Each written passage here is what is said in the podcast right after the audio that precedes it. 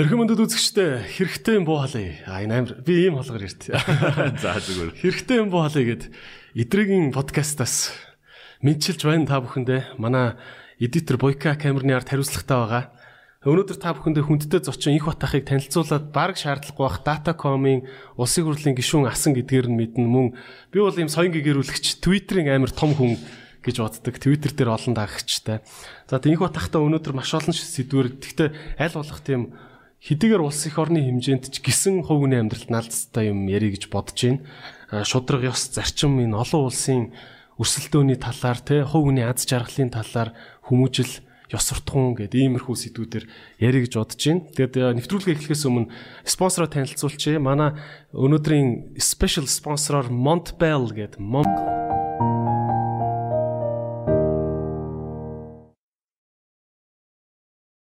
Montbell гэж уншдсан болов айхтар гадаад нэрийг бас буруу унших гэдэг те Montbell гээд Японы номер 1 юм аяллаа бүтээгдэхүүний брэнд оролцож байна. Баярлалаа. Тэгэд аяны халуун сав иймэрхүү гой аягнууд маш хөнгөн жинтэй тухтай. Тэгээд миний дуртай бүтээгдэхүүн гэвэл одоо эдний дэлгүүрээр ороход хамгийн дуртай бүтээгдэхүүн гэвэл энэ аялын готлнууд нь их гоё. Одоо ингээд уулын аяллаа үйлрэл эхэлж байна. Та бүхэн Шангрила муулын 3 дугаар давхар ороод Японы номер 1 аяллаа бүтээгдэхүүн Montbell-ийн дэлгүүрээр ороорой. Монголд BTF гэдэг компани оруулж ирж байгаа.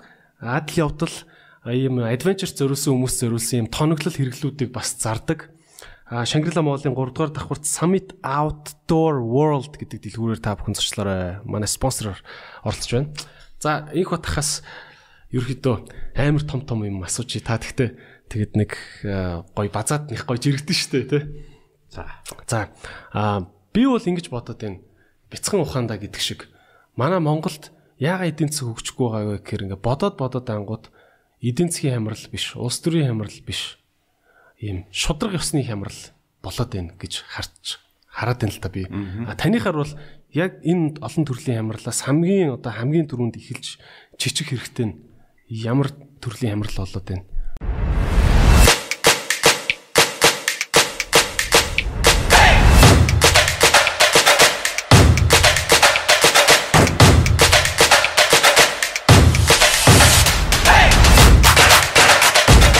Нэгт авчаар бүгдийг шийдэх цахим ресторанд тав тамаар л. Юу хямарчаад байна? Гэхдээ яг хоо маш энгийн нэрэл оюун санааны хямрал гэж хэл нэрлэнэ. Оюун санааны төвшөнд. Зүгээр хоёр шалтгаан бий л дээ. Нэг нь бол үнэхээр бодит шалтгаан. Монголчууд маань одоо 20 дугаар зуунд бол их юм үдс ардсан шүү дээ. Би тэгж баян гэлдэг. Хоёр одоо тархиар матлуулчихсан тий. 21 онд одоо ардын хувьсгал тэгээд коммунизм гэж түүнээс хойш 80 жил нэг үзэл суртал нэг үнэлэмж үнэт зүйлсээр яваад 91 онд тэр нэр солигдоод за түүний дунд бол хамгийн хэцүү нь маш олон удаа хэлмэгдэлт Монголын сэхэтнүүд юм мэддэг хүмүүс эдгээр хэлмэгдсэн. Тэгээ ер нь гадаадын ямар нэгэн том улсын дагуул колониас улсууд бол үргэлж юм хямарч идэг л доо оюун санааны хувьд. Ягаад бол тэднийг арчиж идэг. Одоо ингээл бичиг үсгэс нь эхлээл тэр үед ч одоо Чингис хааны хүртэл ярих ирэхгүй. Тэгэл ингээд нэг социалист хүмүүжил гэж явлаа шүү дээ. Тэгээ одоо бол бас бид нар арчлыг дутуу ойлгоод энэ либерал арчлыг дутуу ойлгоод дахиад бүр нөгөө тал руугаа савлаад бүх юм мөнгөөр хэмждэг болоод тэгээ нэг тийм уран зохиолт гоё үг байдیں۔ Кино үзэж яхад нэг юм гоё үг гарч ирсэн би тэрийг санаж байгаа та бүхийг бүх зүйлийг мөнгөөр хэмждэг болох цагт таны амьдрал дампуурдаг гэж. Бүх найз нөхд ч байхгүй болдог. Ойр дотны хүмүүс ч. Яг тэрийн шиг бид нар нийгэм бас дараагийн хямралд орж байгаа байхгүй. Тэгэхээр манайд бол оюун санааны хямрал бол гарцаагүй яваа. Гэхдээ энэ дэр нөө хоёрхан зүйлийг л хэлэх гэсэн. Дээр үед жишээлбэл нэг Путиний зөвлөх хоёр академич ирээд Улаанбаатар сошдуудад бид нар хамт хоол ийцсэн Тэгээ тэр хоёр Оросын академич бол нилээн сони юм яриад гол нь нөгөө бид нар уулзаж ярьсан нь бол Евразийн үзэл санаа одоо юу гэдгийг Орос улс бол өөр баруун биш бас Аз биш. Тэгээ өөрийнхөө identity буюу нөгөө ялгууртай чанар гэдэг юм ижил төстэй чанар ялгарлаа хайж исэн. Бас эрдэмтэд нь хайж байгаа байхгүй. Тэгээ энэ завсар бол Монголын тухай яригдчих. Яагаад гэвэл Монгол бол үнэхээр Оросын болон Хятадын энтхийн бүх түүхий бүтээгт идэвхтэй оролцсон улс орн шүү дээ. Тэр үед импери байсан. Тэгээ ингээ ярьж яхад бол бид нар сүултээ нэг зүйл дээр яг энэ identity буюу ижилсэх, ижилсэл гэж ярьдаг. Үндэсний ижилсэл. Тэгээ энэ талуудыг ярихад үндсэндээ хоёр асуултан дээр л бид нар эрдэмтэд ярьдیں۔ Нэг нь бол чи яг хийм бэ? Өөрөөр монголчууд бид 3000 жил сүүлийн өөрсдийн түүх хүн төрлөختний бичмэл 6000 жилийн түүхэнд яаж яваад өнөөдрийн Монгол бий болцсон юм. Бид хятадуудаас юугаар ялгаатай? Оросуудаас юугаар ялгаатай? Биднийг чухам өнөөдрийн хүртэл одоо юу гэдэг нь тэсэг одоо авж үлдсэн байгалийн, соёлын, улс төрийн бүх шалтгаанууд юу юм? Тавчаар хэлбэл чи яг хин. Тийм. Энийгээ бид нар мэдчих юм гэж. Хоёр дахь нь чи яг юу хүсэж байгаа? Яг үнэхээр монголчууд одоо ингэ бужигнаал байна те. Яг юу хүсэж байгаа? 30 жилийн дараа яг юу хүсэж байгаа? 100 жилийн дараа яг юу хүсэж байгаа? Асуулт бол монгол хүн болгон энийгээ мэдчих юм. Тийм. Ядахтаа монголын элитүүд нь Монголыг авч явж байгаа улсууд нь. Тэгэхээр чи хийм бэ? Чи юу хүсэж байгаа гэдгийг хэлж чадахгүй бол нэг л асуулт гарна. Чи энэ 7 тэрбум хүний донд яг хаана байх гэдэг. Одоо зөөр жилээр наран тул дээр бол чиний лангуу яг хаана байх юм? Чи яг юу зарах юм? Хятадууд юу авах юм? Чи Оросуудаас юу авах юм? Дэлхийн оюуны санд юу авах юм? Юу авах юм? Тэгэхээр энэ бүх зүйлүүдэд бид нар үнэт зүйл байхгүй байх гэдэг чи юу гэсэн үг вэ? Аяллаар бол компас луужин байхгүй гэсэн үг шүү дээ. Тэгээ луужин байхгүй хүмүүс бол нөгөө хэлдэг гол сойр нь эхэлж байгаа байхгүй. Энд гоё хоолой үнэхээр нь тийшээ гүйцэж бол. Тий оппортунист гэд нэрлэлт энийг. Өөрөөр хэлбэл гялгарын болгоноор үгүйдэг. Хаана юм гялалцж байна. Одоо ингээнээр бол аялаж явж ит айлт нэг найр хийж ивэл тэнд ороо суурчдаг тэгээ согтоомчдаг те. Түүнээс хаашаа явж байгааг мэдэхгүй. Яг түүнтэй адилхан бид нар өнөөдөр 30 жил яваад одоо зог тусаад нэг харах цаг болцсон байхгүй. Тэгэхээр энийгээ бид нар иргэд нэг харж учраа олохгүй нэг Японыг дуурайгаал, нэг Германыг дуурайгаал, Сингапурын хөгжлийн нууц дуурайгаал. Тэгэл тал талаас энэ тэндээс юм цоглуулж өөр дээр наагаал те. Энд болохгүй шүү дээ. Хэдийгээр чи үнэхээр юу хийж байгааг мэдчихвэл Японы юм хэрэгтэй. Орос юм хэрэгтэй. А гэхдээ зүгээр хүн болгоныг ялгар амийг авцраад наагаад байвал сүултээ нөгөө ялхны мочгл юм болно шүү дээ. Тэгэхээр энэ бол нэг оюун санааны ямарлал байхгүй. Энийг дагаад нэгэнт үнэт зүйл нь байхгүй болохоор дагаал нугалгай, ловер, авилгал, ёс суртахуун нөө дараа дараагийн бүх усны. шудраг шүү. Та бол шудраг усны хямралын бүр дараагийнхан гүнд нь оюун санааны хямрал гэдэг юм байна гэж бодож Тийм ерөөс улс үндэстний оршин тогтнох үндэс нь байхгүй. Өөрөөр хэлбэл энэ улс төр яагаад Монгол улс хүчтэй байсан гэвэл цөмөрөө бид нар Чингис хаан гэж ярьдаг. Гэтэл чин зүгээр маш энгийнээр хэлвэл монголчууд ятгахтаа юу хийж байгааг мэдчихсэн байхгүй. Дэлхийг байлдан дагуулна. Одоо Бээжин эзлэн цагаан харимыг давна. Тэгээ зорилго нь том байсан. хаашаас дипломатуудаа явуулахад Тий. Тэгээд наад зах нэг дарвтын систем гэдэг одоо зүйрлж хэлбэл хэн хаана байхаа мэддэг. Юунд захирахтаа мэддэг. тий.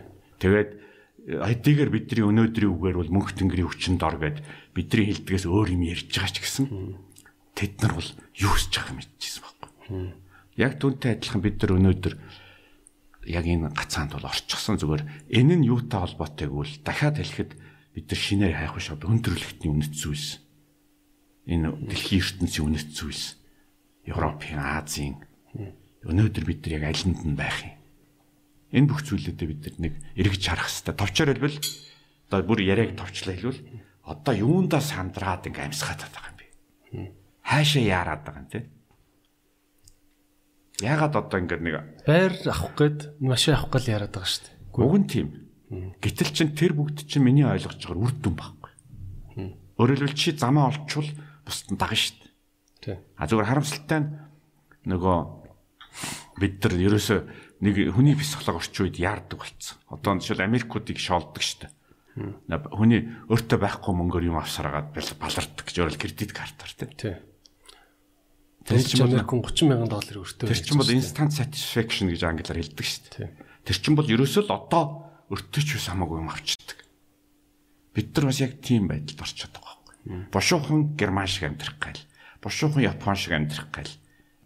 Гэтэл тэд нар чинь 300 жил 500 жил явж хийж штэ. Тэгээ дээрээс нь тэд нар чинь маш гашуун туршлагыг туулсан.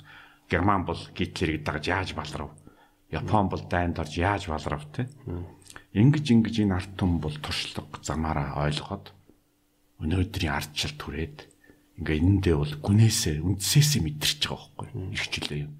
А бид нар бол тэдийгээр тэр замыг дуулаагүй ч гэсэн бас өөрийнхөө үндсийг хайх хэрэгтэй шүү дээ. Тэгээ энэ бүгдийг ингээд бодож эхлүүл би тэгээд нэг юу гэдгийг зэн буддизм, ер нь буддизмын номнуудыг уншд юм бас. Тэн дээр нэг сонирм ажиглана. Ерөөсөө ингээд тэргээр хичээлдэг одоо жишээл төгөлдөр хуурч байна гэж бодъё. За хөгжимчин. Тэр хүмүүс яаруул концерт алддаг байхгүй. А тэр хүмүүсийн тамирчин ч гэсэн олимпийн аваргыг бол ингээд 100 м гүйж байгаа тамирчинд дасгалжуулагч нь юу гэж хэлдэггүй ч. Англиар slow down буюу. Тийм. Тайвшир. Бити яар. Чи яг л техник. Хэрвээ чиний тархич нь хөлнөөс чинь төрүүлүүлж ялгчдаг байхгүй. Өнөөдөр бол бүгдч тэр одоо юун дээр ч хэлдэг штэ нөгөө Япон Америкийн кинон дээр нөгөө сүүлийн самурай гэдэг тэр тэрэн дээр гардаг бити дээ гэж. Хитрхи их бодоод байна. Яг түүнтэй адилхан бид нар бол жоохон тайвшрах хэрэгтэй. Ягаад гэвэл биднэрт ямар синдром байна гэвэл бид нар өөрсдийнхөө германчуудтай, америкчуудтай, японочдод харьцуулаад байгаа байхгүй. Тэгээ тэдний хэрэглээг гүйцэх гэж Бид нэрс сак амьдраад байгаа юм шиг санагдал. Уу бид нар хэрэглээг нь гүйцэх гэж оролддог. Өөрөөр хэлбэл чи хүний Lexus-ыг дуурайж 570-ыг дуурайж авч болно. Чи хүний дуурайж байшаа авч болно. Ганцхан тэдэртэй адилхан ажилтдаггүй, тэдэртэй адилхан бүтээмжтэй биш, тэдэртэй адилхан мэдлэгтэй биш бол чи тодорхой хугацааны дараа л дампур шүү дээ. Ягд гэвэл бид нар үр дүнгийн дуурай байгаа байхгүй. Гэтэл үндсийн дуурай хэрэгтэй шүү дээ. Өөрөөр хэлбэл үнэхээр Япон хүн биднээс 10 дахин их хөдөлмөрлөж байгаа. Яагаад? Яагаад герман хүн биднээс 5 дахин сайн хийж байна? Яагаад хятад хүн бол монголчуудаас 8 дахин их ном уншиж байна? Энэ нөгөө нэг цаад гүнийхэн яагаад гэдэг асуултанд нь хариуг нь олоогүй жиж өөрөө 100 төгрөгтэй байж 100000 төгрөгтэй хүнийг дуурайвал за сайн дал нэг өдрөлт дуурай шүү дээ. Галуу хэрэг дуурайдаг Яг үнэ. тийм тэр үстэй тийм. Тийм. Тийм учраас бид нар дуурайх хэрэгтэй. Гэхдээ нэг юмных нь байр солигдох хэрэгтэй байхгүй. Тийм. Бид нар бол өнөөдөр үнэхээр германуудыг дуурай гэвэл нэг л асуулт байгаа шүү дээ. Яаж герман шиг ажилтдаг болох вэ? Яаж герман шиг зохион байгуулалттай болох? Яаж герман хүн шиг бүтээмжтэй байх вэ? Хэрвээ энийг хийвэл хүссэн хүсээгүй өөрөө мэдэхгүй бид нар герман хүн шиг амьдрна. Тийм бах тийм. Ердөө тийм шүү дээ. Суурин. Суур нь байвал бусд нь урган шүү дээ. Өөрөөр хэлбэл бид нар хаавар ямар үр тарина уу? Намар тийм л ургац аав.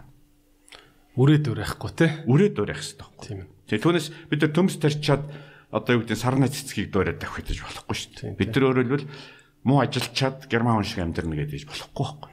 Яг л энийг чинь бурхан гэдэг юм а байгалийн хууль өөрөө зөвшөөрөхгүй шүү дээ. Тэгээ яг энэ байдал бол оюун санааны асуудал байхгүй. Аа за тэгвэл ингэж байна. Монголчууд өөрсдийнхөө энэ оюун санааны хин юм бэ гэдэг тэр ондоошл гэх үү, ялгарл гэх үү. Тий. Орчуулж бид нар чаддаггүй шүү дээ. Янз бүрээр хэлээ. Identity гэж ярьдаг. За Тий.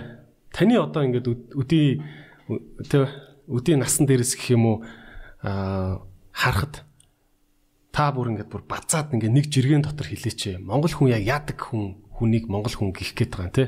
Одоо бол нэг юм юунууд байгаа шүү дээ. Япон хүн бол сайн төлөвлөдөг, хийвэл нам хийдэг. Герман хүн чанартай хийдэг. Тэ? Израиль хүн бол бүх дэлхийгээр аялаад үзсэн дөрвөн хэлээр ярьдаг нөхдүүд байдаг. Швейцар адилхан дөрвөн хэлээр ярьдаг.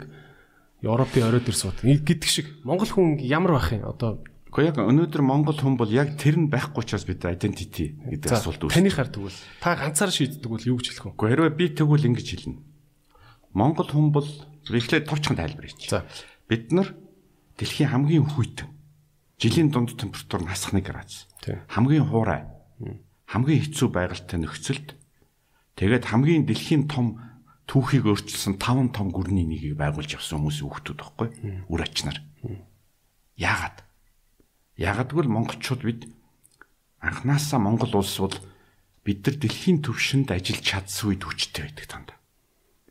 А цагаан харим Сибирь хоёрын дунд мартагдтахлаар бид нар сөндөг. Тийм учраас би бол монголчуудыг бол юу гэж хэлдэг үгвэл өнөөдөр монгол хүн бол хэрвээ байвал бид нар цөмөр мэднэ. Гэхдээ энийг зөвөр ойлгох хэрэгтэй. Монгол хүн бол бэлэг танхаа. Хариу энийг зөв ойлголтоор явбал өөртөө итгэдэг. Одоо Харвардын боловсролтой бэлэг танхаа энтерпренер бол дэлхийд олдохгүй юм байхгүй. Хүнийг дагдаггүй тий. За нөгөөх нь Монгол хүн бол маш сайн хэл сурдаг, математик, мэдрэмж өндөртэй. За гурав дахь миний хамгийн онцлог хэлэх гээд байгаа зүйл бол би олон компани, олон байгууллага дэлхийн олон оронд ажиллаж үзсэн. Монголчууд яг юм кризисний хямралын үед аюу хурдан сэтгэж чаддаг Өөрөөр Монгол хүний давуу чанар хямралын үед гарч ирдэг. Одоо манайхан ингээл Солонгост ингээд галын аюултай үед Монгол хүн мөнх даврлаа, усан даврлаа гэд яриад байдаг шүү дээ. Тэр чинь бол бид нар хээрийн одоо юу гэдэг байгаль дэлхийдээ ганцаараа өөрөө амьдраа сурцсан тэр ген нь байгаа байхгүй. Тэгээ энэ бүгдийг нийлүүлээ тэр үзвэл бид нар өнөөдөр дэлхийн түвшин тэрвээ гарч чадвал боловсрлороо, чадвараараа, толгоогоороо. Бусд нь бидний давуу чанар. Тэгэхээр Монгол хүн бол мобайл буюу хувирах чадвар өндөртэй хурдан сэтгэдэг. Хямралын үед бол явж ирсэн олон жилийн соёлын одоо юу гэдэг биеинд нь шингэсэн удамтай. Тэгэхээр би бол монгол хүнийг бол зүгээр маш өндөр амьдрах чадвартай ийм 21 дугаар зууны хүн гэж хардаг. Ганцхоод асуулт гарна. Окей, тийм чадвар байна тэгээ яах юм? А тэгэнгүүт одоо дэлхийд дээр яг бидний хэрэгцээ хаана вэ? Аа. Яагаад Чингис хаан хүчтэй байсэнгүүл нэг сэлэм эргүүлээд байлцсан та биш байхгүй. Миний ойлгож байгаагаар хятад бол дэлхийн том гүрэн тэр үед дондод улс өөрийгөө дэлхийн төв гэж бодож ирсэн. Гэхдээ өөрийгөө дэлхийгээс тусгаарлцсан. Европын сэргэн мандал дөнгөж эхлэх гэж ирсэн. Мянган жилийн харанхуй Европын иргэн дуусаад дондод зун дуусаад тэгээ Европ хятад хоёр холбогдож энэ бол яг дэлхийн нийгмийн хэрэгцээ шаардлага байхгүй. Өөрөөр хэлбэл Хятад Европын хооронд 100 100 улс орнууд 100 жилийн дайн хийгээд ядарсан. Газар болгон дээрэмчэнтэй. Тэгээ хүмүүс явах газаргүй. Яг ийм үед энэ бүгдийг замаар одоо мөнгөөр хуулиар наймаагаар наймаагаар захиргаар нэгтгэдэг тийм хүчийг бол бүгд дагж байгаа байхгүй. Зөвхөн сэлмнээс айгаад биш. Яагад гэвэл энэ бол нөгөө талаас зөөлж хэлвэл байгалийн шаардлага. Тэгэхээр Чингис хааны гол гавьяа бол Европ хятад хоёрыг холбосон буюу одоо Германы том философч Гегелийн үг үйт. Дэлхийн түүх Монголын түүх эрхэлдэг гэж. Яагаад хэлж байгаа юм? Яагаад гэвэл хүн төрөлхтний түүх гэж хэлээгүй байхгүй? Өнөөдрийн орчин үеийн олон улсын харилцааны түүх Чингис хааны түүхээр орчин цагийн дэлхийн ертөнцийн холбогдож өөрөөр хэлбэл хятад тусдаа түүхтэй байсан, Европ тусдаа байсан, Африкийг хинж мэдэхгүй байсан яг өнөөдрийн ойлголтоор дэлхийн харилцааны түүх Монголын их гүрнээр эхэлдэг. А түүнээс өмнө бол газрын донд тэнгисэн Римийн Ромын империйн түүх байсан. Арабих байсан. Бүгд тустай байсан баг. Тийм учраас эндээс би юу хэлэх гэсэн гэвэл энэ том хэрэгцээг дагаж Монгол улс бас яг зөв цагтаа гарч ирсэн Яг түүнтэй адилхан өнөөдөр Монгол улс монголчууд хэрвээ яг энэ хэрэгцээг зөв олж чадвал бидэрт бас шанс байгаа байхгүй. А одоо асуулт Хэрвээ бид нар өнөөдөр нэг гялгар юмны ханаас хөцөлтөд байвал тав тал авах гэдэггүй. Үгүй тий тэгвэл нэг юу гэдэг миний ойлгож байгаа нь 10 жил нүрсээ зараад тэгэл дуусна шүү дээ. Өөрөөр л нэг үүлэн жилийн нар чи хаагдчих واخ. Тийм ээ. Тийм биз? Дээрэс нь зүгээр муу хэлж байгаа юм биш хятад Орос гээд дэлхийн том гүрэн өөрийн бодлоготой. Тэд нар нэг Монголыг хорлох байгаа юм биш. Зүгээр л өөрийнхөө бодлогоор явхад бид нар замд нүрэгдэх байхгүй. Тийм учраас бид нар энэ дунд зөв өөрийнхөө цагийг олж авах хэрэгтэй. Хэдийгээр биднэрт өнөөдөр гялгар юм хэрэгтэй нүнэн. Гэтэ би юу хэлээд байгаа бол ямар ч ард түмэн 5% нь энийг боддог элитүүд байх хэрэгтэй. Удирдахчд нь байх хэрэгтэй. Өөртөө бүр шингээсэн хүмүүс байж байгаа хэрэгтэй тийм. Асуулт бол яг нэг нэг үлэхэд том албан тушаалд удирдахч болчоод нэг хувийн байшингаа асуудал шийдэх гээд гүгээд байгаа байхгүй. Хүүхдээ сургуульд явуулах гэж. Яг энэ бол бидний өнөөдрийн одоо трагеди буюу хүнд эмгэнэлтэй эмгэнэлт байдал шин. Одоо та хэллээ саяны үгнүүдийг хэллээ. За юу гэж тэ одоо англиар бол tangible буюу миний ойлгож байгаагаар барьцтай. Барьцтай зүйл, баригдах зүйл. Одоо чинь за Япон хүн чанартай юм идэг. Япон чанар гэж байдаг. Энэ бол айгүй барьцтай ингээд зарж болдог зүйл байна. Энэ амар хөнгөн Японы юм гэхэд л хүн Японы номер 1 гэхэд гээ ордон ш толгой. Тэр шиг таны монголчуудыг тодорхойлж хэлж байгаа үг чинь өөрөө тийм байгалийн хурдан ийм реакцлах зөнтэй а юутай дасан бэлэг танхаа. Тий, дасан зогсох. Бэлэг танхаа дасан зогсох шатруу гэдэг юм чи яаж ингэж эдийн засгийн бүтээгдэхүүнд шингээж юм брэнд болгож зарах юм те жишээ нь. А энэ бол ийм учиртай. Ер нь ийм учиртай. Яаж буух юм? Би бол шүтээ. Одоо жишээлбэл ийм чи бол надаас зориг асууж штэ. Би чамд ийм хэлээ. Хоёул ойд төрцсөн явж гин гэж бод. Заяа. Тий. Гэтэ нэг дүрм мэднэ. Хэрвээ ямар нэгэн уулын орой дээр гарвал бид тэр эргэн тойрны харна. Одоо төрх төрх одоо замаа олно. Тэгэхээр чиний дүрм юу? Өсөх зөрүүл явах хэрэгтэй. Хэрвээ чи уулын уруудаа л авил чи төөрөөлнө. Яг одоо манан бууцсан, бороо орцсон те. Чи намайг чи бол ойд төрцсөн явж байгаа үед өсөх хэрэгтэй байхгүй. Тэгэхээр чи харж байгаа чи зорилгоо мэдэхгүй ч гэсэн дөрмөө мэдж байгаа. Яаж явах вэ? Тэгвэл чи үргэлж өксөж явна. Тэгэхээр энэ бол энэ бол ямар зарчимгүй л монголчууд хэлдэг давааны цаан даваа. Бид нар 10 давааны цаан юу байгааг мэдэхгүй. А гэхдээ эхний даваагаа давах хэрэгтэй мэднэ. Эхний давааг давангал хоёр дахь нь харагдана. Тэгвэл одоо асуулт гарч ирнэ. Тэгвэл чи чиний ганцхан дүрэн бол яваалах хэрэгтэй. Өнөөдөр биднэрт ямар даваа харагдчихэв 3 4-т харагдахгүй ч болно. Ганцхан чи явна гэдгийг мэдчихэж байгаа байхгүй. Яг түүнтэй адилхан монголчууд бид өнөөдөр яг энийг tangible буюу барьцтай болгох вэ. Тэгвэл өнөөдөр бид нар юу мэдчихэж байгаа. Тэгэхээр хэмбэл Америкийн нэг ерөнхийлөгч хэлсэн үг байдаг. Хуучны хэнийх нь үлээд Рузвельтийн хаа. Чи одоо байгаа ямаараа одоо байгаа авиасаараа одоо байгаа зүйлээ л хий. Бүх чадлаараа. Бусд нь л дараа. Яг түүнтэй адилхан би бол одоо жишээл ингэж хэлж байгаа. Өнөөдөр монголчууд яг ямар боломж хоёлаа зөвөр тэгж ярилт. Тэгвэл ямар хүн гэдгээ галс ойлгож аваад яаж тэрийг Тэгвэл би жишээл чам нэг жишээл. Жишээлбэл. За жишээлбэл дэлхийн эдийн засгийн тэн хагас нь бидэртээ хэл залгаад байж байна. Хятад. Тийм. Хятадд би нэг хятадын том эрдэмтэнтэй ярихад ингэж хэлж байсан. Хятадд 300 мянган гэр бүл 300 мянган гэр бүл үн харгалцахгүй эрүүл хүнс авдаг гэж. Үн ямар байх нь ямар ч юм аахгүй. Хэрвээ тэр сайн хүнс гэвэл шууд авна. Тэгтэл ингэж хэлж байгаа. Танаа Монгол тэр үед 40 сая малтай байсан. Тэгэхэд бид нар ярьжсэн.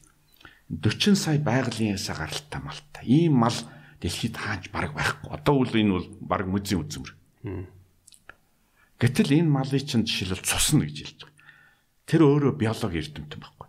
Зөвхөн танай малын цуснаас 20 гаруй төрлийн маш биологи идэвхт бодис гардаг. Яг гэвэл төрөл ургамал иддэг зэрлэг амьтны чанартай. Энэ биологийн идэвхт бодисууд бол хятадын хүнсний үйлдвэрт бол олдшгүй түүх хийдэг хэлж байгаа. Тэгээд бид бид нар юу ярихад бол ямар зүйл ярьж ирсэнгүүл та нар зүгээр л энэ 300 мянган хүнд гэр бүлд зориулаад маш үнэтэй, маш нарийн, маш цэвэр тийм л юм. Зарах ямар ч проблем байхгүй. Яагаад гэвэл та нартай энэ зөрчилдөж чадахгүй. Ийм байгальд ийм зэрлэг хагас зэрлэг амтан бал байхгүй. Гэхмэч л олон юм ярьж байгаа. Тэцэст нь бодоод үзтээ. Биологийн үйлдвэрлэл явуулнаг бол бид нар их сургуулиудаа хөгжүүлэх хэрэгтэй. Лаборатори лабораториудаа хөгжүүлнэ, үйлдвэрлэлээ хөгжүүлнэ. Дүрм журмаа, дүрм журмаа. Тэгээд ер нь ингээд бодхолоор зэрэг зөвхөн хятадын 300 мянган хүний хоолыг өрх гэрийн хоолыг зөвхөн тэр махыг бид нар өөрсдөө идчихэн заяа. Тэр маркамнат гарч байгаа цусыг л тэд зарах гэдэг нь шүү дээ. Тэгвэл энэ бол нэг юм одоо хуучны яг пенсийн жилттэй бодис бол 20-оос 50 мянган доллар гэж хэлж байгаа. Одоо зүгээр энэ нэг жишээ шүү дээ. Тэгээ ингээд бодхолоор зэрэг одоо хоёулаа нэг зүйл харъя. Өнөөдөр чивтер экспертиз буюу мэдлэг чадварыг хаанаас ч худалдаж авч болно. Чивтер Израилийн эрдэмтнийг дуудаад ажиллуулж болно. Аа, дэлхийн хамгийн сайн юм зардаг хүнийг хятад руу зарвалж болно. Өөрөөр мэдлэг чадвар бол дэлхий дээр байгаа чөлөөтэй бараа. Ганцхан асуулт. Бид өөрсдөө юу хийж байгааг мэдэх юм уу? Хэнийг авцрах юм? Юу хийлгэх юм?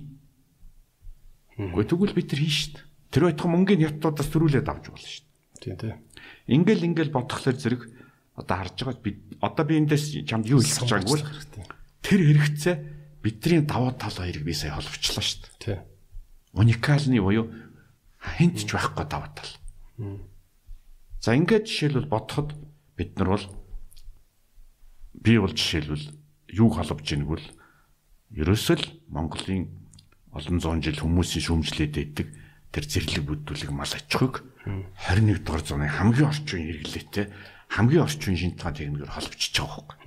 Зүгээр асуулт энийг чи мөрөөдөж чадах уу? Энийг хийж чадах уу? Энийг хүсэх үү? Энийг нэг мөрөөдөд хийх хэрэгтэй тий. Гэхдээ би бол энэ ганцхан жишээ шүү дээ. Ганцхан жишээ. Ийм жишээг бол би лав 20-ыг нэрлэж чадна.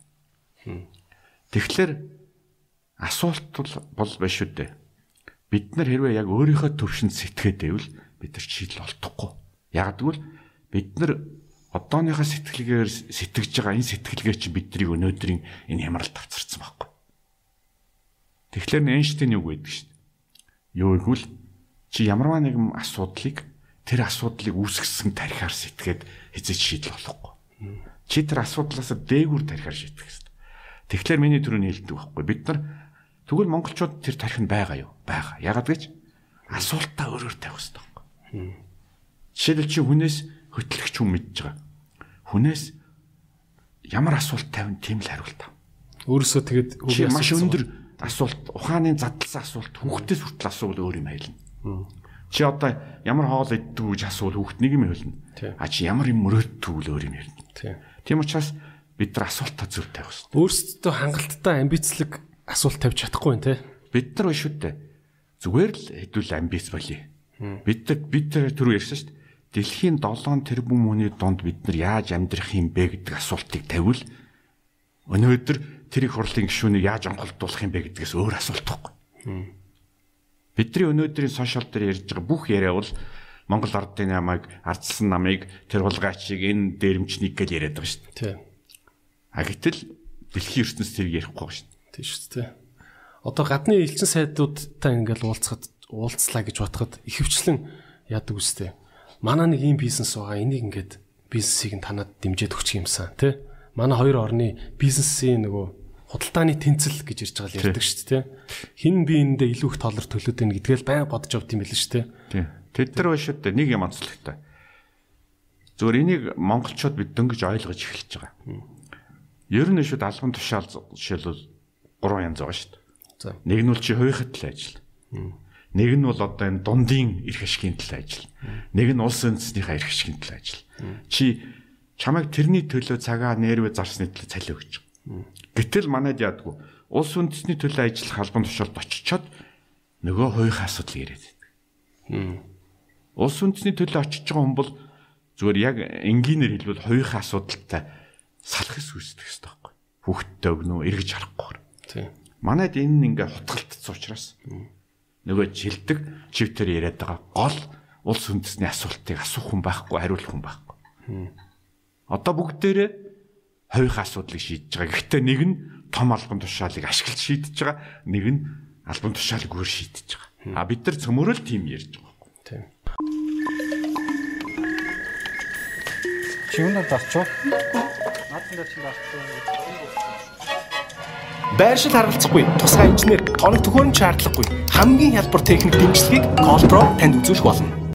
Одоо л миний ойлголтоор яг одоо чинь германчууд чанартай юм хийдэг. Герман хүн хоцордгүй гэдг нь өөрөө тэр хүмүүсийн аж амьдралд амар хурдан наалтаж чадаад байгаа шин чанар байдаг байхгүй. Герман хүнд хоцордгүй учраас би тэр хүнтэй бизнес хиймэрнэ. Тий. Герман юм чанартай болохоор би үнтэй чамайг авчмаар байна. Гэдэг чинь ингээ шууд зарж болдог үндэсний шивэн шинж чанар байгаа даахгүй. Миний бодлоор. Тэр нь тэгээд аж ахуйтайгаа айгүй хурдан санхүүтэйгээ уягддаг тийм. Өссөн өсөв. Надад болохоор зөв Монгол хүний шинж чанар гэхэр нэг юм барьцгүй. Монгол хүн мэдрэмж өндөртөө. Хаанч амиа аргалцдаг. Монгол хүн сүхэтэй. Гингүүд тэгээд надад юу ашигтай ингээд манай мөнгө барьцсан хурш маань тех гээд шүү дээ. Чиний сүхэ тэндэл юм боос. Тэглээгээд наа хоньны чинь мах илүү гоё болох юм уу гэдэг юм биш үү те. Тим шинж чанар юу вэ? Тэгээд одоо таны түр хэлжсэн те. Монгол хүн бол тийм бэлэг таахаа гэж байна те. Бас яг энэ ингэж барьцтай шинж чанар мөн үү? Би жишээл нэг жишээлээ. Одоогоос нэг 4 жилийн өмнө санаж байна. Швейцарын хэсэг бизнесмен Монголд ирсэн юм. Манай энэ залуучууд тэрэнд явдаг Star Association үлээ тэрэнд. Тэгээд Монгол Швейцарын хооронд ер нь Монголд бизнес хэрхэн хөгжүүлж болох уу? Швейцарчууд тэрэнд нь юунд оролцож тусалж болох уу гэдэг асуудал яригдахгүй. Тэгээ тэрэн дээр Америкийн 2 3 компани Монголд ажиллаж байгаа захирлуудыг өрөөд яг энэ асуултыг асуусан. За. Швейцарууд асууж байгаа шүү дээ. Америкуудаас. За Монгол хүн яг юугаар ялгаатай юм? Бид юунд нь илүү одоо жишээлбэл Солонгост хятадд офис байгуулсны оронд Улаанбаатарт байгуулах нь юугаар илүү юм гэж. Тэгээ тэрэн дээр бол Америк захирлууд юу гэж хариулж ирсэнгүүл нэг Бээжинд ажиллаж исэн Америк захирал ингэж хэлсэн юм. Би Бээжинд одоо олон улстай харьцахын тулд дөрвөн туслагчтай байсан гэж. Нэг нь англи, франц хэлтэй, нэг нь солонгос, япон хэлтэй, нэг нь орос гэлөө ингээд хэлтэй. А би Монголд ганцхан хүнтэй ажилладаг гэж. Яг л тэр хүн бол зөвхөн орчуулагч биш. Хятадд орчуулагч бол зөвхөн орчуулагч байдаг. А Монголын миний орчуулагч бол дөрвөн хэлээр ярьдаг. Миний туслагч хийдэг. Бүх гадаадд харилцааг хариуцдаг. Ерөөсөө миний туслагч гэж хэлж байгаа баруун гар. Тэгээ тэр захирал юу гэж хэлж ирсэнгүүл та нар нэг зүйлийг анзаараарай гэж. Таван хятад хүн хийж байгааг нэг монгол хүн хийдий. Тэгээ би та нарт юу зөвлөх үгүүл хэлж ирсэн. Ингээд хэлж ирсэн. Бид нар Улаанбаатарт өмнө Солонгос, Япон, Хятадыг үйлчилдэг офис байгуулвал техникийн салбарт хэлж байгаа. Швейцарын тэр бизнесмен хэлж. Монгол хүн гурвуулантай нь хэл амаа болоо ярьж чадна. А Хятад хүн тэгж чаддгүй гэж хэлж байгаа. Тэгээ эндээс үндэслээд нөгөө хэлдэг нь бид нар хэлсэн шүү дээ. Монголчууд бол Хил харилцааны чадвар тий. одоо нөгөө тасан зохицох чадвар нь байглаасаа. Тийм учраас энийг зүгээр асуулт үнэхээр яаж бүтээгдэхүүн болохгүй. Тийм биз дээ. Яг үүний тулд хоёр юм хэрэгтэй. Нэгдүгээрх нь энийг технологи болгож хувирах хэрэгтэй. Үнэхээр монгол хүн бол орон гарan байгаа. Зөвлөж хэлбэл бид нар тэрийг бараа болгохын тулд яг дүрмтэй, яг ажилтдаг, ямар ч дорж дээр, лавгат дээр, дулмаа дээр тэрийг сургахад яг ажилтдаг болох хэрэгтэй. Өөрөөр хүнээс хамаардаггүй.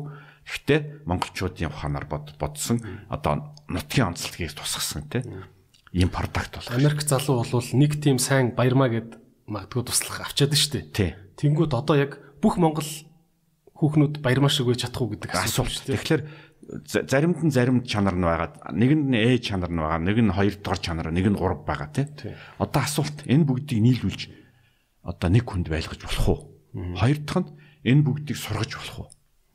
А Хэрвээ бид нар үнэхээр энийг сургаад нийлж чаддаг бол бид нар магадгүй яг ийм чадвартай мэрэгчлэлтэн бэлддэг продакт гараад ирчих юм бүтээгдэхүүн. Тэгэхээр одоо барууны ойлголтоор бол энэ стандарт технологи болсон цагт найдвартай. Түүнээс инх хотод найдаад маргааш нэг хотод яваад өчглөөр бүх бизнес нь урддаг байж болохгүй шүү дээ. Тэгэхээр одоо харж байгаас миний хэлэх гээд байгаа санаа бол энэ бүгд үр хөврлүүд нь энэ тэнд байгаад байгаа. Миний нэрлээд байгаа. Зөвөр энийг энэ нэгтээ мянган жил явж ирсэн 100 жил явж ирсэн байж болно. Одоо бид нар 20 дугаар зууны бизнесийн нүдээр, 20 дугаар зууны менежментийн нүдээр, 20 дугаар зууны маркетингийн нүдээр, 20 дугаар зууны шинжилгээ ухааны нүдээр энийг бүтээгдэхүүн болгох хэрэгтэй. Тэгсэн цагт зарагдана. Түүнээс бүтээгдэхүүн болголгүйгээр яг чиний хэлдэг үнэн. Үнэхээр бэлэг танхаа гэдгийг бид нар зарч чадахгүй шүү дээ. Тий. А ганцхан бид нар creative thinker тийм үү? Тим хүмүүсийг бол бүтээгдэхүүн болгож болно. Хэл хүний за нэг Япон хүн надад хэлж ирсэн. Яг Монгол 7 жил амьдарсан Япон хүн. Та нар хүүхдээ Япон шиг болгох гэж оролдоод байгаа гэж. А бид нар хүүхдээ Монгол шиг болгох гэж оролдоод байдаг шүү гэж. Ганцаараа чөлөөтэй дураараа яв гэж. А гэтэл манай хүүхэд заавал багийн аруулаа ажиллах гэдэг. Эсвэл 10 хүнээс өөрийгөө хамааруулад байдаг. Тэгээ эн чинь бол бас яг Америкийн зах зээл дээр очихлоор бас болохгүй байх гэж хэлээд байгаа юм. Тэгээ одоо харж байгаач бид нар тэгэхээр асуулт бол Монголынх бол энийга бүтээгдэхүүн болгож чадаагүй, шинжлэх ухаанжуулаагүй, системчлээгүй. Энэ байгалийн гоё онцлогоо бид нар Яг л нөгөө нэг түгээмэл өндөр стандарт болгох чадахгүй Тийм. Нөгөө л түрүүний хэлдэг 30 сая халдар хойноо баян хатд иддэг биологийн бүтээгдэхүүн болгож чадаагүй байхгүй. Гэхдээ 30 сая халдар хойно байгаа шүү дээ. Тийм. Уг нь бол сайн. Байгаа. Тэгэхээр одоо харж байгаас бид нар орчин үеийн шинжлэх ухаан, орчин үеийн арга барил, технологиг нэмэх хэрэгтэй. Би тэрний тухай яриад байгаа байхгүй. Тэгэхээр одоо энийг өнөөдөр конопт ороод чи дасааж байгаа юм шиг чи бид нар хийж чадахгүй. А ганцхан би чамаас нь өөр нэг асуулт асууя. Хэрвээ бид нар энийг хийхгүй бол германчуудыг дөрөөгаад бид нар хизээч германт өрсөлдөж чадахгүй. Тийм. Германд бол өөрийнх нь германчууд бол эртний одоо дархан мужаан улсууд байхгүй. Тийм учраас тэд нар анханасаа л төмрөөр юм угсарч эхэлсэн. Тэр нь явсаар хагаад Mercedes-Benz BMW болсон тий. А ямар ч Орос хүнийг машин үйлдвэрт ажиллаа герман хүн шиг болохгүй нэг ч. Яг түүнтэй адилхан монгол хүнийг япон хүн шиг болгож болохгүй. Хэрвээ л монгол ус байх юм бол. А япон хүн Монголд ирээд бас монгол болох хэцүү. За тэгвэл би танаас зүгээр юм асууя. Бид нэр хийж бол чадан заяа. За нэгтгэе та хэлчихлээ шүү дээ. Аа органик малын цуснаас гаргаж авсан биологийн идэвхт тижэл бодисуудыг за Монголыг төлөөлөх бүтээгдэхүүн байж болох юм байна гэж байна тийм үү? За одоо тэгвэл нэг юм улс үндэстнийг төлөөлдөг бүтээгдэхүүн байдаг шүү дээ. За солонгосыг юу гэж үтээ? Косметик, Тий. гар утасны дэлгэц, Хип-хоп. гар утасны дэлгэц, дуу хөгжим, Тий. кимчи, тэргуутэн хоол, Тий. тэгээ нөгөө эмийн салбарт нөгөө жинсэн Тий. нөгөө юу лээ жинсэн чи хүн орхотой Тий. гэдэг шиг за та ингээд зүр яг монгол хүний зан аа, ах уу бүх юмд нь тохироод ингээд да да да гэж гарч болох топ 5 юм юу гэж болох вэ юу гэж нэрлэх вэ Би ч юм дахиад хоёр дахь жишээ хэлье. за За Бээжин хотод дэлхийн 2000 том компани байна. 2000 том компани. Энэ 2000 том компани удирдагч зарим нь Монголд ирдээ. Загс барих гэж ирдэг байна. Тэгээд бид нар уулзаад ярьж яхад юу гэж хэлж ийн гэвэл надтай хамт ирэх гээд манай компанийн очролцсон байдаг гэж Монголд. Тэгэд ирж Монгод ирж явах гэж байгаа гэхэлэр загс барьд юм гэхэлэр үгүй зүгээр л надтай хамт явах гэж. Нэрээ бичээд бүр ингээд манай дарга энэ хагас жилд Монгол явахад нь би явна дараагийн жил би явна гэдэг. Тэг яагаад гэж асуусан чи эдгээр ингэж хэлж байгаа. Бээжинд бид нар зүгээр салхинд гарах газар байдгүй. Бээжинд бид нар хүүхдүүдээ гэр бүлээ цоочлцсон байдгийг. Гэтэл Монголд руу бол ердөө цаг хагас нисээд ирнэ. Энэ бол тэнжин орохтой адилхан. Гэтэл танад ирэнгуут бид нар маш том орон зай хээр нутагт Тэгээ асууж байгаа юм. Гэхдээ Бээжин хэрвээ дэлхийн том офис юм бол та нар яагаад энэ том дэлхийн офисын арын одоо викенд парк байж болохгүй. Тэгвэл та нар дэлхийн том корпорацийн одоо юу кампусыг барайл. Гэхдээ тэгэл тэд нар чи ийж хурлаа хийдэг. Гэвч тэнжи орохтой л адилхан шүү дээ Бээжин гэсэн. Зүгээр л ийм private онгоц нисэл одоо юу гэдэг визгүүгээр онгоц нь буугаал буцаа явчихдаг. Хоёр өдөр болоод. Тэгээ Эний мөнгийг хэн гаргах вэ гэхээр энэ компани чинь төлнө шүү дээ. тий Гэхдээ та нар яагаад энийг хийхгүй гэж. Яагаад гэвэл яагаад нууцна гэж. Бид нар дахиад байшин барихтаа Улаанбаатарынхаа хэд зарах гэж бариад байгаа байхгүй.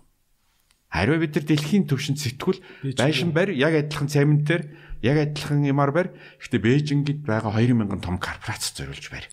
Тэгэхээр харж байгаас Тий. зүгээр хараана өөрчлөгдөж байгаа юм. А тэнгууд дизайн мизайн бүх юм дагаад өөрчлөгдөн. Менежмент. Тэгэхээр одоо харж байгаас бид нар хэрвээ зорилгоо тод харуул шал өөр юм хийж болно. Тэгвэл чи түр хэлсэн. За тэгвэл Монгол хүн яаж явах юм? Монгол хүн яаж яг эцэстээ юу хийх мэдэхгүй. Гэхдээ бид нэг зүйлийг мэднэ. Хэрвээ энэ хоёрыг хэрвээ хийх гэж оролдвол за яг тал хийж үү. Тэгвэл бид нар буцаад эзээч өнөөдрийн Монгол болохгүй. Бид нар дэлхийн том корпорацийн кампусыг барьчихсан. Нэг ганц хоёр биологийн бүтээгдэхүүн гаргацсан бол буцаад нэг өмнөх юм аа бид нар эргэж хийхгүй. Яг ийм байдлаар бид нар ингээ давааны цаан даваа гэж явна шүү дээ. Тэгэхээр одоо эндээс ямар асуулт гарч ирж байгааг бид нарт вижн буюу алсын хараа дутаад байгаа байхгүй. Түүнээс бид нар өөрсдөө дутаагүй. Бид нарт зориг дутаж байгаа юм. А зорилгоо гаргахын тулд алсын хараа дутаж байгаа. Товчоор хэлбэл бид нарт мөрөөдөл дутаж байгаа. Тийм учраас би бол тэгээ энийгээ бол өөрийнхөө өмнөх түүх, газар зүүн байрлал, хажууд хятад Орос өөрийн ардчлал өөрийн эрх чөлөөтэй байдал өнөөдөр Монголд хэдий бид нар хэцүү ч гэсэн бид нар бол өөр Монгол биш бид нар бурайд биш байхгүй. Бид нар юу ч хийх ихтэй тий. Тэгэхээр харж байгаач. Бид нар тэр эрх чөлөө нь байгаа. Ганцхан асуулт. Бид нар тэр эрх чөлөөг авилгаар дүргчээд өөрсдийн зовлон болгочоод байгаа болохоос биш. Уг нь энэ эрх чөлөөгөө бид нар тэр Америкийн 2000 дэлхийн 2000 компани мөнгийг салгах юм болгож болно шүү дээ. Тэгэхээр харж байгаач бид нар байгаа юмаа буруу асуулт тавиад босоо буруу зорилго тавиад одоо энгийн хэлдгээр бид нар одоо байгаа нэг төргөөл хоорондоо булаацалтаад байгаа болохоос биш яаж энийг арга болгох вэ гэдгийг ерөөс ярихгүй байхгүй. Тийм Байгалийн баялагын мөнгөө хүртмээр байна гэж хэрүүлээгээд ахаас биш. Наад мөнгөөр чинь бүр их мөнгөний юм гэдэг Тийм. юм ярихгүй тий. Тийм учраас одоо харж байгаач бид нар асуултаа зөв тавихгүй гай. Зорилгоо зөв тамирлахгүй. А энэс бид нар айгаад байгаа. Гэтэл ямар ч айх юм байхгүй. Яг тэгвэл нэг сони юм нь дэлхийн бүх хүн ингэж энэ асуултыг асууж байгаа. Энийг асуулаа гэд агуу ханта болохгүй. Тийм. Дэлхийн бүх орн ийм асуулт тавьж байгаа. Ганцхан бид нар тавихгүй. байгаа. За хоёлоо зүгээр ингээд яриа маань бас дундуур нь сонсож байгаа хүмүүс энэ төр байж магадгүй зүгээр зэгслээд асуувал тий нөгөө нөгөө Ноа Харари гэдэг нөгөө айхтар профессор ч од болоод байгаа шүү дээ. Хүн төрөлхтний товч түүх 21-р зууны Тий. 21 том юу энэ төр гэл тий Тий. асуудлууд. Тэр нь тэр шиг гэдэг шиг одоо зүгээр хоёлаа ингээд томьёолвол тий за 2000 1000 мянгаад оны 100 жилд зориулсан Монгол хүнд зориулсан гурван том асуулт тий Монгол тулхтны 100 гэдэг шиг яг ингээд яг үнэхээр монгол хүн юм бол яг энэ асуултыг одоо өөрөөсөө асуу гэд таны зүгээс асуу чагсаавал юу юу гэж асуух вэ? Би нэгдүгээрт за хоёул асуулт бол хоосон газар асуухгүй шүү дээ. Зүгээр тайлбаргүйгээр та зүгээр яг ингээд гурван асуултын хан дээр бич гэвэл ямар асуулт бич? За би нэг асуулт нь ингэнэ. Нэгдүгээрх нь бол хятадын өсөлтийг бид нар яаж ашиглах юм? гэдгийг бод. Бод тий. За Энд хариулт бол. Зөв энийг сонсоогүй дөр үзүүлээд яваад иж болохгүй. Нэг би тайлбар хэлье. Хэрвээ бид нар өөрсдөө юу их хэлэхгүй бол хятад бид нарт хэлээд өгч чинь. Гэтэ хятад өөрийнхөө өг. Өөрөөр хэлбэл нэг тийм үг үйдий. Хэрвээ чи түүхээ мэдэхгүй бол чиний түүхийг бичээд өгөх нь зөндөө олтно гэж. Яг түүнтэй адилхан хэрвээ бид нар юу хүсэж байгаагаа хэлэхгүй бол бидний юу хүсэж байгааг Орос хятадаас авахулаад олон хүн хэлээд өгч. А тэр нь бид нар таалагдахгүй. тий. Тийм учраас нэгдүгээр асуулт бол бодит зүйл. 21 дугаар зам бол үнэхээр хятадын зам. Тэгэхээр асуулт. Гэхдээ тэгээд чиний хараагүй царай гаргаж байгаа юм. Өнөөдөр хүртэл бид нар хараагүй царай гаргаж байгаа байхгүй. Нэгдүгээр асуулт. Хоёрдугаар асуулт. Хүн төрлөختөн дижитал эринд орж. Мэдээллийн технологи бүгд холбогдож байна.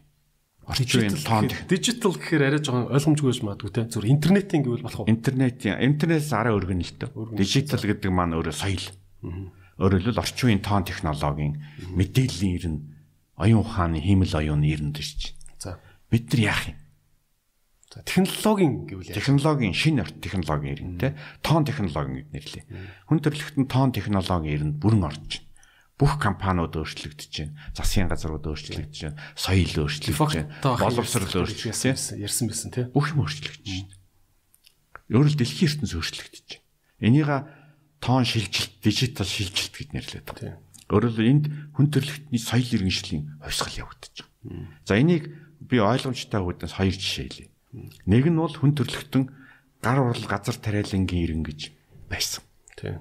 Хөдвөрийн багж. Тэрийг бид нар уурын машинаар бид нар ч англичуудаа эхлээд аж үйлдвэрийн ирэн солигдоод бүх соёл өөрчлөгдсөн. Өнөөдрийн орчин үеийн шинжлэх ухаан үүссэн, физик үүссэн, тэр байтугай орчин үеийн улсууд үүссэн.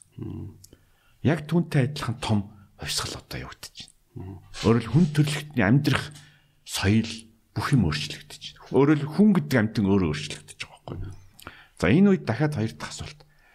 Энэ үед ямар боломж гарч байгаа юм?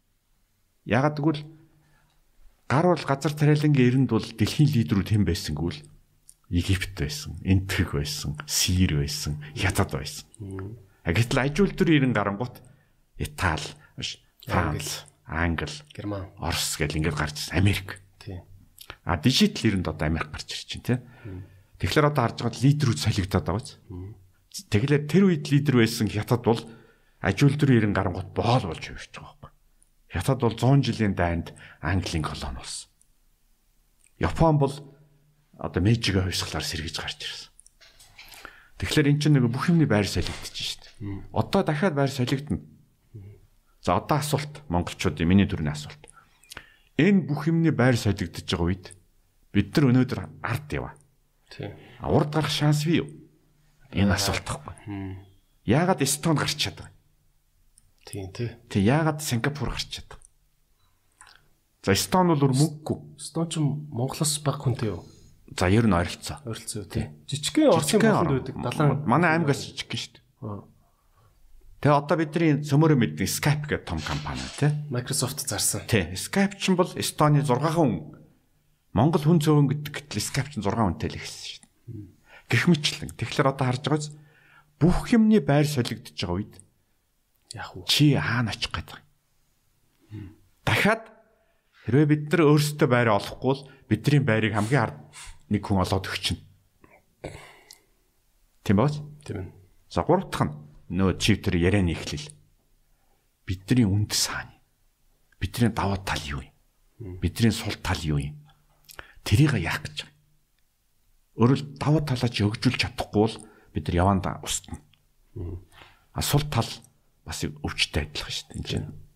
Тэгэхээр одоо асуулт бол бидний давуу сул тал юу юм? Эн чинь өөрөөр төрөний тэлдэг тоглоомуудад одоо бидний тоглох гарт хүзэр шүү дээ.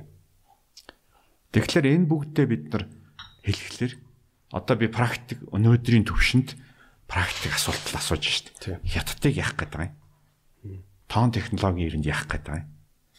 Бид нар ардчлаар явлаа, социализмаар явлаа. Одоо бид нар дэлхийн 7 тэрбум орны донд нээлттэй ороод ирлээ. Өмнө нь бол бид нар зөвлөлт холбоот улсаас илүү сэтгэж болохгүйсэн.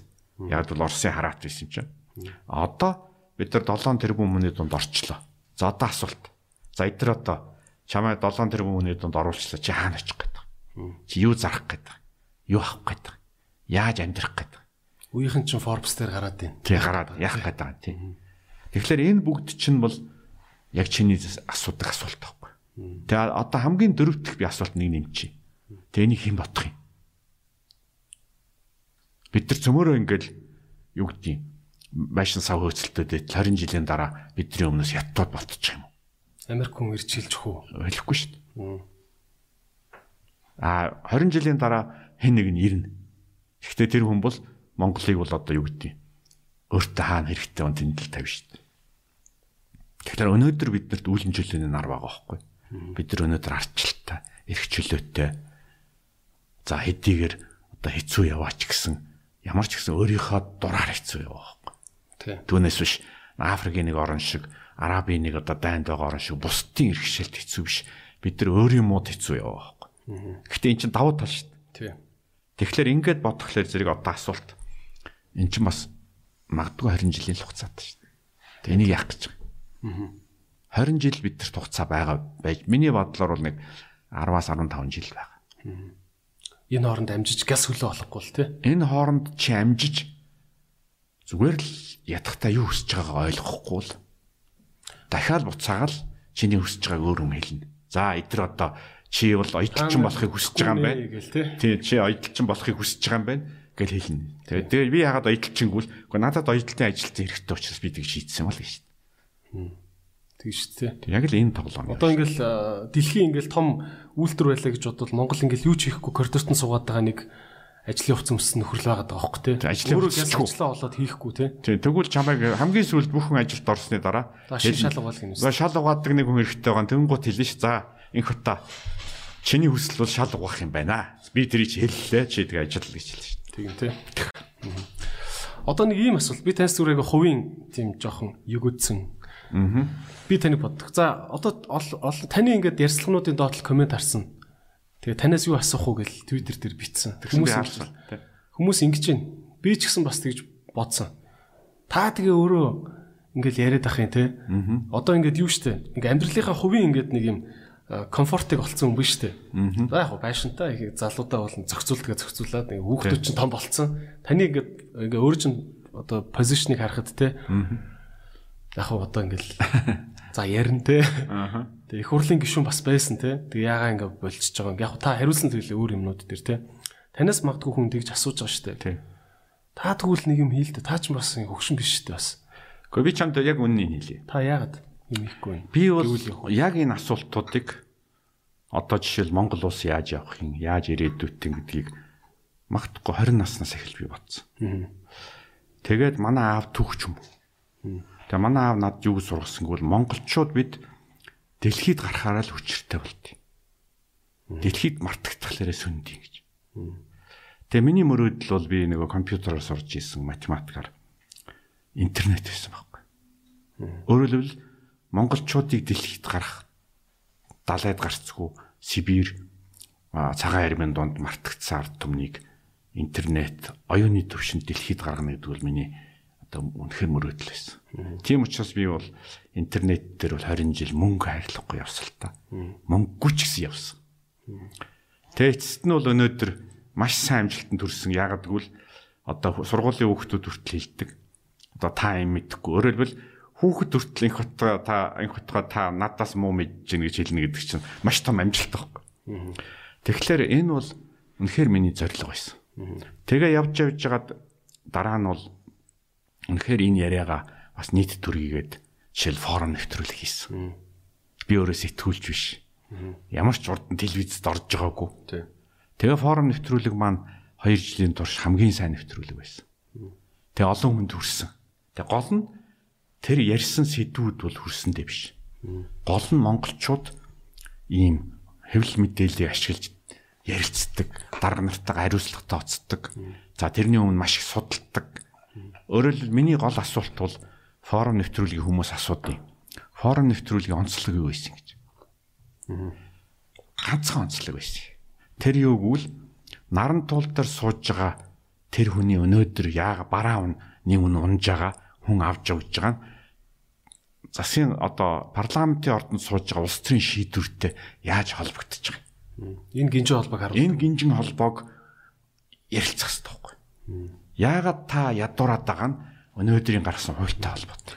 Гэхдээ ер нь нийгэм өөрөө тийм ярддаг хүнийг бас жоохон үнэлгээ болчиход шүү дээ худлаа яриад худлаа нэвтрүүлэг хийгээл гэл тийм үү асуулт бол юм. Над руу л яг тийм дайралт ирдэг. Эдрээ чи өөрөө юу гэж байгаа нэг л худлаа ингээл YouTube дээр подкаст юм видео хийсэн л. Гэхдээ яг ер нь бол тэр асууж зөв үнэхээр санаа төмрөөр юм хийгээч гэдэг байгаа байхгүй. Үгүй юм штэ. Яг үнэхээр чи амиа бодоод нэг дэлгүүр байгуулад ажиллаж болно л тоо. За би ч чадна. А ярина гэдэг чи яаж байгаа юм? Хүмүүсийг холбож байгаа байхгүй. Өөрөөр хэлбэл эндээс дундын эрх ашиг, нийт эрх тэг хэн хий. Тэгэхээр зэрэг чи подкаст хийж чинь би форум нэвтрүүл хийж байгаа гэдэг чинь чи битэрийн дэлгүүрийн тухай яриа биш байхгүй. Энэ бол хэн нэг нь нийт ашигын төлөө явна. А тэр нь бол хүмүүсийг холбоно, уулзуулна, ярина, санаа өгнө, очсон. Тэгээд хамгийн чухал юм болоо шүү дээ. Нэг юм үг байдیں۔ Хүмүүс нэг үзэл санааны дор нэгтгэхлээр хүч болдог байхгүй. Тэгэхээр Чингис хаан хүртэл хэлдэг. Биеийг хураахаар сэтгэлийг хураа гэж. А юу хэлсэн байгаа. Ленин энэ бол яг үнэ үг. Ямарваа нэг үзэл санаа олон түмэнд төрөхлөөр хүч болтой гэж. Тэгэхээр чи Викторийн бизнесуд юу гэж? Монгол улсыг өөрчлөх, хүмүүсийг чигийг өөрчлөх тэр хүчийг бүрдүүлэх юм хийгээд байгаа байхгүй. Өөрөөр хэлбэл нэг үзэл санааны дор мянган хүн байх, 10 мянган хүн байх шал хоёр өөр ойлголт. Тийм учраас өнөөдрийн ярьж байгаа хүмүүс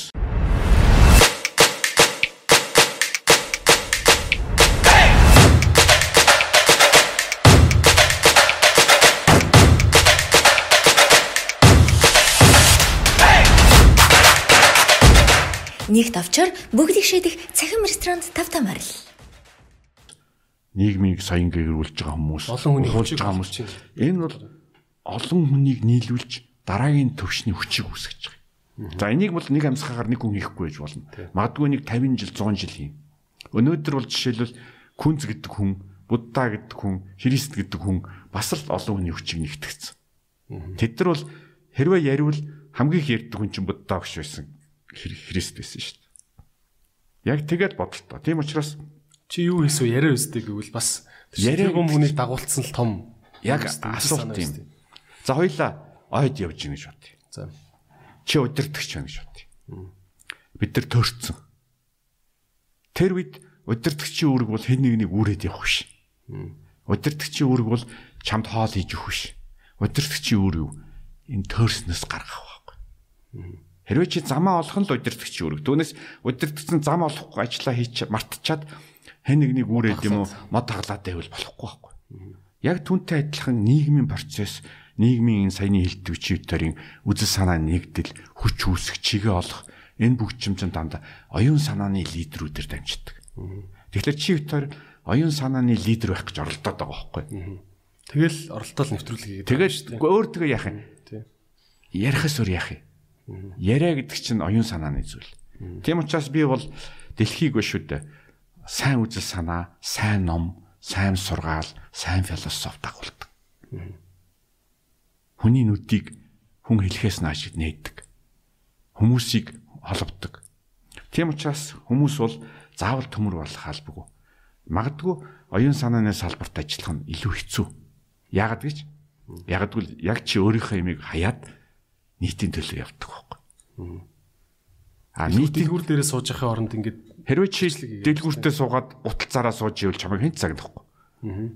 За чи ингэж подкастыг шудлаа ярих хэрэггүй. Чи тэгвэл өдий сайхан гутлаа зараад сууж. Тийм учраас өнөөдөр бид нар хэрвээ хүний үсийг яах гэж яриад байгаа юм бол бас дараа нь ингэж хэлнэ. Чи тэгвэл яах гэж дуудуулаад байгаа юм. Баясгалант бол тэгж хэлж болно шүү дээ. тий. Эсвэл чи яах гэж ном бичээд байгаа. Хинт хэрэгтэй. Ер нь Хэлтэй хүүхдүүд өсөж байна. одоо ээж чи ээлж болно шүү. Яах ормон бичээд байгаа юм тий. Хинт хэрэгтэй. Зүг ажил хийгээч. Төлөө хагалаач. Тэр байтугай ингээд ингээд тэрлээ ургуулад бодвол хоёр дахь би. Энэ дээр заавал нэг онцлог юм байна. Чив тэр мондагтай биш байхгүй бас. Зөвхөн хүн дуртай мэй их хэвээр шүү. Тий. Дууд дуулж байгаа хүүхэд дугаал дуулгалтай. Яах гэж чи одоо бос хүмүүс ажил хийж байгаа чи дуудуулаад байгаа юм гэвэл инээдтэй үст.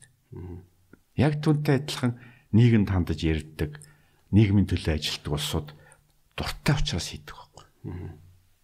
Түүнээс хуушур харьдаг хүн уулзаад за чи тэгвэл Манайхан бас хуушур хайрвал хүн шиг үү?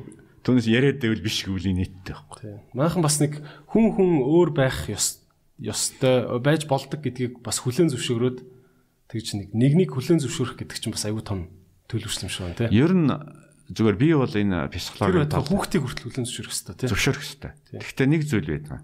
Монголчууд өөрийгөө засаад өрхөө зас өрхөө засаад төрөө зас гэдэг шүү дээ. Эн чинь бол яг нэг зүй тогтлыг хэлж байгаа. Яг хүн бол ингээд одоо Масловын пирамид гэж байдгийг. Тий. Одоо сэтгэл санаа тий. Чи ихлээд Тэр хуучирчаагүй юу? Хуучирчаагүй. хуучирцсан л гэдэг. Уу яг хуу. Хуучирсан. наа чи худлаа гэдэг. Уу ер нь үнэн. Ягаад гэвэл ер нь хүн биш эхлээд амьд явах хэрэгтэй. Дараа нь хаал олж идэх хэрэгтэй. Тэгээд энэ бүгд нь нийлэхлэр зүйцтэй мод тарч эхэлдэг. Ягаад гэвэл Германы ногоо намын би их хурл дээр ингээд очиод сууж бол германууд их сайн юм ярьжсэн. Тэгээ хөвгөлтэй. Ямар ч хүн 3000 доллароос дэс цалин авахлаарэ ногоонтон болдог гэж. Ягаад гэвэл мод тарч эхэлдэг. Ягаад гэвэл өөрийгөө гутлаа авах гутлаа авчдаг. Идэх хоолоо идчихдэг. Тэгээд яадгүй байшингаас орчин тойрноо харж эхэлдэг байхгүй. Тийм учраас яг үүнтэй адилхан өнөөдөр бол Монголд бол зарим сэтгэлийн дуудлагаар, зарим нь бол боломжоороо яхахгүй нийгмийн олон нийтийн ажилд явж байгаа. Тэгэхээр энэ бүгд нийлээд мэдээж нэг зүйлийг би тэгж асууж байгаа хүмүүст хэлж байгаа. Хэлтий. Үгүй энх бат идрод муу хийж иж болноо. Тийм биз дээ. Тэрийг бол зөвшөөрнө. А гэхдээ чая өөр юм хийлдэ гэж хэлнэ гэдэг чинь би ч гэсэн тэр хүнийг чи өөр юм хийдэ гэж хэл болно шүү дээ. Энэ бүгд утгагүй яриа байхгүй. А ганцхан тэр нь хэрэгтэй бол тэр хүлээж ав. Өөрт нь хэрэггүй бол өөр бас өөр юм хийж болно шүү дээ. Чи жишээл чиний подкастыг унтраачаал заавал хэн сонс гэдэг юм. Тий. Өөрөөр хэлбэл чи тэр үед нэг юм хариулж болно шүү дээ. Манай бонкын нүдэн дээр нөлмөстэй. Тий. Чи бол ингэж хэлж болно шүү дээ. Гэхдээ чи тэгээд заавал сонсчод надтай хэрэлдээд байх юу. Тий. Сонсохгүй л байхгүй да. Тий. би форум нэвтрүүлэг хөтлж яхад нэг тим яриа болж ирсэн юм. Америк, Нью-Йоркийн том продюсер ирсэн байхгүй. Тэгээд тэр олон хүнтэй уулзаад судалгаа хийгээд дараа нь инх хота таны нэвтрүүлэг үнэхээр сайн юм байна гэж. Яагаад гэж би асуусан чинь ингэж хэлсэн.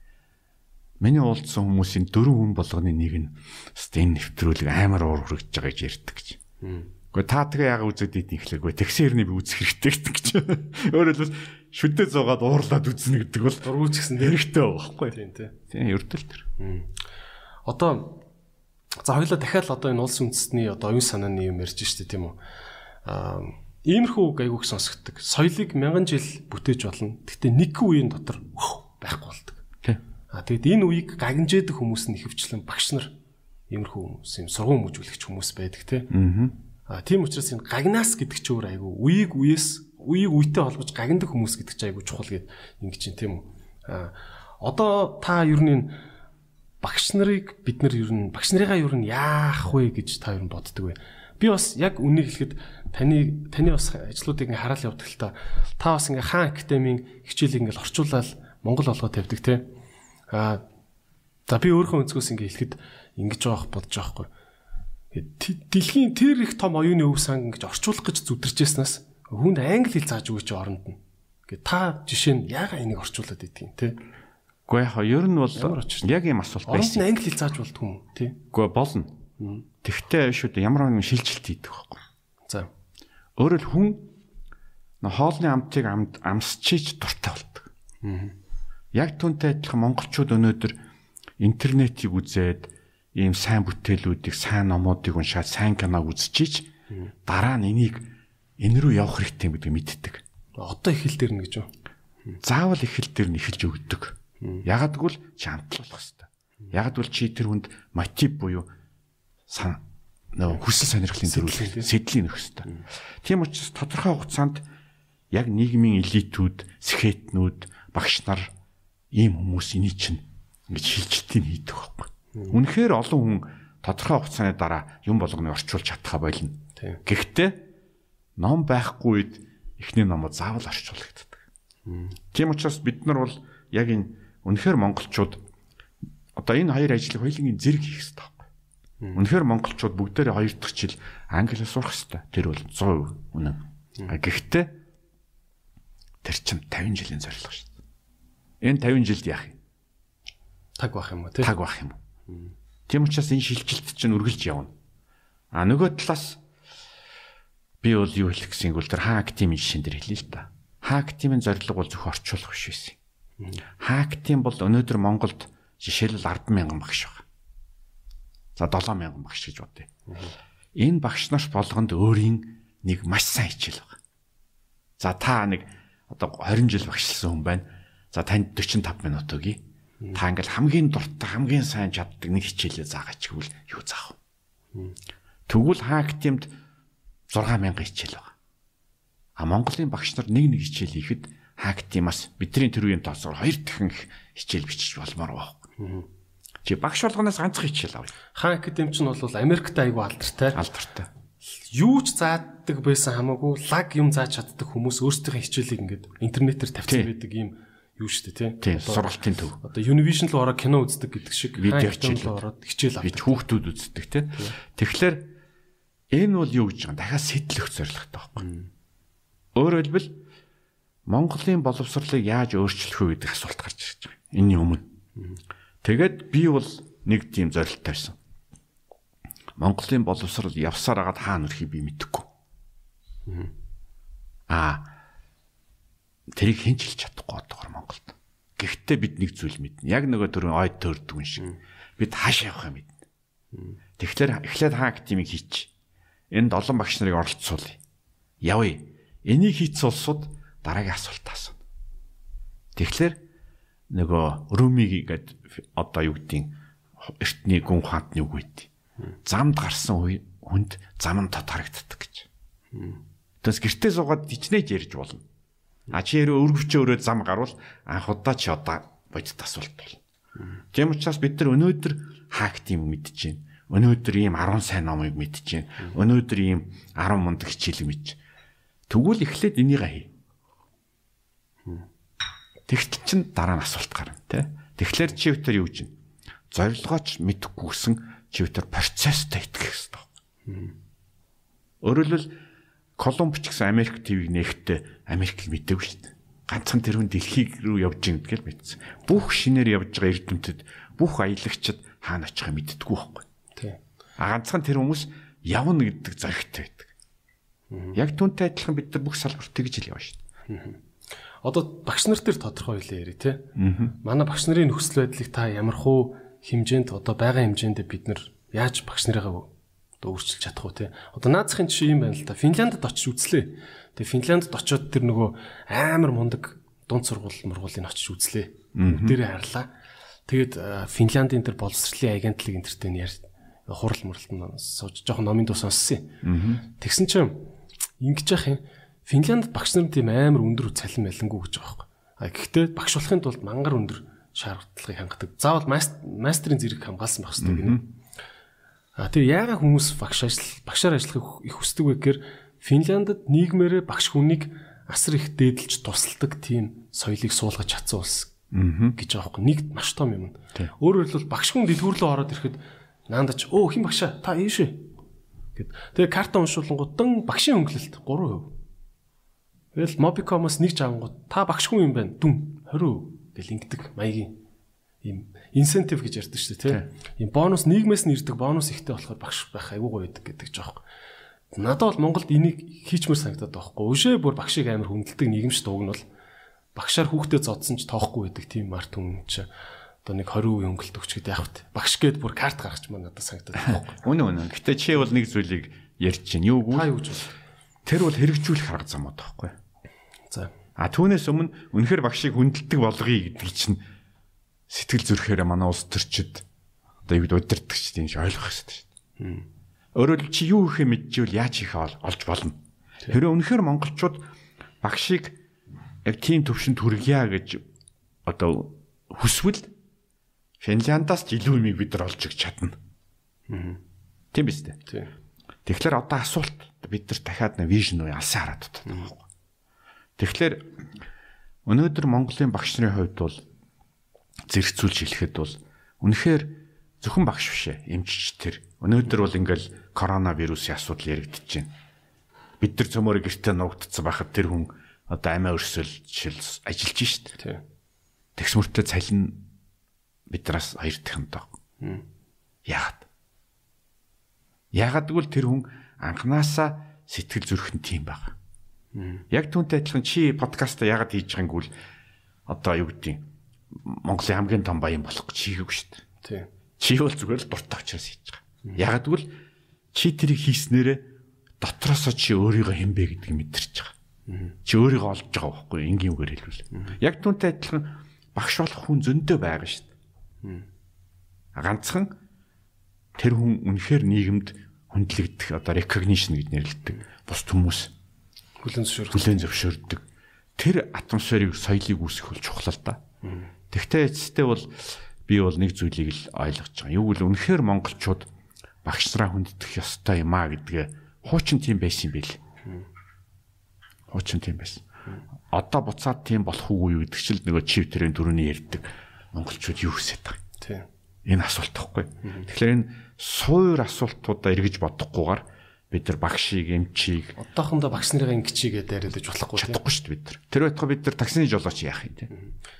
Тийм тийм. автобусны жолооч. Би бол жишээлбэл замын цагдаа нарыг хардیں۔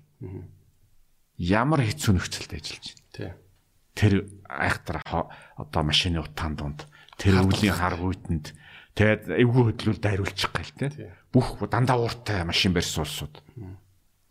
Тэгээд ирээд цонхоор юм асуухт бүгд уралж байгаа. Гэтэл тэр хүн чинь би бол ганцхан удаа тэр цагдаа ирээд надаас юм асуухт нь жишээл уралж яхад тэр хүн бол мянган удаа тэгж байгаа шүү дээ. Тийм. Тэгээ бодлоо. Тэгэхээр үнэхээр энэ трафик өндөртэй, энэ бохирдсон, энэ хэцүү орчинд замын цагдаа нар бол бас чанга ажиллахгүй. Тэгээ хоёлаа бодлоо. Ийм олон юм гарна шүү дээ. Тийм. Тэгэхээр одоо энэ бүгдий чинь цаана юу гэхээр үнэхээр бид хамгийн одоо юм шийдэж байгаа улсуудаа яах юм? Яа цаашаа явах юм? Тэгэхээр одоо харж байгаа чинь суур асуултуудаа хариулахгүй бол Тийм. Багшаа яах вэ? Цагдаагаа яах вэ гэл ингээл төмөн юм яриад байж болно шүү дээ. Тэгээ хооронд нь тэр байтугай хэрэлдүүлээд маргаат ээж болно. Тийм. Тэгж болохгүй байхгүй. Бид нар юу хүсэж байгаагаа мэдээд яаж явахаа мэдчихвэл бид нар бол багш нартаа, цагдаа нартаа, эмч нартаа бүх хүндээ тайлбарлаж болно. Өнөөдөр ямар ч компанид ажилд орж байгаа залуу хүн жишээлбэл үнэхээр ажилсаг сайн хүн бол шууд цалин харддаггүй. Тэд нар бол нэгдүгээрт ирээдүг харддаг. За би энд ингэж өсөж томрох юм байна. А яг гэвэл тэр хүн өөрийнхөө замыг харддаг. За дээрэс нь хамт олныг харддаг те. Яг л амьдрал гэдэг бол цалингаас хамаагүй том зүйл шүү дээ. Тэгэхээр энэ бүгдийг ингээд зөв бодож хийвэл үнэхээр финляндч болж болно л доо. Тийм учраас бидний гол асуулт бол Тэгэхээр аа бидний гол асуулт бол ингээд зүгээр чи тэгж бодож जैन би ингэж бодож जैन манай энэ залуу тэгж бодож जैन бүгдээрээ бид нар бодож байгаа. Одоо асуулт.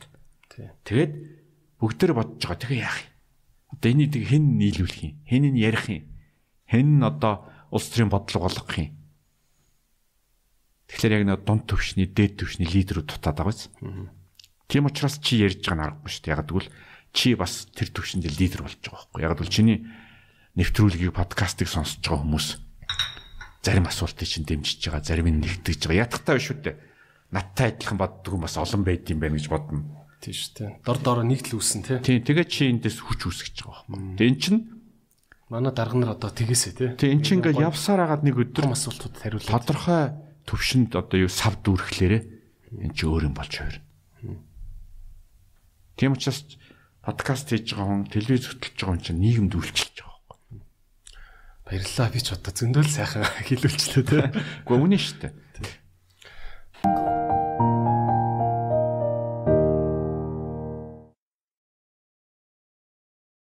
За мөндөд үзэгч сонсогчдоо Идрээс подкаст хэрэгтэй юм буу халын өрөөнд ор явагддаг байгаа. Өнөөдрийн зочноор инх батах оролцож байгаа аа бүгд мэдэндээ Datacom инх батах л гэж ярьдаг та. Монголд интернетийг оруулж ирсэн хүн.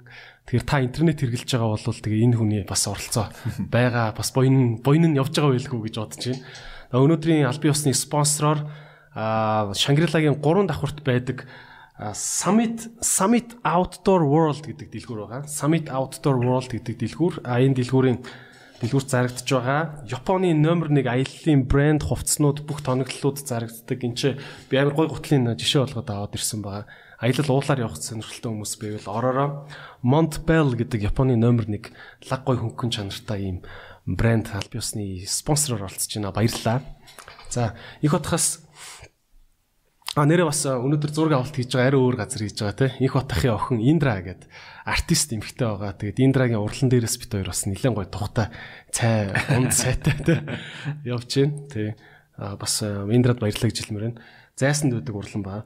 За тэгэд танаас би бас зүгээр нэг хувийн сонирхлын асуулт суу гэж бодсон. А наранхуу гişүнтэй би бүр дээрүүд нэг ярьцлага хийжсэн. Анх л ярьцлага хийж сурж явах та гэх юм уу. Тэгээд хэлсэн аахгүй. Танаас хэдэн онд гэж баг 2000 он гэж юу гэж юу. Танаас 100 мянган доллар барьцаагүй зээлээд тэгээ анх амьдралаа ер нь бол амьдрал ахуйгаа босгож ирсэн. Тэгээ одоо сүултэ чи ингээд чихнээсээ одоо би бол тэр умдна л гэж боддөө штэ. Аа тэ тийм анхны том бизнесээ таны мөнгөөр эхэлжсэн гэж ярьд билээ. Та яагаад та яагаад тийм их мөнгө ингээ барьцаагүй мэй гэж хэлсэн. Гэхдээ яг тэр бол ярил мэдээж урт төх. Зүгээр асуулт бол наран хүч оюутан байсан юм. Тэгээ надаас тэр математикийн зарим хичээл юм заалгадаг, зөвлөгөө авдаг. Жох хүүхэд байхгүй юу? Тэгээд өөрөө л мэдээж хэрэг яг л тэр үед чинь романтик үе байлаа шүү дээ. Тэгээ 100 мянга бол биш. Тэрнээс бага хамаагүй бага. Гэхдээ ер нь бол тэр үед за яг одоо бол гоё ярьж болно. Гэхдээ яг үнэн байдал бол наран хууч бизнес мэдтгүү би ч барьцаа авахыг мэддэггүй. Өөрөлд Монголд бизнес мэдтгүү ховор байсан цаг шүү дээ. За. Тэгэл ерөнхийдөө бол сайн танилын журмаар тэгэл нэгэн тал миний оюутан байсан хүний хувьд тэгээд үзэл санаа нь эдийн сайхан байсан. Та хичээл заадаг багш нэсэн тийм. Үгүй яг дээд сургуульд бол биш гэхдээ зүгээр одоо юу гэдгийг компьютерийн асуудлаараа математик сонирхож байгаа зүйл нь миний яриан дээр ирээл тэгээ сонирхол танилцаал тэгээд одоо юу гэж хэлэх юм те цэвэр тэр хичээлийн шугамар сургуулийн шугамар сэдвэр танилцсан байхгүй.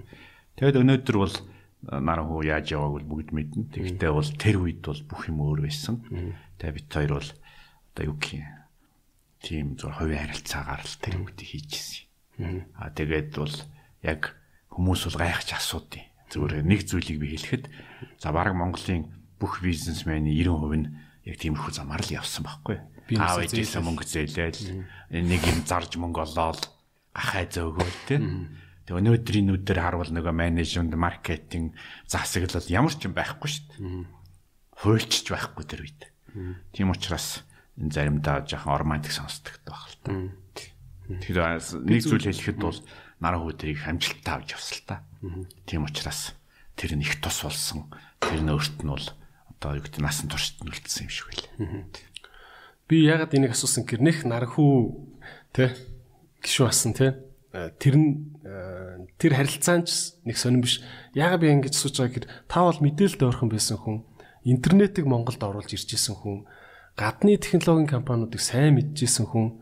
Яагаад та за одоо боли тэр мөнгө нь үнэхээр 20 сая доллар байсан ч хамаагүй. Та тэр үед 20 сая доллараар Amazon компани хувьцааг хөдөлтөө авсан байсан бол өнөөдөр тэр чинь гэдэг мянган тэр үед товсаа гэж мэддэггүй байсан байхгүй. Та үнэхээр мэддэггүйсэн. Үнэхээр мэддэггүйсэн. Тийм. Тийм. Би гайхацдаг. Яагаад энүүгээр яахуугийн хувьцааг очиж авчиж болох юм те? Гэхдээ нэгдүгээрт шүү дээ. Бид нар цөмөрө мэднэ. Тэр үед бол хувьцаа гэж мэддэггүй байсан. Яахуу гэж мэддэггүй байсан. Тэгвэл та яаж тэг интернетийг Монголд оруулж ирсэн? Интернет бол шинжлэх ухаан талаас. Аа за. Хэлбэл би бол өөрөө компьютер тэгээд эртэн дээр үеийн DARPA гэж компьютерийн төсөл. Бид нар чинь бол интернетийг оруулахаас өмнө 2-оос 3 жилийн өмнө Монголын анхны имэйлийн сүлжээг эдгээр өөрсдөө байгуулчихсан. Ямар ч интернеттэй холбоогүйгээр. Тэр бол мэрэгчлэр байхгүй. А та яах вэ гэж юу байла? Инх бат үтэл Wall Street-ийн хөрөнгө оруулагч нар ч яах вэ хөрөнгө оруулдаггүй юусэн шүү дээ. Тэгэхээр энэ бүх компаниуд чинь бол өнөөдөр эргээд харахад л одоо юу гэдэг 92 онд тэд нар үүссэн гэж ярьж байгаа болохоос 92 онд бол баг нэг ч Америк хөрөнгө оруулахааргүй байсан байхгүй. Тэр чи яадал байхгүй. Та илүү тийм зүгээр шинжлэх ухаанч одоо юм техник технократ гэдэг шүү дээ. Би бол цэвэр инженер шинжлэх ухааны талаас ажиллаж байсан болохоос хөрөнгө оруулагч бол биш байсан л та. Тэгээд а нөгөө талаас бол үнэхээр яг өнөөдрийн үдээр харуул бид нар ч гэсэн өнөөдөр 20 онд ямар компани 30 онд бондог болох юм мэдэхгүй л байна шүү дээ. Тийм. Яг тэр үед тийм л байсан. Одоо нөгөө Джеф Безосын зураг өгдөг шүү дээ. 1998 онд ингээд нэг юм хөгийн өрөөнд хажуу талтаа баг шохоогорч үлээ Amazon гэж бичсэн тий. Ингээд сууж байгаа. Өнөөдөр ингээд 200 тэрбум долларын хөрөнгөтэй зөв хувийн хөрөнгө нь тий. Тийм хүн сууж байна. 98 зөвхөн бизнесмен залуучууд нэг зүйлийг мэдэх хэрэгтэй. Би нэг юм дүрм Америкт байж исэн хүмүүс мэдэнтэй. Хэрвээ чи бараага Walmart-д л өгч чадвал чи шууд саятан болдог байхгүй. Walmart-ын одоо 2 3 мянган их дэлгүүрт чиний барааг зарвал чи тэгэл нэг нэг шөнийн дотор саятан болно. Чи Walmart зарч чадахгүй бол өөрөө хичнээн гудамжинд ташгараад яриад бүтэхгүй. Энэ юу хэлж байгаа юм? Энэ бол эдийн засгийн системд чи яруу оролцож чадвал чи маш хурдан байж болно. Маш хурдан юм хийж болно. А хэрвээ чи тэрний гадна байж ивэл өнөөдөр Zuckerberg Монголд байвал компьютер форматлаа сууж явах байсан гэж үнэн шүү дээ. Компьютер ландтал нэг нөхөр сууж явах хэрэгтэй байхгүй? Шар нөхөр. Шар нөхөр тий. Тийм учраас энэ эдийн засгийн тоглоомын систем нь Монголд байвал нэгөр байхгүй л нэгөр. А интернетийн зах зээл төр үед Монголд байх нь битэл интернет гэж юу вэ гэдгийг Монголд нэг 10 хүн л мэддэг байсан баг. Тэгээ ер нь эргээ харахад бол бид нар түрүүн хэлсэн шүү дээ хүн болгоны бизнес бол нэг тустай асуудал. А олон бизнес нийлж ажиллах бол тустай асуудал. Өөрөөр хэлбэл наран туулын хүн болгоны гуталлаа чүдэнс зарж байгаа. А гэтэл чинь нийлүүлчихлээр наран туул болж байгаа шүү дээ. А Монголд наран туул нь байхгүй байхгүй. Чи хичнээн мундаглаа хийлээ ч гэсэн наран туул байхгүй бол чи танд нэг хажуугийнхаа гурван айлтал зарна шүү дээ. А хэрвээ чи Walmart-д зардаг бол чи маргааш Монголоос том баян бол. Тийм учраас гадна талын тэр систем зах зээлч маш чухал. Танд ер нь тийм юу байдгүй зүгээр юм технологийн үний хувьд. Гэтэ та илүү тийм ингээд зүгээр технологи гэдэг утгаар нь дуртай. Би бол яг илүү бизнес талаас нь харах гэдэг нь шүү дээ. Надад зүгээр ингэ санагддаг байхгүй юу. Одоо ийм ах нартай ярьжсэн л да. Ах нь ах нь шүү дээ 25 настай. 90-ад 90-ад оны дундуур ах нь ингээл карманда 3 сая доллартай байсан шүү дээ. Ах нь мөнгөө тоолж чаддгүй ингээд өрөөнд дотор хийцэн касчин хоёр охин суулгацсан ингээд шүнжэнгөө мөнгөө тоололдог байсан. Тэгж ярьдаг ах нь айн болон байдаг байхгүй юу? Сонсоод ах нь. Тий. Тэ? Тэгээ бүр ингээ Монголыг ч таахгүй Монголыг ингэж алгасаж бизнес хийдэг. Бээжин рүү очиод ах нь Бээжин рүү очиод ийм ийм юм авъя гэж Москва руу шууд ингээл ачуулцдаг юм Томск руу ачуулцдаг. Тэгэл ингээл сууждаг гэсэн ингээл ийм ах нар байдаг те. Би зүгээр боддог байхгүй. Тийм ах нар тухайн үеийн сая доллар гэдэг ч бод мангар их мөнгөштэй.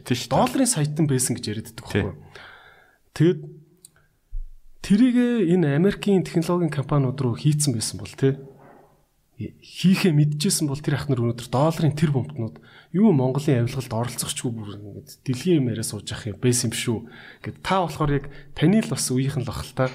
Танаас доотлын үеийнх юм шүү. Гүр танаас доотлох юм. Зөөр нэг зүйл хэлье. Тэр улсууд маш олон за яг хаа чиний хэлж байгаагаар Amazon, Microsoft тэдэрт оруулаагүй байж болно. А Монголдо бас их компани байгуулсан юм гэхээр ихэнх нь үгүй байдаг байхгүй.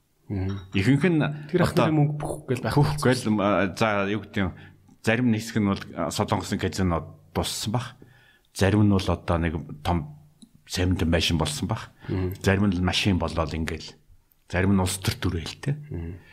Тийм учраас миний хэлэх гээд байгаа санаа бол үнэхээр тэр зах зээлийн механизм тэр Wall Street э, бирж инвестмент энэ бүгдийг чи мэддэг байсан бол нэг өөрөөр тоглоно. А тэрийг мэддэг хүмүүс өнөөдөр жишээлбэл хоёлаа ярил л да. Оросд төгссөн болохоор л мэддгүйсэн баг тий. Үгүй. Үгүй. Яа. Дэлхийд дээр мэдтгүү л байсан шүү дээ. Тийм үү? Тий. Дэлхийд дээр мэдтгүү байсан. Өнөөдөр бол жишээлбэл чи Европ, Америкийн маш олон хүнийг асуухад за Америкчуудын миний мэдхэс лав талаас илүү нь бас дахиад хувьцаа аваагүй л сууцгааж байгаа. Англичууд бол бүр тэрнээс их нь хувьцаа аваагүй л байж байгаа. А магадгүй тэд нар сая доллар байхгүй. Гэхдээ насаараа өвөө эмээ нүртэл одоо Wall Street-ийг мэдчихлээ, уншчихлаа. Тэгээ хөрөнгө оруулалт мэдэхгүй. Асуулт бол чи бид нар бол ингээд яг юу гэдэг нь тодорхой цэгшиглсэн боловсрал мэдлэгтэй болцсон байхгүй. Өнөөдөр гараад Улаанбаатарын 100 хүнээс 90 нь бол за нөгөө дээр үе Монгол улаан ягаан тасалбарыг л мэднэ. А түүнээс биш дахиад ийм яриг ойлгохгүй хэцүү шүү дээ. Тэгэхээр зүгээр нэг зүйлийг л хэлэх гэсэн юу гэвэл үнэхээр Монголд тэр үед бол юм болон өөрийнхөө үедтэй. Америкт ч гэсэн цагтаа алт ухаал Калифорнид цөмөрөл хоорондоо буудалцаал явж лээсэн. Монголч яг л ингэж яваа.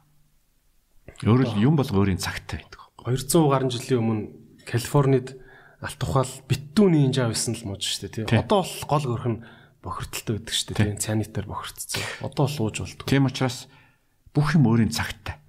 Өнөөдөр харин бид нар ингээ яриа сууж ийн гэдэг чинь магадгүй Америкийн 200 жил явсныг бид нар 20 жил явцсан байхгүй. Ягаад гэвэл урд нь хүн явцсан учраас тийм. Тийм учраас өнөөдөр бол одоо жишээл биотехнологийн вакцины компаниуд бол аль нь вакцин хийгээд одоо юу гэдгийг одоо бидний хэлдгээр хаг байж гэдэг шүү дээ. Тий. А бид нар мэдэхгүй шүү дээ. Бас алийг. А тэгээ 20 жилийн дараа чамаас хүн асуу шүү дээ. Гэхдээ чи тэр үед нэг харманд 200 доллараар тэрлүү хийчихгүй яасан гэж. Тийм. Гэхдээ яаж мэдхий? Тухайн үед тий. Яг л чи өдөр одоо түүхийг уншицсан, номыг уншицсан учраас Amazon-ыг яриад байгаа юм тий. А тэр үед Лев манай Безог таньдаг 10 хүн байсан буюу мэдэхгүй шүү дээ. Тий. Билл Гейтсийн өөрийнх нь түүхийг уншихлаар зэрэг Билл Гейтс ч маш олон компаниар яваад одоо уулзч чаддгүй оруулдагчгүй байсан шүү дээ. Тэгээд нөгөө digital research компани захирал нь амралтаараа Microsoft чи юуны IBM-ийн саналыг хүлээж авахгүй явцсан. Тэр хооронд Билл Гейтс үүдийн сахис суусаргаад орсон байт. Тэгээд нэг л оюутан орсон шүү дээ. Тий. Тий. Тэгэхээр би эндээс юу хэлэх гэсэн гэвэл энэ бүгдээс сургамж аваад бид нар өнөөдрийнхөө боломжоор явна. Өнөөдөр ч гэсэн бид нарт тэрнээс их боломж байгаа. За чи нэг би чамаас ганцхан зүйл хэлье. Чи яг тэрийг үнэн гэж хэлнэ. За. Чамаас 30 жилийн дараа нэг хүн асууна. Гэхдээ хажууд чи хятад ингээд цөм бизнес хийгээд тахад та нар юу хийж ийсэн гэж Яг асуун тий. асуу шүү дээ. Одоо хятад биш интекки 900 эхэлчихэ тий. Харин тэгээд- бүр холдоо явцсан. Тэгээ юу хийж ийсэн? Гэхдээ би хятад гэдэг нь зүгээр ерөөсө вагоноор яваад очих, машинаар явж очих газар хэлж шүү дээ. Тий. Гэхдээ тэгэхэд та нар ингээд капитализмд байсан уу байсан. Чи Америк сурсан сурсан англи хэлтэй хэлтэй бүх юмтай монголчууд. Гэхдээ тэгээд юу хийж ийсэн? Африкийн нэг орн альсвал нэг Латин Америкийн нэг орн хятадаас 10 дахин их мөнгө олж байгаа. Та нар яагаад юу ч хийхгүй? Чи дахиад асуулт шүү. Яга юу ч зарахгүй байгаа тий. Юу ч зарахгүй байна. Тий. Тэгэхээр одоо харж байгаа биз? Чиний асуулт яг үнэн. Гэхдээ тэр үед бид нар мэдээлэлгүйсэн, мэдлэггүйсэн. Өнөөдөр ч гэсэн бид нар ном уншсан мэдээлэлтэй юм шиг мөртлөө яг өөрийнх нь боломж хятадын зах зээлэхэд дахиад мэдээлэлгүй байж байгаа. Тий. Одоо өнгөрсөн 7 хоногт Tesla компани хувьцаа 10% өсчлөө тий. Tesla компанид мөнгө одоо олон жил яриаг шүү дээ. 5хан жилийн өмнө баг 100 сая доллар байршуулсан байсан бол өндөр цөм авч байгаа шүү дээ. Тий. Тийм ба. Би зүгээр гайхдаг байхгүй. Яагаад ингээ Монгол ах нар тий. За ах нар л гэж би өргөд нэрж байгаа шүү дээ. Ах эгч нар тий. Ах нар ингээд алт ухаад баяжсан мөнгөөрөө ингээд тэр тэр лаг лаг технологийн компаниуд руу ингээд хувьцаа авдаг. Чи нэг юм андуураад шүү дээ. би гэж бодож Тийм байхгүй юу? Алт ухаад амар Асуулт бол хоёр юм байж байгаа. Нэгдүгээрт мэдээлэл байхгүй. Чадвар. Хоёрдугаарх нь тэр хүмүүсийн одоо англиар бол лайфстайл буюу амьдралынх нь хэв загвар нь хөрөнгө оруулагч биш байхгүй. Тэр хүн бол магадгүй үргийн аймаачин гахай зөөдөг, эсвэл алт тухдаг хүн. А тэр хүн өөрийнхөө хөрөнгийг цааш нь тасралтгүй хөгжүүлэх одоо юу хуучныхаар бол үед дамжсан еврей ухаан гэдэг юм уу, наймаачны ухаан, соёл байхгүй шүү дээ. Ариваа чи үед дамжсан Францын одоо банкирийн одоо юу гэдэг нь долоодох үеийн хүн бол чамд бүх юм мөнгө харагдана. Хэрвээ чи үед дамжсан малчин бол чамд мөнгө харагдахгүй хань харагдана. Тэгэхээр бид яг өөрийнхөө амьдралын хэв загвар сэтгэж байгаа байхгүй.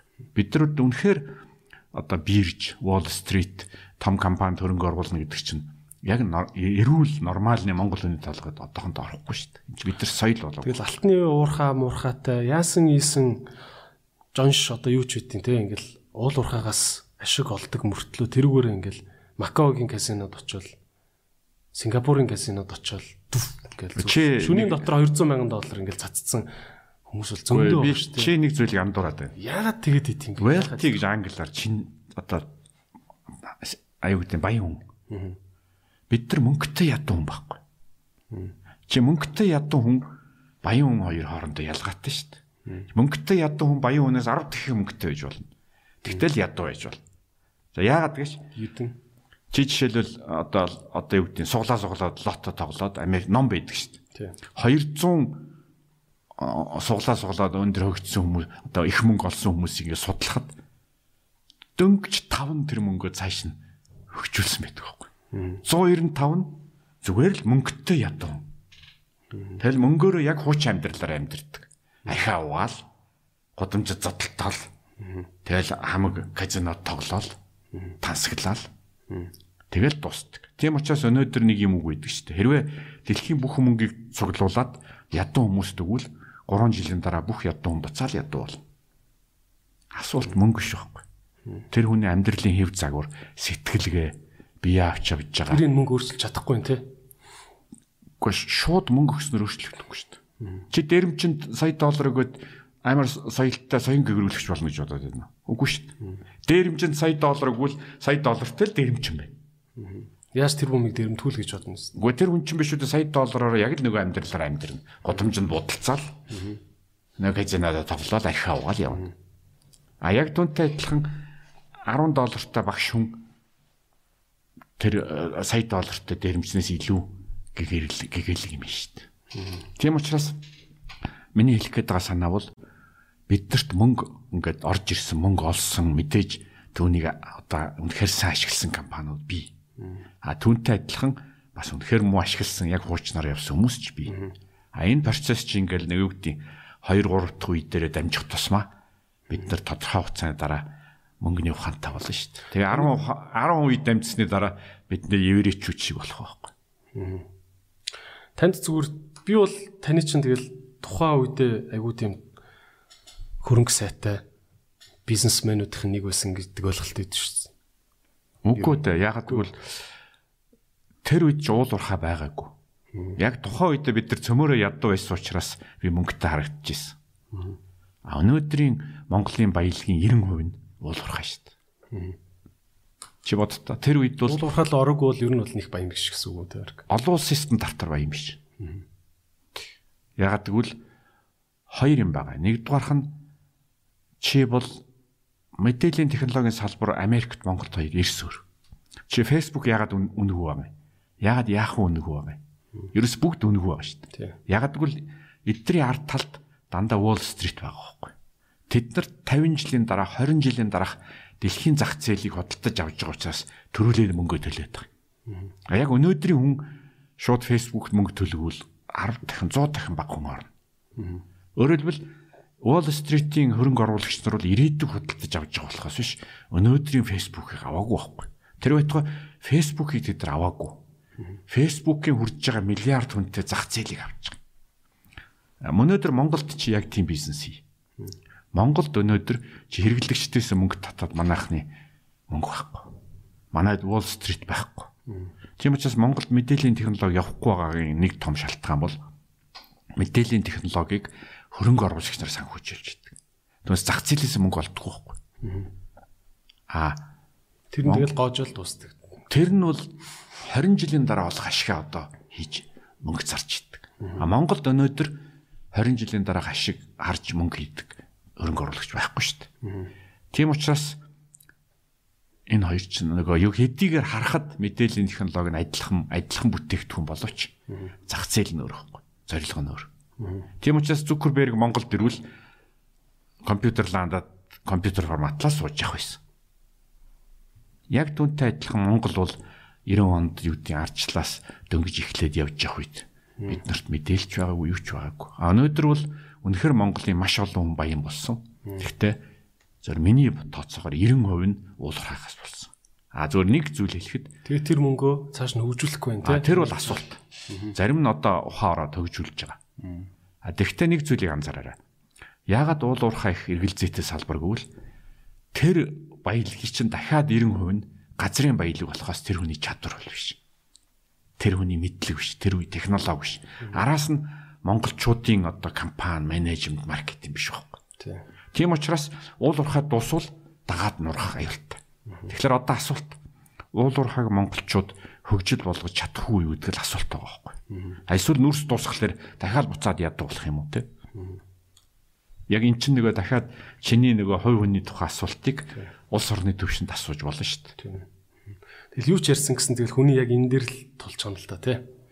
Ер нь бол тархин дээр тулж байгаа. Ер нь бол хүн гэдэг чинь юу гэж хэлэх юм те. Чи одоо харал та энэ гар утас байна, энэ аяг байна, энэ микрофон байна, энэ бүх ширээ, энэ бүгд чинь тодорхой хугацааны өмнө дандаа хүний бодол байсан байхгүй. Тий. Энэ аяг ч гэсэн нэг дизайнерын толгойд байсан, энэ утас ч гэсэн Samsung-ийн нэг хүний толгойд байсан. Тэгэхээр ямарваа нэгэн материалыг юм техник, технологи бүх юм эхлээд толгойд байдаг. Тийм учраас харж байгаас бүх юмны үндэс толгойд байхгүй. Тэгэхээр өнөөдөр Монголд тэрнийх нь үндэс нь байхгүй л нөгөө уурхайг нь аваа явчихлаа дахиад шалтгаан хоцроо шүү. Яг түнтэй адилхан сая доллар олоод баяжцсан хүн хоёр ялгаатай байгаа шүү. Нэг нь ягаад сая доллартай ядуу хүн гэж байгаа юм бол тэр сая долларыг үүсгэх мэдлэг байхгүй л тэр хүн зүгээр л азтай хүн байхгүй. А гэтэл еврей хүн бол жишээлбэл сая долларыг авцсан ч гэсэн 3 жилийн дараа буцаа сая доллартай болчихж байгаа. Ягаад гэвэл тэрийг сая долларыг үүсгдэг толгойд нь байна шүү дээ. Мэдлэг чадвар нь. Мөнхийн хөдөлгүүр гэдэг шиг юм. Мөнхийн хөдөлгүүр нь байхгүй. Тийм учраас монголчууд өнөөдөр уул уурхай бол аз. Энэ бол бидний одоо юу гэдэг нэг удаа биднийг асаах батарей байхгүй. Зүгээр асуулт энэ хооронд амжаад бид нар машина хийж чадах уу? боловсрлоод дэвшлүүлж чадах уу? Уул уурхад дуусгалаар яах юм гэдэг асуулт. Тэгээ мэдээж хэрэг нь бол энэ Та бол 15 жил гэж хэлж байна те. Энэ 15 жилд учраа бол. Би 15 жил гэж яагаад хэлж байгаа юм бол дэлхийн харьцаа 15 жилийн дараа хятад их өөр бол Орос их өөр бол. Бидний ковидос болоо таны энэ 15 жил гэдэг тоо дахиад өөрчлөгдөх үү? Мэдхгүй шүү дээ. Би бол зүгээр л энэ 15 гэдэг чинь би баталгаатай гэж хэлээгүй шүү дээ. Энэ бол зүгээр л миний мэдрэмж те. Шал бодлаач байж магадгүй. Гэхдээ л би нэг зүйлийг мэдчихээн. Юу гэвэл өмнөх 15 жил шиг дараагийн 15 жил явахгүй. Орос Америк хятадын харьцаа дахиж эзэж хуучнаар болохгүй. Хуучин Америк дэлхийд ноёлсон ертөнц одоо байгаа. Өөрөлд хятад Америкийн зөрчилдөөн бол зүгээр нэг хоёр өдөртөгч муудалцчаад байгаа юм биш ч үү. Эн чинь бол фундаментал нь ерөө суураараа зөрчилдөж байгаа. Аз номхон далайн арионд одоо багтаа байлж шít. Хятад бол тийм ч амархан номер 1 гэ дээр нь гарчихгүй. Америкч тийм ч амархан мөчөг өгөх орн биш. Харин яагаад тийм учраас л одоо би чифтер хэлж чадахгүй. Энэ хоёр яг ингээд тэнцүү тоглогч нар болчихлоо шүү дээ. Тэгээ ингээд задлцсан хിവэрээ бол бас нэлээд удна шүү дээ. Удна. Тийм учраас чи бид нар бол нэг зүйлийг л эндээс харах хэрэгтэй шүү дээ. Ямар ч гэсэн өмнөх 15 жил бол энийг ичнээ дуурайгаад дараагийн 15 жил тэгж явахгүй. Аа зүгээр хятад хүчтэй болох нь болно. Америкчууд ч болж болно.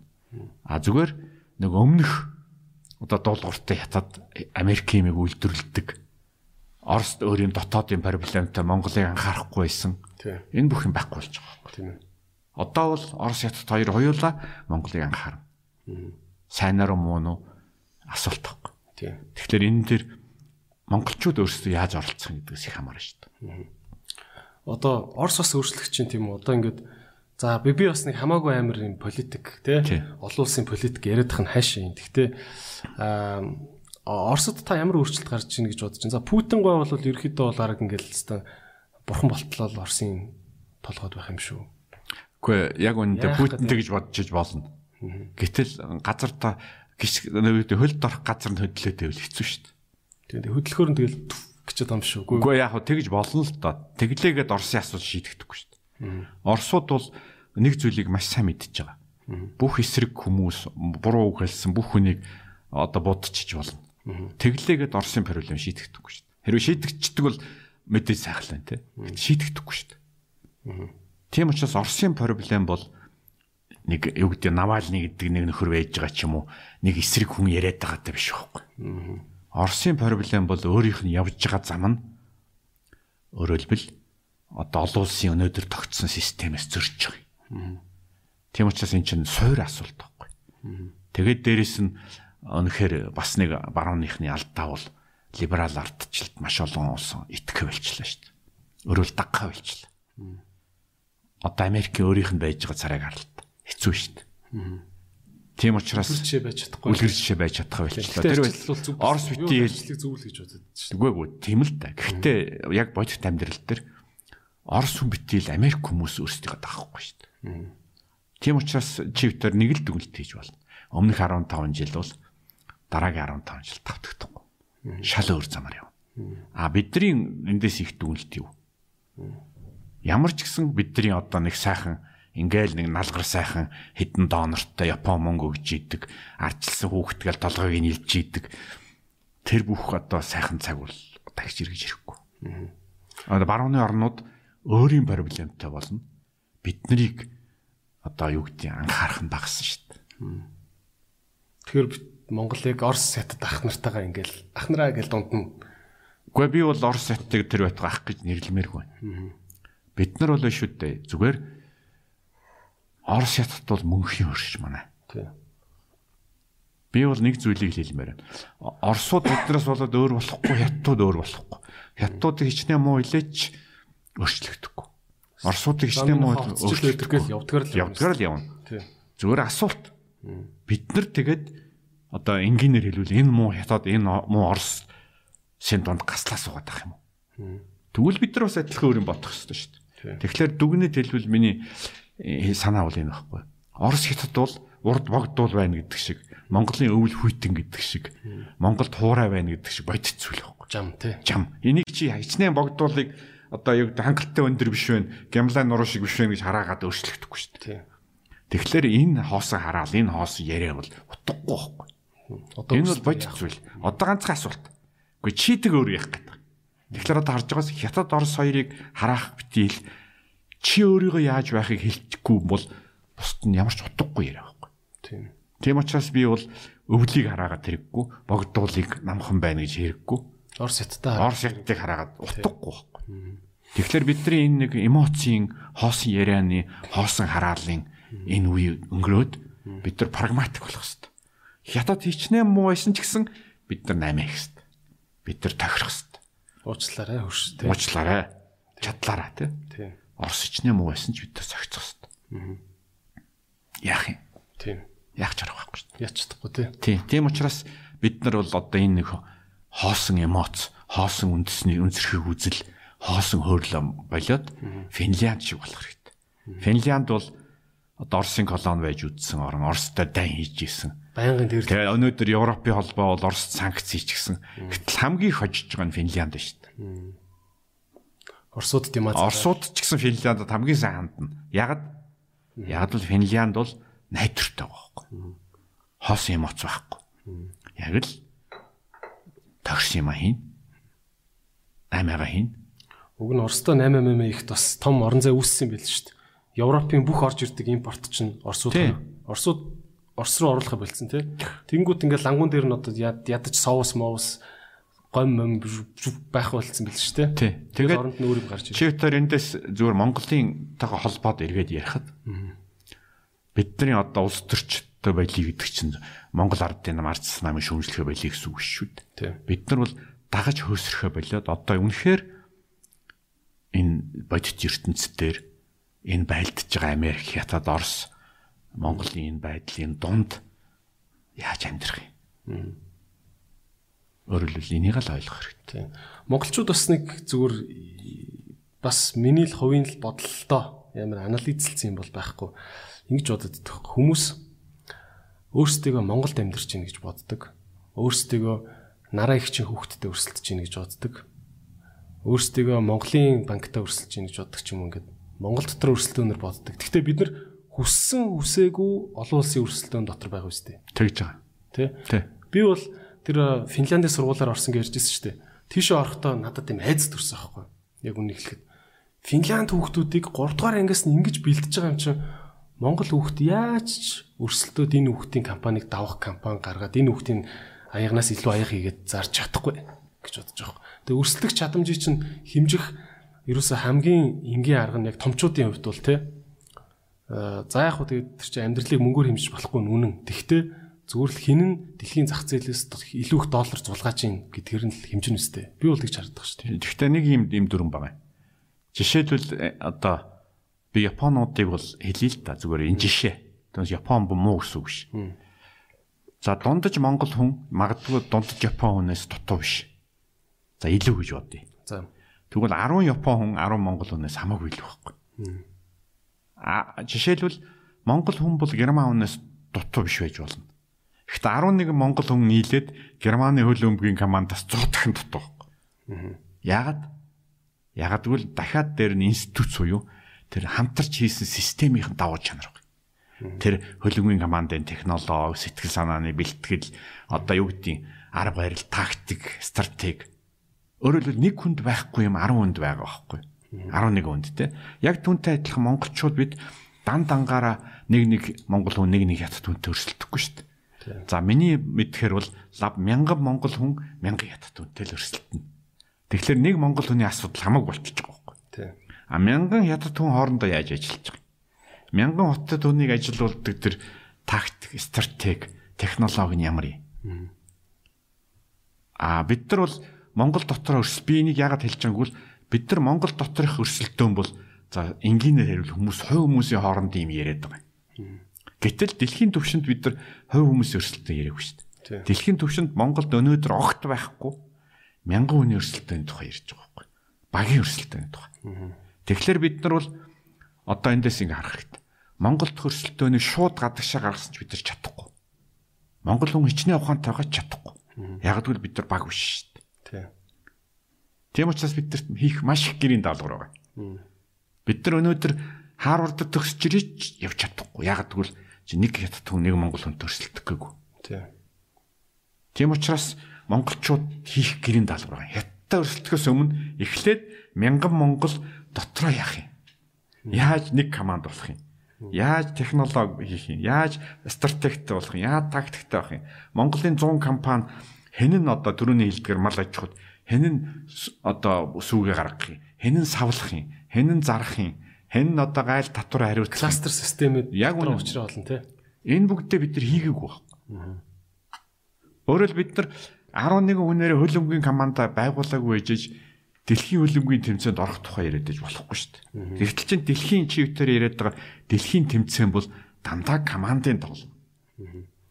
Жижиг компаниуд нь ч гэсэн жижигхэн командуудаар л алсан. Ерөөсөө ерөнхий дүрм өнөөдөр Монголд бол нэг жижигхэн гутлын компани гарыг ч гэсэн урдаас нэг юм асууна. Санаа маркетингийн хий. Тээвэр логистикийн хариуцах юм. Хэн одоо гадаад талдаагч нь зохицуулах юм. Тэгээд тэр нэг 10 хүнтэй жижигхэн гутлын компани өөрөө логистик хийгээд өөрөө гадаад чадахгүй шүү дээ. Тэгэхээр одоо хоёр дахь асуулт гарч ирнэ. 10 хүнтэй гутлын компани чинь логистикийн компанид юм хийх гэхлээр нөгөөдөл нь холигтно. Нөгөө логистикийн компани өөрөө бас юм хийж чадахгүй. Ингээд ингээд ингээд би нөгөө гинж чинь бол өөрөлдвөл найдваргүй 10 ямиг нийлүүлээд бүр л найдваргүй гинж үсэн шүү дээ. Их батах танаас би нэг юм асуух гэдэг нь бас ийм юм байна л да.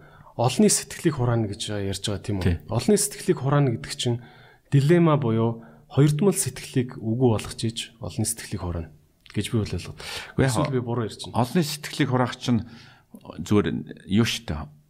Ингэж байгаа штэ. Олон хүнийг нэгтгэх гэдэг штэ. Тийм хүсэл мөрөөдлийн нэгтгэх гэсэн үг штэ. Ер нь хүн болоо шүү дээ. Хүсэл мөрөөдлөөр явдаг. Одоо зорилгоороо гэж. Тийм. Тэгэхээр манайд өнөөдөр ягаад монголчууд хоорондоо муу байдгийг бид нар дундаа нэг зориг байхгүй байхгүй. Хангалттай том зориг. Хангалттай том зориг. Өөрөөр хэлбэл хувааж идэж баршгүй том зориг тийм. Ер нь нэг тийм үг байдیں۔ мөрөөдөл нэгтэй хүмүүс илүү сайн найзалдаг. Зориг нэгтэй хүмүүс найзалдаг. Хэрвээ бид гур нэг зориг байхгүй бол за яг та сайндаа нэг өдөр сайхан ярилцсан маргааш нь салаад явна шүү дээ. Тийм учраас хүнийг 20 жил хамт 100 жил хамт явахын тулд хангалттай том зориг хэрэгтэй. Тийм учраас би чиний асуултанд юу гэж хариулах вэ гэвэл монголчууд нөгөө төрөний алсын хараа хүсэл мөрөөдөл эдгэр чинь мэдээж нэг шөнийн дотор хийхгүй. Нэг салбарт үүсэхгүй. Чи эмчнэр нь өөрийн хараатай байна. Багш нар нь өөрийн хараатай байна. Энэ бүгд чинь маш олон хийх жижиг ажил байгаа. Гэхдээ энэ ажил байх нь хамаагүй бид нар юу хүсэж байгааг мэдэх хэрэгтэй. Үнэхээр Монголын алсын харааг одоо тэгээд хоёулаа ганцхан асуулт асууя л та. За чи байна. За алсын хараа хэрэгтэй. Би байна. Тэг хэн энэ нийтлээ явж байгаа. Хэн хийж байгаа юм? Одоо асуулт. Хин тэрийг баян гэж ярьж байгаа юм. ярьж ярьж номлож яваа тий. Одоо яг хуу түрүүний асуултаас ургаад ингэх гээд байна л та. Одоо юу ч үтийн за нууц товчон дээр гардаг тийм үү. Чингис хаан арай гэж хаан болох гэсэн чинь ингээд хоёр хаан гараад ирдэг шүү дээ. Жамух, Биус хаан гэд тий. А эсвэл Чингис хаан хууль байна гэсэн чинь тэнд нэг бөөн гарч ирэнгүүтээ гүй тэд тэнгэрлэлчлээ шүү гэдэг ч юм уу тий. Ингээд ямарваа нэг ингээд юмд ингээд үзэл санаан дээр нэгтгэх гэхээр дандаа нэг хүн энийг ингээд хагалж хоёр бол хоёр үзүүртэй болгож хайдаг. Тэгээ энийг ингээд базах базаад нэг болгож бүх хүнд итгүүлэх гэхээр болж өгдөг. Надад тэг санагддаг. Одоо жишээ нь та ингээд хэлж шít. Монголчууд том мөрөөдөлтөй байгаа нэгдэх гээл та хэлэнгүүт яг хажуу талаас өөр нэг ах хурж ирээд за их батач бойлж үз. Яа урдах хоолоо олохгүй байгаа хүнд чи юун тэр дэлхийн мөрөөдлөөрөө ямар ч нэмэргүй шүү дээ. Наа Масловын пирамид чинь өөрөө хэлээд байгаа үстэй танд. Үнэ үнэ. Та урдаа хоолгүй байгаа та Масловын пирамид өөрөө ярьчаад урдаа хоолгүй байгаа хүнд яаж Масловын пирамидын дээдлийн юм яриад байгаа юм бэ? Гингүүд ингээд таны ингээрсэн юм чинь хоёр хагарч байгаа. А би яа чамд хэлээ. Ойлгоцсон. Тий. Одоо инкер би яах юм бэ? Гэхдээ ерөөсөө чи нэг зүйл хэл. ертөнцийн бүх юм юм байхгүй. Гэрэл сүүдэр хар цагаан, хүчтэй хүчгүй. ертөнцийн бүх юм хоёр талтай. Энгийнээр хэлвэл. За. Чи ямар юм ярина, заавал тэрний чи эсрэг юм ярина. Тийм. Энэ бол физикийн хууль байдаг шүү дээ, Ньютоны. Ямарваа нэгэн хүчинд түүний эсрэг хүч үргэлж байдаг. Тийм. Энэ хоёр чинь байж ертөнц тогтвортой байдаг та. Тэгэхээр эсрэг үзэл байна гэдэг чинь муу биш. Магадгүй эсрэг үзэл чинь чамайг улам хүчтэй болгодог. Магадгүй эсрэг хүч чинь өгчүүл чи дагаад өгдөг байхгүй. Яг л өрсөлдөгч байхгүй. Чиний идэ чинь өгчихгүй. Тэгэхээр ертөнцийг хөгжүүлж идэг юм чи эсрэг тесрэгийн хууль байхгүй. Тэгэхээр энэ бол муу юм биш нэгдүгээрт. Хоёрдугаарт чи түрүү хэллээ. Үнэхээр Масловын пирамидаар өчнөө хүн хоолгүй байхад юун ирээдв. Тэгтээ нэг зүйлийг харах хэрэгтэй. Бүх юм жижиг юмнаас эхэлдэг. Асуултанд би Монголын бүх хүн хизээ алсын хараатай болох вэ гэж би хэлээгүй шүү дээ. За тэр бол явна. Магадгүй тэрэнд одоо өнөөдөр хэлвэл англичууд хүртэл магадгүй сүүлийн 300 жил капитализмаар явчаад өнөөдөр капитализм дээр маргалдчихад байгаа. Асуулт бол биш үү дээ. Өнөөдөр энэ процесс түнд нь 2 хүн, 3 хүн, 4 хүн энэ урсгал үсгүүл гэдэг асуулт байхгүй. Чи битэрийг одоо өнөөдөр чадах юм бол энэнд олон хүн л оролцуулах хэрэгтэй. Энийг амьдруулах хэрэгтэй. А энд 10 хүн эх жил орох уу? Тэр нь дараа жил 20 болох уу? 30 болох уу? Эн чинь чи битээс зөвхөн хамаарахгүй. Эн чинь бол одоо энгийнээр хэлбэл монголчуудын амьдралаас хамаарна, яттаас хамаарна, орсоос хамаарна, бурхнаас хамаарна. Олон юмнаас хамаарна шүү дээ. Одоо наазах нь ковидос хамаарна тий. Тэгэхээр ч одоо харж байгааз энэ гадна талын хамаарал бол чивтер хүссэн ч хамаарна, хүсээгүй ч хамаарна. Тэгэхээр тийг хаяад одоо ганцхан асуулт. Тэгээ чивтер юу хийж чадах юм? Зөв гэж бодож байгаа сонго. Одоо тэгвэл чивтер хоёр хүн байсан чи хийн. Тийм учраас чи подкаст хийж байгаа байхгүй. Өөрөлд чи бол нэг хүн сонссон хийн Чи бол 500 мянган хүн өнөөдөр сонсож байна гэж хэлж байгаа тий. Танах сонсож байгаа 700 мянган. Гэхдээ миний ойлгож байгаагаар чи 700 мянган л өрөхгүй бол хийхгүй гэж бодоогүй ш танхнаас. Чи эхний 7 хүн байхад хангалттай баярлал эхэлсэн. Яг энэ багхгүй. Тийм учраас миний ихтгэл үнэмшил юу гэж нөгөө Коллинзийн менежментийн нэг номон дээр их гоё үйт. Чи автобусантаа зөв хүмүүсийг суулга. А тэр хүмүүс чи хаашаа хөөрэ мэднэ гэж. Яг түнтэй адилхан чи бид нар бол чадах юм аа л юм. А дараа энэ заавал төлөлийн үннийг олж иж хийх гэдэг шаардлага. Чи өтөр эхний 3 хүнийг хийн заа юу. За эхний 5 хүнийг. Энэ 5 хүн бол аль хэдийн дараа нь яах вэ 6 дахь өнө 7 дахь өөрсдөө хийн. Тэгэхээр чи битэр өнөөдрийн үүрэг 2020 онд амьдарч байгаа хоёр хүний үүрэг бол өнөөдрийн 20 хүнэл хийх байхгүй. 21 он 22 онд яаж явах нь бол өстө хорвоод л хэмэдэн шүү дээ. Гэхдээ чи битэр итгэл тэрийг хийн а 20 хүн болно шал өөрөөр явна. 21 хүн болно шал өөр. Хэмчлэн цасан бөмбөг улам томордог шиг тодорхой нэгэн тоонд хөрөнгуутаа энэ хүнээс хамаарах бол хүнээс хамаарах байл. Чи битэр байхгүй утсан ч хамаарахгүй тэр байтугай эсрэг юм ярьсан ч хамаарахгүй. Энэ ч өөрөө явдаг болчихно. Энийг бол моментум гэд нэрлэдэг. Тэгэхээр чи битэрийн үүрэг юу? Моментум үүсгэх байхгүй.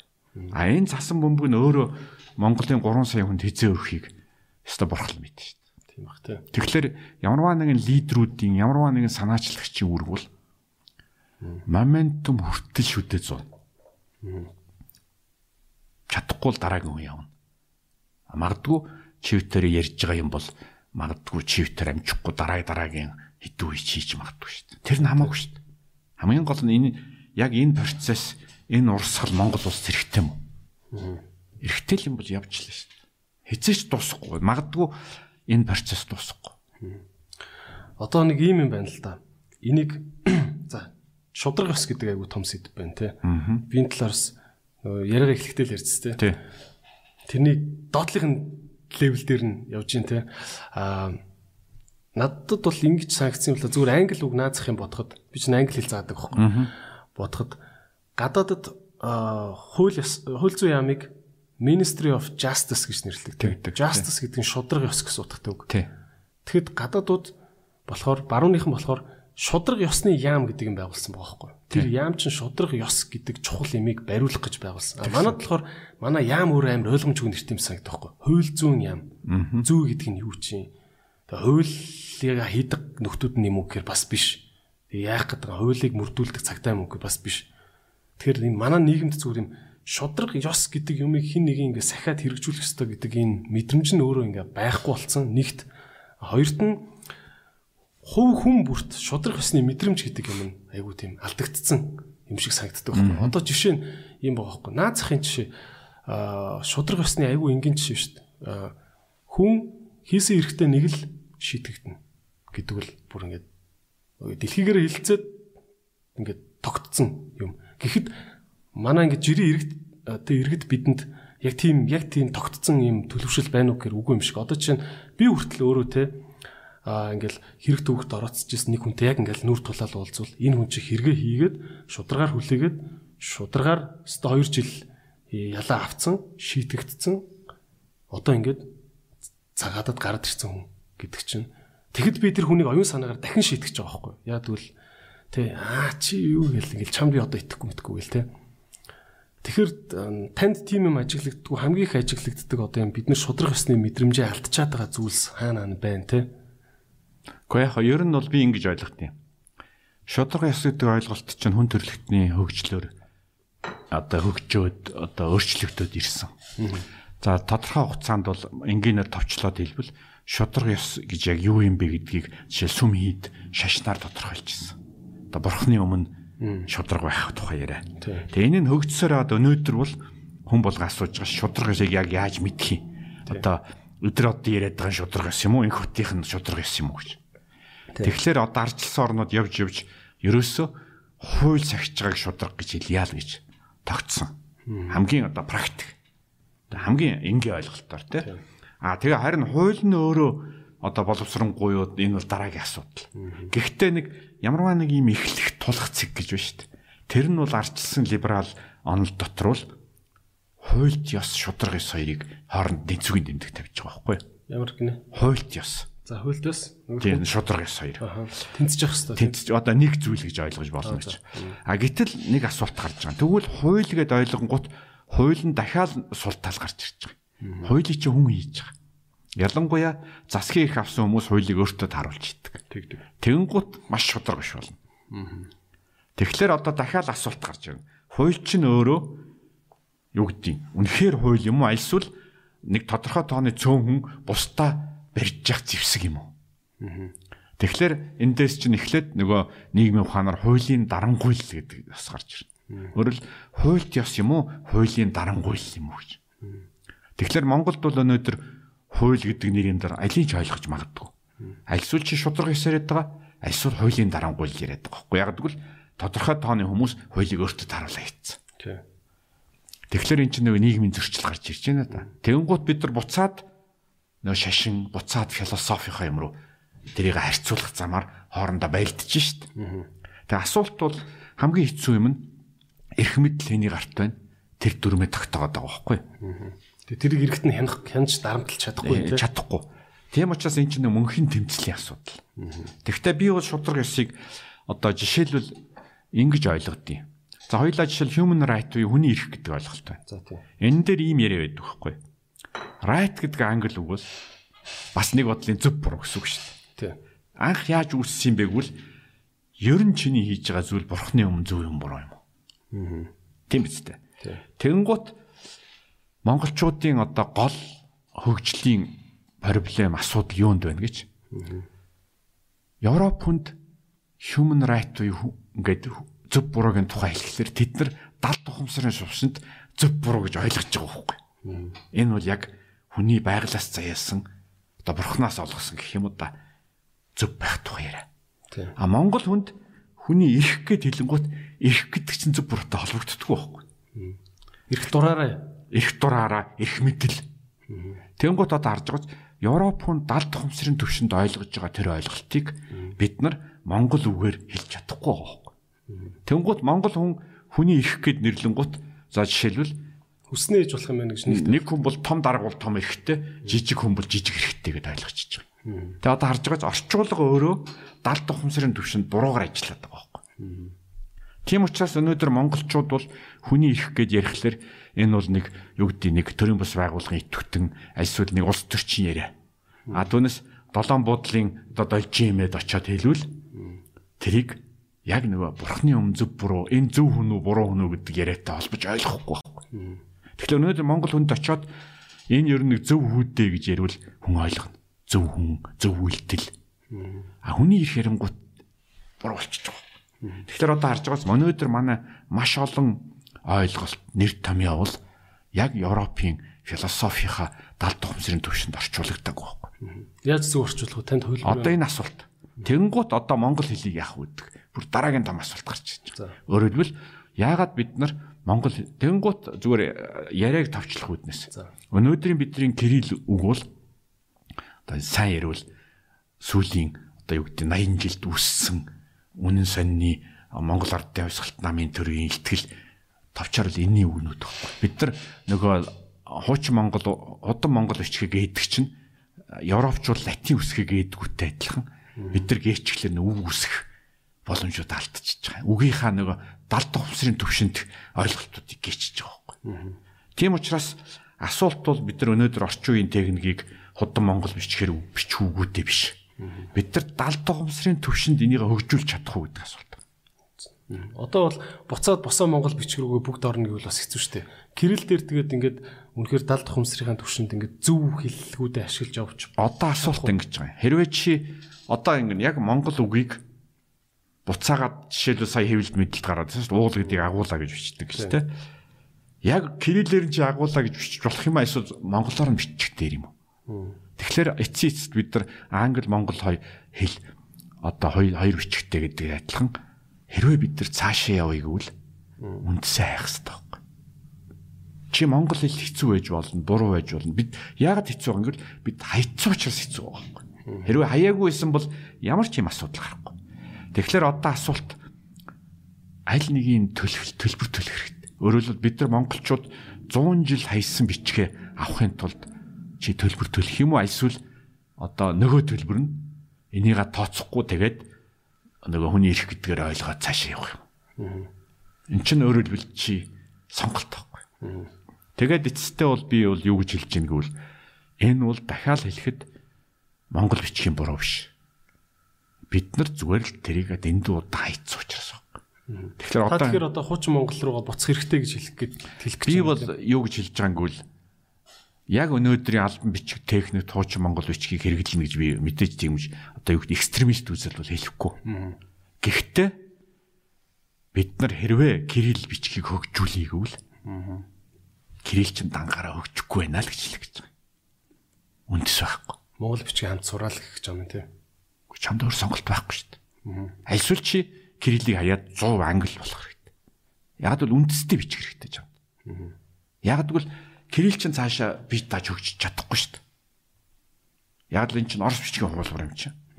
Яагаад хөгжиж чадахгүй гэдэг нь юу гэсэн үг вэ? Яагаад хөгжиж чадахгүй гэж? Шинэ үг үүсэхгүй байх гэсэн үг юм уу? Шинэ үг Кирилл бичиг дээр. шинэ үг үүсвэл нэ Вьетнамууд бүх үгэнд үг зохиодог шиг бид нар зохиомлоор үүсгэнэ. За. Одоо чамаас асуулт асууж байгаа. Яг энэ байхгүй. Чи үнэхээр шинэ үгийг зохиомлоор үүсгэсэн дээрүү Монгол бичгнээсээ ихээс нь олсон дээрүү. Надад бол ихэс нь болохоор айгуус хэцүү санагдаа. Одоо кофег ойлооч штеп. Эсвэл хоёлаа би бас ингэ сэдв дээр далигаад иж магадгүй. Кофе гэхийг бол яаж боргол гэдэг үг нь шүү дээ. Аа би чи бол чи тэр хоёр өөр зүйл. Хоёр өөр юм яриад Хоёр өөр юм яриад байна. Яг тэгвэл тогтцсон кофе гэдэг үг бол кофегоор явахад ямар ч асуудалгүй. Компьютерийг компьютертэй. Яг түнтэй адилхан бид нар руугаа явна гэдэг чинь тэрийг боргол гэж хэлнэ гэсэн. Гүн чи нэг амьсгаар шийдэхгүй шүү дээ. Хэзээ нэгэн цагт одоо жишээл Монгол үгэнд огноо гэдэг үг ороод ирсэн. Он сар өдрийг те. Тий. Тим үг байхгүй шүү дээ. А гэтэл чин тэр чин яванда тэгэхээр хэл бол органик хөгждөг. Зөвхөн Монгол бичиг рүү орсноор биш үү дээ. Бүх юмыг Монгол бичиг болгоё гэж хэлээгүй. Зүгээр органик хөгжих боломжийг нээж өгч байгаа байхгүй. А чи хэрвээ шаардлагатай бол боргол руугаа ор. А хэрвээ хэрэггүйг бол борголоо хай. А хэрвээ за өөр үг таалагдтал тэрийг ав. Өөрөөр хэлбэл кирилл бичгийг хөгжүүлэх орон зайг тэлж өгч байгаа байхгүй. Нөгөө яг л кирилл бичгч нэг тийшээ англи үгнүүдийг аваад эхэллээ те. Нөгөө тийшээ монгол бичиг рүү явах хэрэгтэй байхгүй. Тэгжээж амьдрах хэрэгтэй. Тэгэхээр бид нар монгол бичгийнхаа сан руу ерөөсөө нэвтэрч өнгөж харахгүй байх л гэсэн үг юм Бид нар өнгөж харахгүй байна. Тэрийг органик холбож өгөхгүй байна. А би бол бүх монгол худам бичгийг бүгдийг авах уу хэлж мэдэхгүй. А ганцхан би нэг зүйлийг мэднэ. Бид нар 100 100 жил явж ирсэн орон зайгаа үнэгүй хайж болохгүй. Товчоор хэлбэл чи англи хэл сурж болж байгаа юм бол огт өөр үсгтээ гадаад хэл сурж болж байгаа юм бол яг монгол хэлээр байгаа монгол бичих сурах том бариулан биш үү? Яг л бидний төлж байгаа үнэн олж байгаа юмнаас хамаагүй амтхан баг. Ихтэй хотхоо ингэж юм шүү. Би ойлгох нэ. Хуучин одоо худам монгол бичиг гэж ярьдаг. Тий. Худам монгол одоо уугарчин монгол гэж Тий, яасан. уугарчин монгол, тий. За бид нар хуучин монгол гэж Тий. ярьдаг тий. Хуучин монгол бичгтэр байсан бүх одоо оюуны өв санг айл ушээний сүүлийн 100 жилд бүгдийг кирилл рүү оруулаад орчуулад оруулаа хийцэн гэж бодоод Огт үгүй юм? Бидний огт уншаагүй тийм өв төв хөгүүлэл тууж хуучин монгол монгол дээр ингэ байж байгаа юу те? Чи бол нөгөө юуг нь яриад байна. Би нууц тавчаа мовчоо гэхэд бүгд л кирилл рүү ингээл оруулсан биз. Чи бол нөгөө агуул контентыг яриад байна шүү дээ. А би бол нэг системийг яриад байгаа байхгүй. Өөрөөр хуучин монгол бичиг бол э, би юм хэлэх гэсэн бол хуучин монгол бичиг бол монгол хэл монгол хэл байглаас органикаар үүсч ирсэн түүхийг агуулж байгаа байхгүй өөрөө дотор. Эртний түрк хэл, уйгур хэл, одоо бус хэлнүүдийг аваад монголын хэл кирилл үсэг юу юм? Сүүлийн 80 жил байхгүй. А тэрнээс өмнө 800 жил хаана байгаа юм? Нөгөө түүх нь монгол бичгэнд байгаа байхгүй хуучин монгол. Тэгэхээр одоо асуулт. Тэр 800 жил хэл органикаар өгжиж ирсэн тэр соёлын тогтолцоог бид нар авахгүйгээр явах юм уу гэж асуулт байна. Тэр орон зайг байхгүй тооцох юм уу? Аа за за. Окей. Тэгэхээр харин зүгээр тэнд гарсан хуучин үгнүүдийг чи боргол гэдгээ кофегоор солих уугүй юу энэ дараагийн асуудал. Ааха. А гэтэл мэдээч бүхүүгийг солих хэрэггүй. А ганцхан чи орон зайгаа тэлжиж нөгөө кирилл үсгч нь өөрөө өнөөдрийн монгол хэл чинь хөгжих нөгөө юу гэх динамика тэндээс авна шүү дээ. Өөр ягаад европчууд латин бичиг хайдгүй? Латин нар ярина гэвэл инээдтэй шүү дээ. Тэгтэл бүх Европын өнөөдөр тол бичиг бүх юмд латин үг хэлдэг. Ягаад? Ягдгүйл соёлоо хэлж байгаа. Нөгөө явж ирсэн түүхээ явж явж хаана очиад залгагдчихж байгаа. Хаанаас үүссэн ярьж байгаа. Жишээл right гэдэг бол явсаар байгаа латинаар ингэс үг. Энэ нь бол эртний тийм судруудад байдаг. Магадгүй өнөөдөр шал өөр юм байж байгаа. Чи тэгэхээр энэ зүй тогтлыг ойлгохгүйгээр чи хөгжиж чадахгүй шүү дээ. Чи тэр түрүүн мөнгөний тухай ярьсан шүү дээ. Өөрөөр чи яг мөнгөний нууцыг соёлыг ойлгочвол чи мөнгө нь байхгүй ч буцаал мөнгөтэй болчих. Яг түүнтэй адилхан хэл бол өөрийн амьтай. Бид нар тэр амийн сэргийх тухай яриад байгаа байхгүй. Тийшээгээ очихгүй болвол Тэгвэл за хоёр л юм бэ. Нэг нь бол зөвхөн гадна талаас англи үгэнд итгэтэл тусна.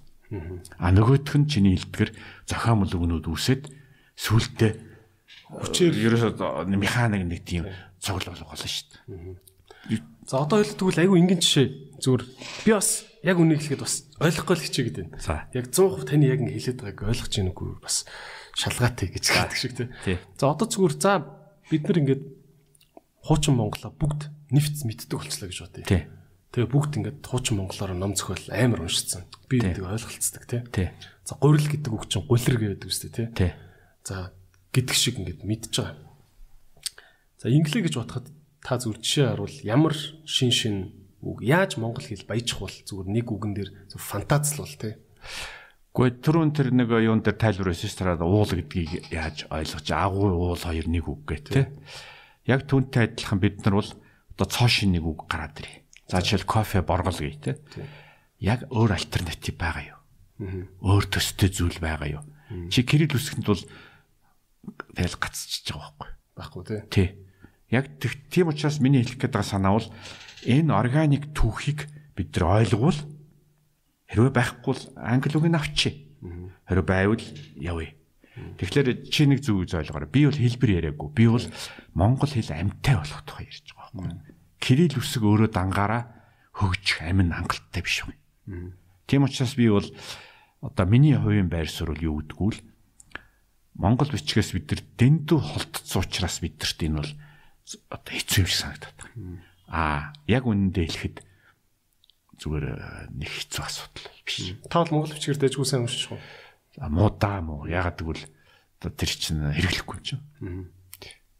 Үсгэлээл уншин зүгээр би ихтэй нөгөө юуг нь ойлгож чинь гэвэл ач холбогдлын. Би монгол хэлний нөгөө бид нар нэг монгол төслийн хүрээнд 60 мянган хүүхдэд тайлбар төлөвчгийг Википедиар хийсэн баггүй манай групп.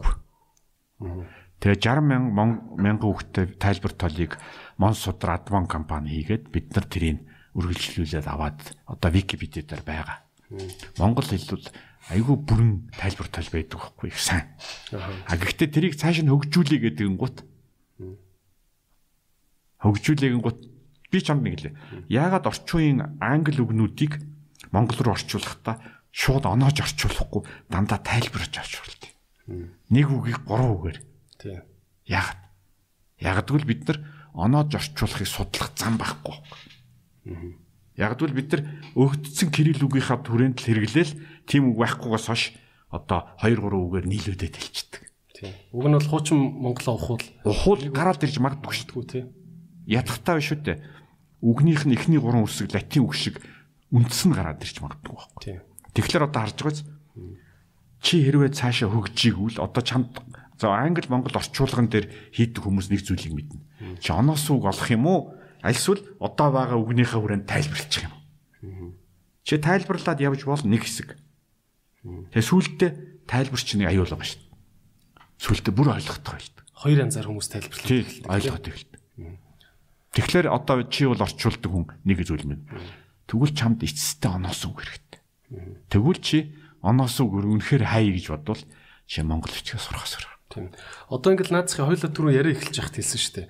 Англи дээр бол just буюу зөв шудраг гэсэн латин язгууртай justice гэдэг үг үүсэж байгаа Тий. тийм. Тэр нь яамных нь нэршил болсон. Манай Монгол руу ороод ирэхээр шудраг ёс гэдэг хоёр үгээр Тий. тавсарч иж justice гэдэг. Одоо монгол хүнээс асууна. Шудраг гэж юу гэсэн үг ёс гэж юу гэсэн? Тийм. Гэх мэтлэн. Тэгээд чи одоо харж байгаач бид нар тэр байтугай шудраг монгол хэлэнд нэг юм проблем байдیں۔ Бид нар тайлбар тал хийхэд Европ үг монгол үг хоорондоо их өөр. За. Европчууд үг болгоных нь ард мэдлэгийн систем байдаг байхгүй. Одоо justice гэдэг нь англи үгээр биш, философор тайлбарладаг байхгүй. За. Яг түүх нь яаж явсан юм. Одоо философийн ямар урсгалууд байсан юм. Одоо юу гэдэг Кант юу гэж хэлж ийсэн юм. Тэргээ тайлбар байдаг. За. Тэгэд энэний ард талд бүхэл бүтэн нөгөө философи нь байж идэг. А монгол үгний ард философи байдгүй байхгүй. Яг тэгвэл уг нь бол байгаа нь хуучин Монгол төр байж магадгүй те. Үгүй ээ. Бид нар үүсгэхгүй. Бид нар өөрөө философийн систем байхгүй. Тийм учраас Монгол үгийг маш олон сайн ч айхтрал философч юм байсан гэдэг юм шүү. Үгүй яг орчин үеийн шинжлэх ухааны философи ойлголтоор бид байхгүй байхгүй манай. Тэгэхээр одоо асуулт ингэж гарч иж байгаа. Монгол үгийг за хоёул боловсрал гэдэг үгийг жишээл За. авъя. Боловсрал гэдгийг нэг герман багш ингэж ярьж ирсэн. Би Монголд 6 дахь ирлээ. Та монголчуудтай боловсролын тухай яриад маш сайхан тохирол буцаад явхлаар ажил нураад байгаа. Тэгээ эцэст нь би ойлголоо гэж нэг надад ирсэн баг. Юу гэхээр боловсрал гэдгийг хүн болгон өөрөөр ойлгох юм байна. За. Нэг нь бол боловсрал гэхээр англи хэлтэй хөгтөж ойлгох юм байна. Нэг нь тоо боддог хөгтөж ойлгох юм байна. Нэг нь бол одоо бараг л хүмүүжлэлтэй хөгтөж ойлгоод байна. Яг боловсрал гэж юу гэсэн үг юм бэ гэдэг тодорхойлт Монгол тааж байхгүй юм байна. А тэгээ би асуухгүй. Гэхдээ тэг та нар яад гэсэн чинь зэрэг бид нар бол боловсралд ерд хоёрхан тодорхойлт өгдөө. Одоо Кантихаар нэг нь хэнийхэр гэл. Философи ойлголт тий. Тэгээд маргалтахаас өмнө асуудаг гинэ. Та аль тодорхойлолтоор нь боловсралыг хилээд байгаа гэж. А Монгол хүн болохоор миний бодлоор гэж ярьдаг гэж. Тэнгуут нэг герман онж гайхчих чадахгүй. Гэхдээ таны бодол ямар аваа тий. Яг л энэ чинь Олон нийтийн хүн бодлого өөр юм бодолтой шүү дээ. Хоёр өөр хүний бодлыг харьцуулж болохгүй шүү дээ. Асуулт бол та мэдлэгийн систем, философийн аль төвшөнд аль уулзвар дээр яриад байгаа.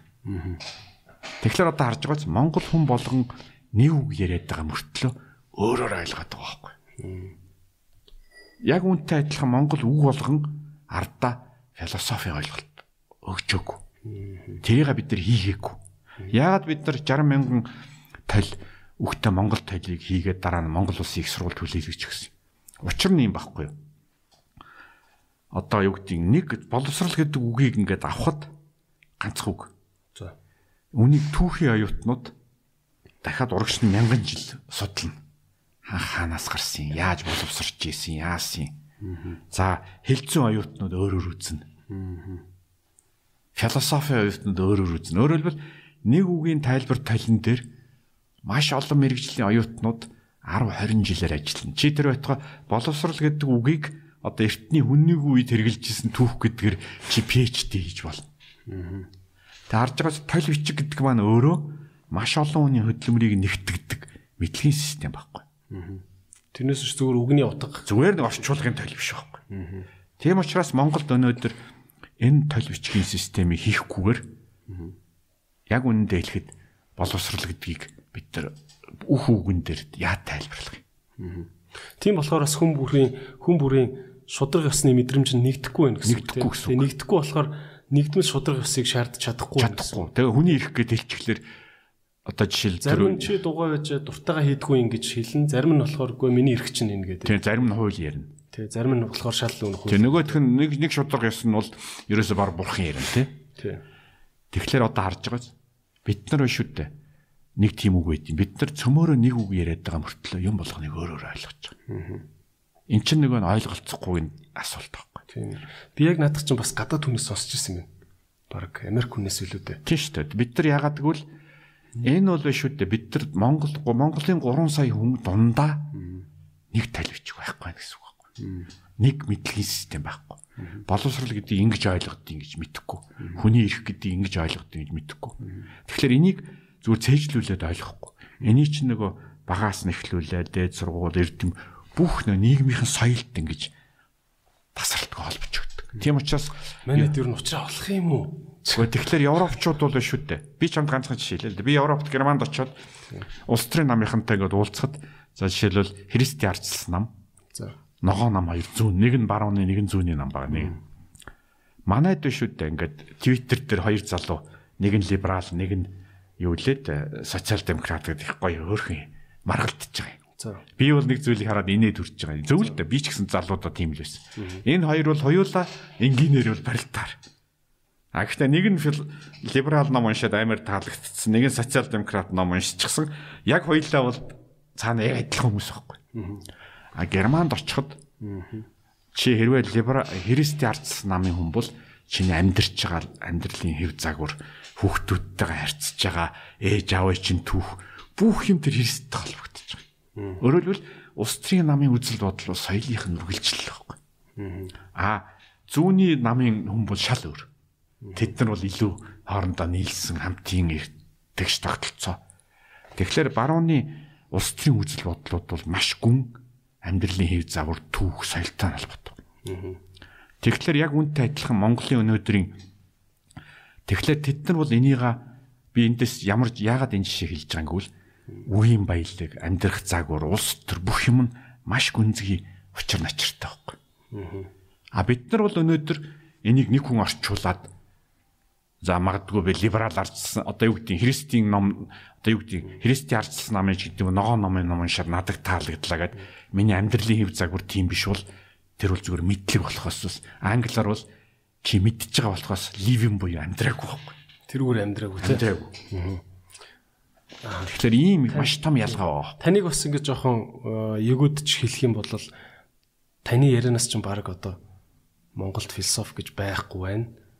Бид бүхний уг нь бол жинхэнэ Монгол философиг бий болгосон гэдэг Чингис хаан маань хүртэл философигүй болчихж байгаа юм биш үү? Хоёр ойлголт байгаа юм. Та энэ дэр Зүгээр ахуйн соёл гэж бол бий. Ертөнцийг үзэх үзэл бий те. Бидний соёл бол бий. Сэтгэн бодох соёл. Зүгээр асуулт бол өнөөдөр чи тэр үнийг бүтээгдэхүүн болгох тухай ярьсан байхгүй. Энэ соёлыг бид нар толь бичих болгосон юм уу? Хүүхдүүдэд заадаг бүтээгдэхүүн болгосон юм уу? Их сургуультай PhD хийдэг юмнууд болгосон юм уу? Яг энэ дутуу байхгүй. Өөрөлд бид нар түүхийд нь байгаа. за А чивтер за Чингис хааны хэлээ л да. Тэгээ үг нь. За чи тэгвэл Чингис хааны үгнүүдийг нэг сургадаг материал болгосон юм. Яг энийг сурсан хүн болгон дагдаг сургууль хүмүүжүүлэх арга болгосон юм. Бид продукт болгоогүй. А европчуудын ялгаа бол энэ өөрийнхөө амьдрал Чингис хааны философиг шингээсэн тэр үгнүүд нь яг зөв зөв түүхийн өгшлөлтөөр тайлбар нь байгаа мó? тайлбар нь байгаа мó? Сурах гэж аргууд нь байгаа мó? Тэр байтугай Чингис хааны үгнүүдийг менежментэд хэрэгэлдэг зааврууд нь байгаа мó? Хүнтэй харьцах одоо зааврууд нь байгаа мó? Өөрөөр хэлбэл эцсийн эцэст энэ бүгдээ чи шинжлэх ухаан болгосон юм уу? Тэгэхээр монголчуудын ялгаа бол бид нар энэ бүгдээ шинжлэх ухааны систем болгоогүй байхгүй. Одоо яаж болохгүй? За жишээ нь та хэр за Чингис Чингис хааны философи гэдэг ингээд хэлсэн олон юмнууд байдаг те. Тэгтээ Философи гэж ойлгохгүй эсвэл энэ зүгээр ертөнцийг үзлэх үзлээ ингээд хоёр мөрт болгоцсон гэж ойлго. би энийг сургаал гэж ойлго. Сургаал. Философи сургаал хоёр юугаар ялгаад. За одоо Чингис хааны Би бол жишээлбэл би бол жишээлбэл түрүү хэлсэн шүү дээ. Одоо Чингис хаан ч яг өөрөө хэлсэн юм уу бид мэдэхгүй шүү дээ. Хүмүүс бол Чингис хааныг бол агуу философч байсан гэж их яг ярьдаг дээ. зарим хүн тэгж хэлдэг л дээ. Тэгэхдээ би бол жишээл чамаас асуух шүү дээ.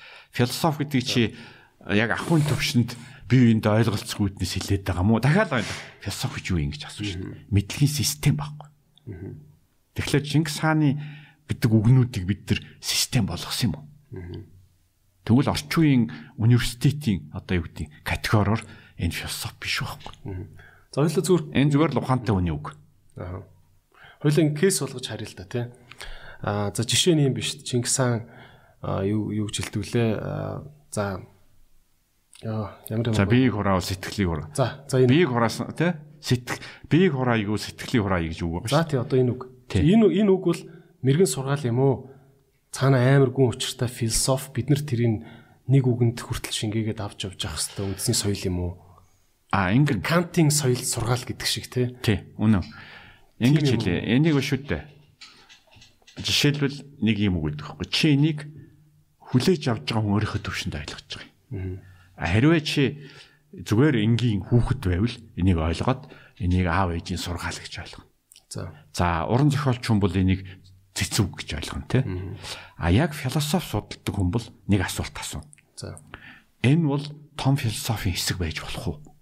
Өөрөөр энийг тойроод одоо юу гэдгийг дараа дараа эн чинь бол ингээд яг энэ үзлийг бусад амьдралын хэв загвар бусад юмнуудад хэрэгжилж болох уу? Энэ нь ямарваа нэгэн цаад өөр үзлийн хэсэг мөн үү?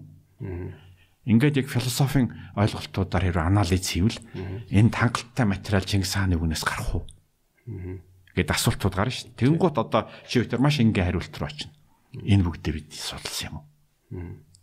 Тэгэхээр чи хэрвээ оюутан хүн байгаад зү- зүгээр хөдөөний малчин байгаад одоо за боли хөдөөний малчин байл зүгээр философи мэрэгжлийн хүн биш байгаад энэ бол Чингис хааны философи гэвэл окей философи юм байна гэж ойлгоно.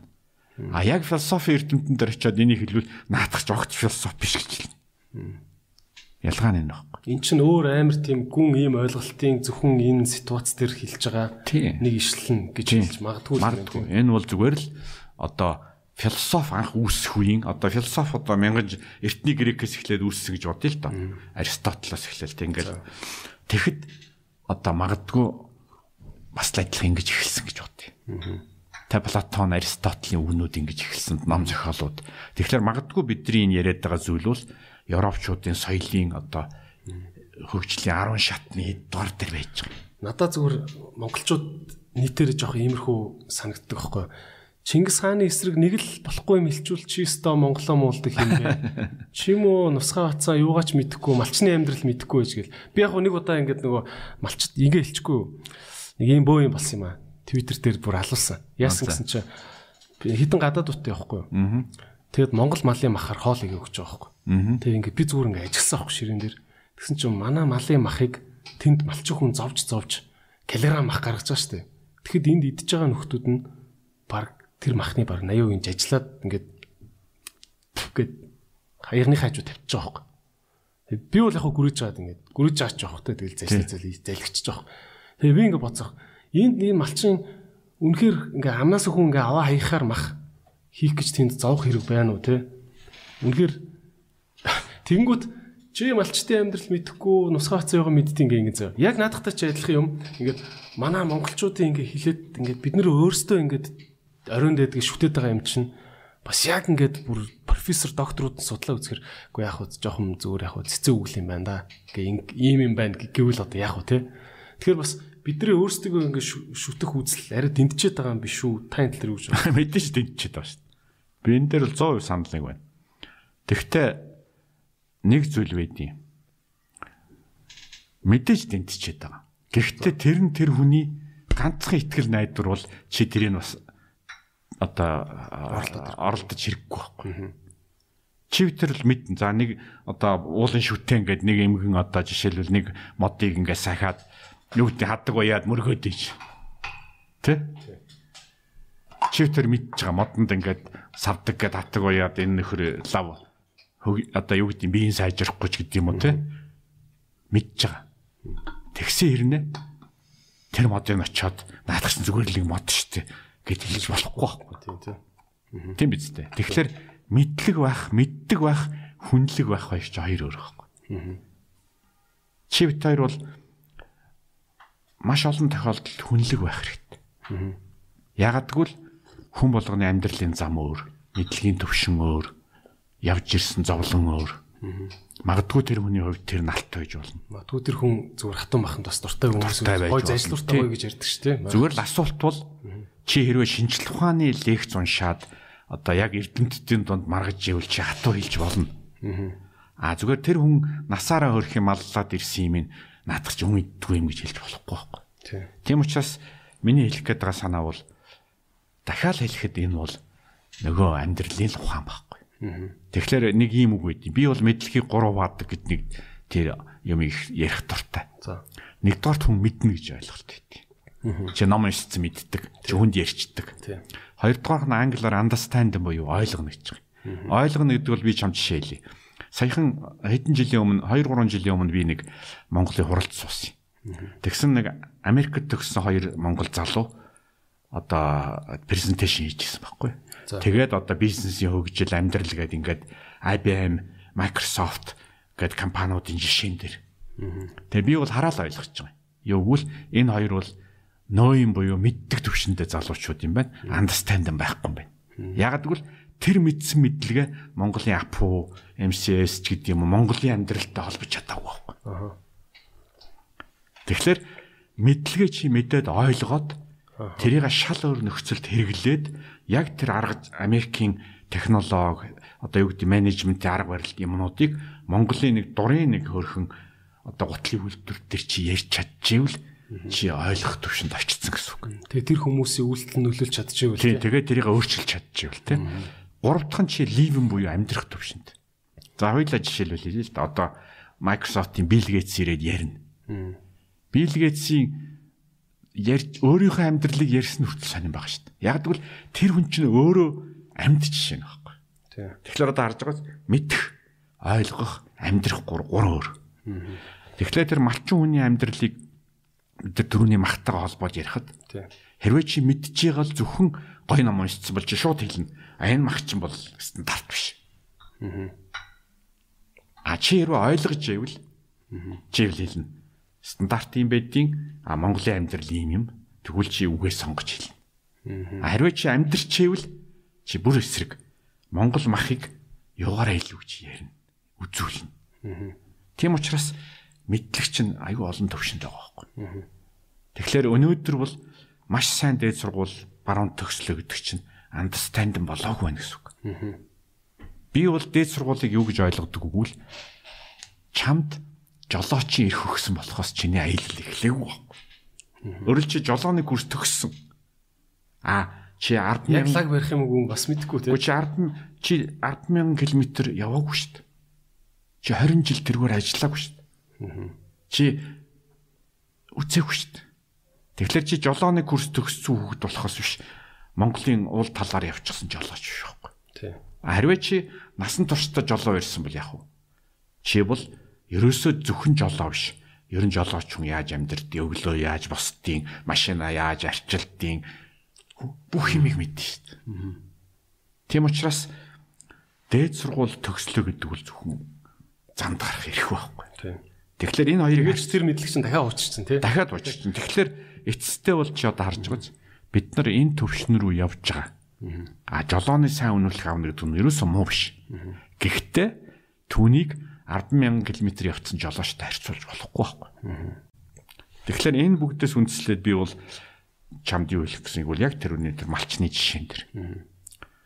Чиний хэлж байгаа үнэн тэр малчны хэлж байгаа үнэн. Хоёулаа үнэн. Ганцхан ухаантай хүн бол энэ хоёрыг хоёулыг солбож байгаа байхгүй. Тэгэхээр англи үг гэдэг чинь smart байх, wise байх хоёр өөр байхгүй. Тийм. Smart байна гэдэг бол Нэг тал сэргэлэн маш ухаантай, мэдлэгтэй, чадвартай. А wise байна гэдэг чинь чи амьдралыг мэддэг. Ертөнцийг мэддэг байхгүй. Тийм учраас яаж юу яаж тусч байгааг бас ойлгоно. Чи бол жишээл хүүхдэд нэг өөрөөр хэлнэ. Настай хүнд өөрөөр хэлнэ. Үнэхээр тэрийг зовж хийсэн хүнд өөргөн. А чи яг нөгөө одоо Америкийн миллиардер ирээ тэр махыг идчихвэл чи малч хүнд хэлж байгаа шиг хэлэхгүй шүү дээ. Тэр чинь чи яагаад үл чи вайс болж байгаа байхгүй. Тийм. Ухаан одоо юу гэдэг юм манайхаар бол ухаан суусан тийм. Ухаантай байх ухаан суух хоёр ч хоёр өөр л да. Coca-Cola компани шинэ маркетингийн захирал нь ирээд Coca-Cola урд нь жилд ингээд бүх хүмүүс зөвлөө нэг реклам гаргадаг. Нэг янзаар ийм ундаа гэд ингэдэг маягийн бизнес юм байна л да. Тэгээ би нэг зүгээр сурталтанд сууж Аа. Coca-Cola компани зах зээлээ 35 сегментэд хуваагаад 35 өөр хэлээр брэндээ үнэ. гэж байгаа. Наатачлаа байхгүй. Тэгэхээр чин тэр Wise компани байгаа Тийм шүү дээ. Гэтэ нэг л юм өрж байгаа. Нэг нэг л ундааг ирж байгаа шүү дээ. нэг л. Тэгэхээр 35 өөр хэлээр баг 35 өөр реклам хийх нь болгүй тэгж тэгж зах зээлтэйгээ харьцдаг гэдэм билээ. Яг үнэ. Бид нар тэрийг анзаардаггүй. Ягаад тэгэхээр өөрийнхөө нөгөө ойлгохдаг хэлээр ирж байгаа мессежэл аваад идэг. Матгүй хажууд сууж байгаа хүүхдэд нэг кологийн реклам өдрийн цагаар арай өөрөөр хүрчдэг ч юм уу. Тийм шүү. Жишээлбэл би бизнестэй холбож нэг жишээлээ л да. Чи дэлгүрт яваад орё заяа. Тэгэхээр борлуулалтын хоёр янзын хүн байдаг. Нэг нь бол чамд шууд бараага ярина. За миний энэ Samsung утастай өнгөрсөн жилийнхаас ийм илүү мэлүү гэл те. Энэ бол маш муу намаач. А сайн намаач яадаггүй л ерөөсө бараа ярьдаггүй. За амьдрал чи яаж юм да. Чиний хэрэгцээг сонирхдаг. Чи яг юу сонирхсан яасан. Дээцтэй яах вэ? Яг чиний хэрэгцээнд энэ нуц таар гэдгийг л хэлж байгаа байхгүй юу? Яг адилхан зорилготой хоёлаа зарах. Тийм ээ. Тэгэхээр энийг амьдралын жишээн дээр өөр жишээн дээр хэлэхлээр манай би бизнесийн хичээл заад. Чи эмч шиг байх уу, аптек худалдагч шиг байх уу? Эмч бол өвчнийг л асуудаг. Чи ямар өвдсөн, юу өвдөж байгаа, юу шаналж байгаа. Ярьж ярьж ярьж дараа нь хэрэгтэй юм л өгдөг. Тийм. Аптекийн худалдагч бол чамаас өвч асуудаггүй. Манайд хамгийн сүүлийн юм швейцарын байгааг л тулгадаг те. Ялгаатай гоц. Яг түүнтэй адилхан чи асуудалд эмч шиг хандах юм уу? Аптекийн худалдагч шиг хандах юм. Яг түүнтэй адилхан бид нар мэдлэг чадвар бүх юмд яг энэ асуудал үүсэж байгаа байхгүй. Чи сайн бараа зар хийж ийн гэдэг чинь бас борлуулчих хангалттай. Юу шүү дээ. Одоо юу юм? Хангалттай биш Тийм. Чи асуудлаа ойлгоогүй бол борлуулж чадахгүй. Яг үнтэй адилхан бизнес ч гэсэн бизнесийн менежментийн маркетинг хичнээн ном уншаад явахгүй. Ариваа чи яг л Монголын одоо хүмүүсийн зовлон, тэр хүмүүсийн мөнгөний хэмжээ, тэр хүмүүсийн сонирхол эдрийг маш сайн мэдэхгүй бол яг үнтэй адилхан ингээл бүх юм явж байгаа шүү дээ. За окей энэ хутга тэгэд амар олон ингээд за гүн гүн өөрчлөлтүүд те маш гүн өөрчлөлтүүдийг хийжээж ингээ Монгол гэдэг улс чинь философи нэвт нэвчсэн. Хүмүүс нь хаашаа явж байгаа зорилгоо бүгд ойлгодог. Том зорилготой учраас дотроо ингэж алдцах нь баг. Ингээд ингээд айгүй ингээд маш маш гүн юм цэвэрлэгээ хийжээж ингээ юм тэ гүн одоо гүн өөрчлөлтүүдийг эсийн төвшний өөрчлөлт гэдэг шиг юм хийжээж энэ бие чи ирүүлчих явах гэдэг дээ тэ Гэхдээ нэг юм шүү дээ. Гэхдээ бас цаг хугацаа гэж нэг юм так так так так байна. Бидний бидний хилийн гадна талд биднэрлүү ингэж архирах дараа дээрлэх хүчин бий болж байгаа ч юм бэлээ гүүч юм бэлээ мэдхгүй гадны ямар ч одоо хил хил хил даван орж ирэх гар хөл орж ирэх юм бэлээ бас мэдхгүй тэг хүссэн үсээгөө Монгол орн бол ингээд юм өрсөлдөөн бас ертөнцийн жам хатуу хатуу штэ тий тим юм дотор байгаа. Тэгэхээр цаг хугацаа бол айгүй чухал байна тий тийм тэгэхээр би таньс нэг юм асуух гэдэг нь амар юм акшн асуух гэдэг юм л та. За та одоо ингээд одоо ингээ хүүхдүүдэд тавиулаад таны хүүхдүүд одоо ингээд одоо нөгөө бодвол Чингис хаан гэдгүүсэн мэл хаа ингээл хүүхдүүд нь байгаа. За хүүхдүүдээ шууд инг инг инг гэл хилдэг байсан байл гэж би дотор боддог. За хэрвээ тийм павер байсан бол те одоо нэг юм ярьж таны үеийн хүмүүстэй ингээл ярахаар за идрээ одоо та нарын үеийн залуучууд л тэгэл өөрчлөн штэ. Одоо тэгэл та нарын гардал шүү дээ. Бидний үе яах юм бэ ингээл интернетэд тавьсан улаан пассвортыг чи өгцөн болсон ч болоогүй ч та нар ингээд нэг манитиг бодвол англи хэл ингээ Америк сурдаг болчлоо. Манит одоо тэгэл яах вэ тэгэл ингээ ингэдэж штэ. Тэгчээд ингээ бид нар болохоор ингээд одоо өөрөөр хэлбэл ингээд залуухан хаан томлогдож байгаа байхгүй энэ улсын хаан. Тий. Залуухан хаан. Тэгээ хаан аав нь ингээл чи одоо хий гэж хайж байгаа байхгүй. Тэр шиг тэг яах юм бид нар одоо яг ойрын 20 жил байлаа гэж бодъё те. За одоо одоо манитийн залуу нас ингээд ойрын 20 30 жил ирж байна. Яах уу гэдэг асуулт биш шүү дээ. Та магадгүй хэлж болно шүү дээ. За окей. Чи эхлээд ингээд шууд сайд болоотох дараа нь ингээд наа тэр хуулийг л барьж аваад бүр бодоол өөрчлөгдөх. Энэ 10 герман зөвлөх авчраа хажуудаа ингээд суулгатах гэдэг ч юм уу юм акшн. Ер нь бол ийм бид нар шүү дээ. Хоёр юм нэ одоо хадны завсуул хавчуулагдсан халиуны зулцах гэдэг шиг байхгүй. Тийм. Нэг талаас чиний хэлдэг цаг хугацаа. Нөгөө талаас бид нар хичнээн ярах тусам төчнө гал. Ягаад гэвэл хэрвээ бид нар яг гол зөв юм ал олохгүй юм бол буруу замаар хичнээн хурдан тавихад амжилт гарахгүй шүү дээ. Тэгэхээр би чамаас яг эсрэг асуулт асуув. Чамд зөв зам олох нь чухал юм уу?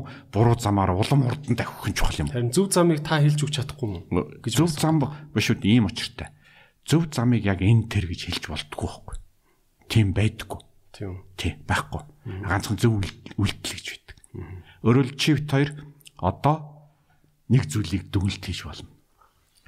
За бид нар бол ингээд өнөөдрийн бидний хэрэлтэд маргалдаад байгаа зүйлүүд маш олон зүйл нь бидний 20 30 жилийн дараах асуудлыг шийдэхэд нэг онцгийн нөлөөгүй юм байна. Бид нар ярихгүй байгаа маш олон асуулт байгаа юм байна гэдгийг ойлголоо гэж бодъё. За. Тэгвэл одоо чивтер анхны алхмал хийнэ. Юу вэ гэвэл за үнэхээр англи хэл Монголын хүүхд болгон сурах хэрэгтэй бол яг яах хэрэгтэй. Яг юу шийдэх гэдэг. За хоёрдугаарх нь би бол жишээл яг тодорхой 1 2 гэдээ асуувал Монголын өнөөдөр номер 1 проблем бол засаглалын асуудал. Засаглал дотроо номер 1 асуудал бол үнэхээр авилгын асуудал. Авилгын асуудал нь шүү дээ. Олон хүнийг барьж шоронд хийхтэй биш. Тий. Одоо шоронд хийгээд ахаар л авилгал багасах гэдэг юм шиг бодоод байна шүү дээ. Тийм биш.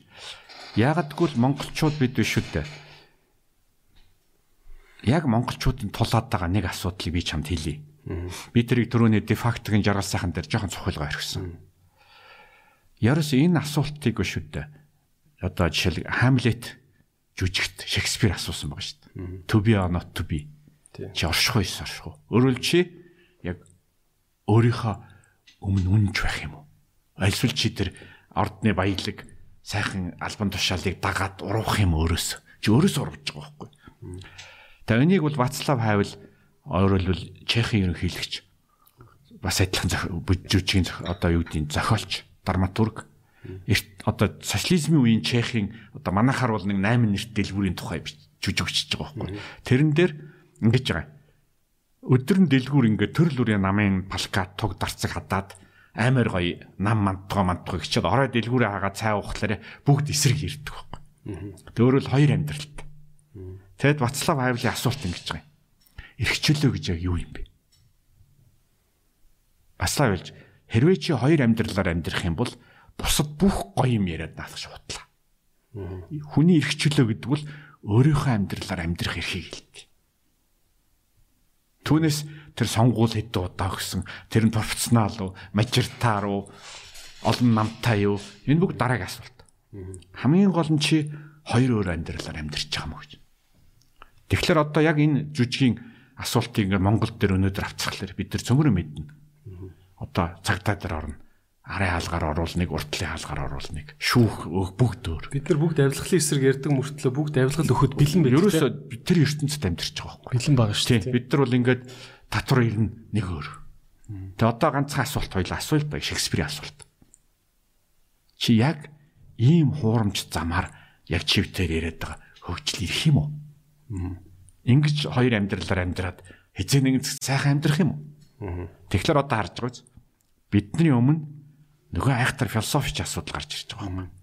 Үнэхээр бид нар сайхан амьдралыг аргалаад үүсгэж чадах юм уу?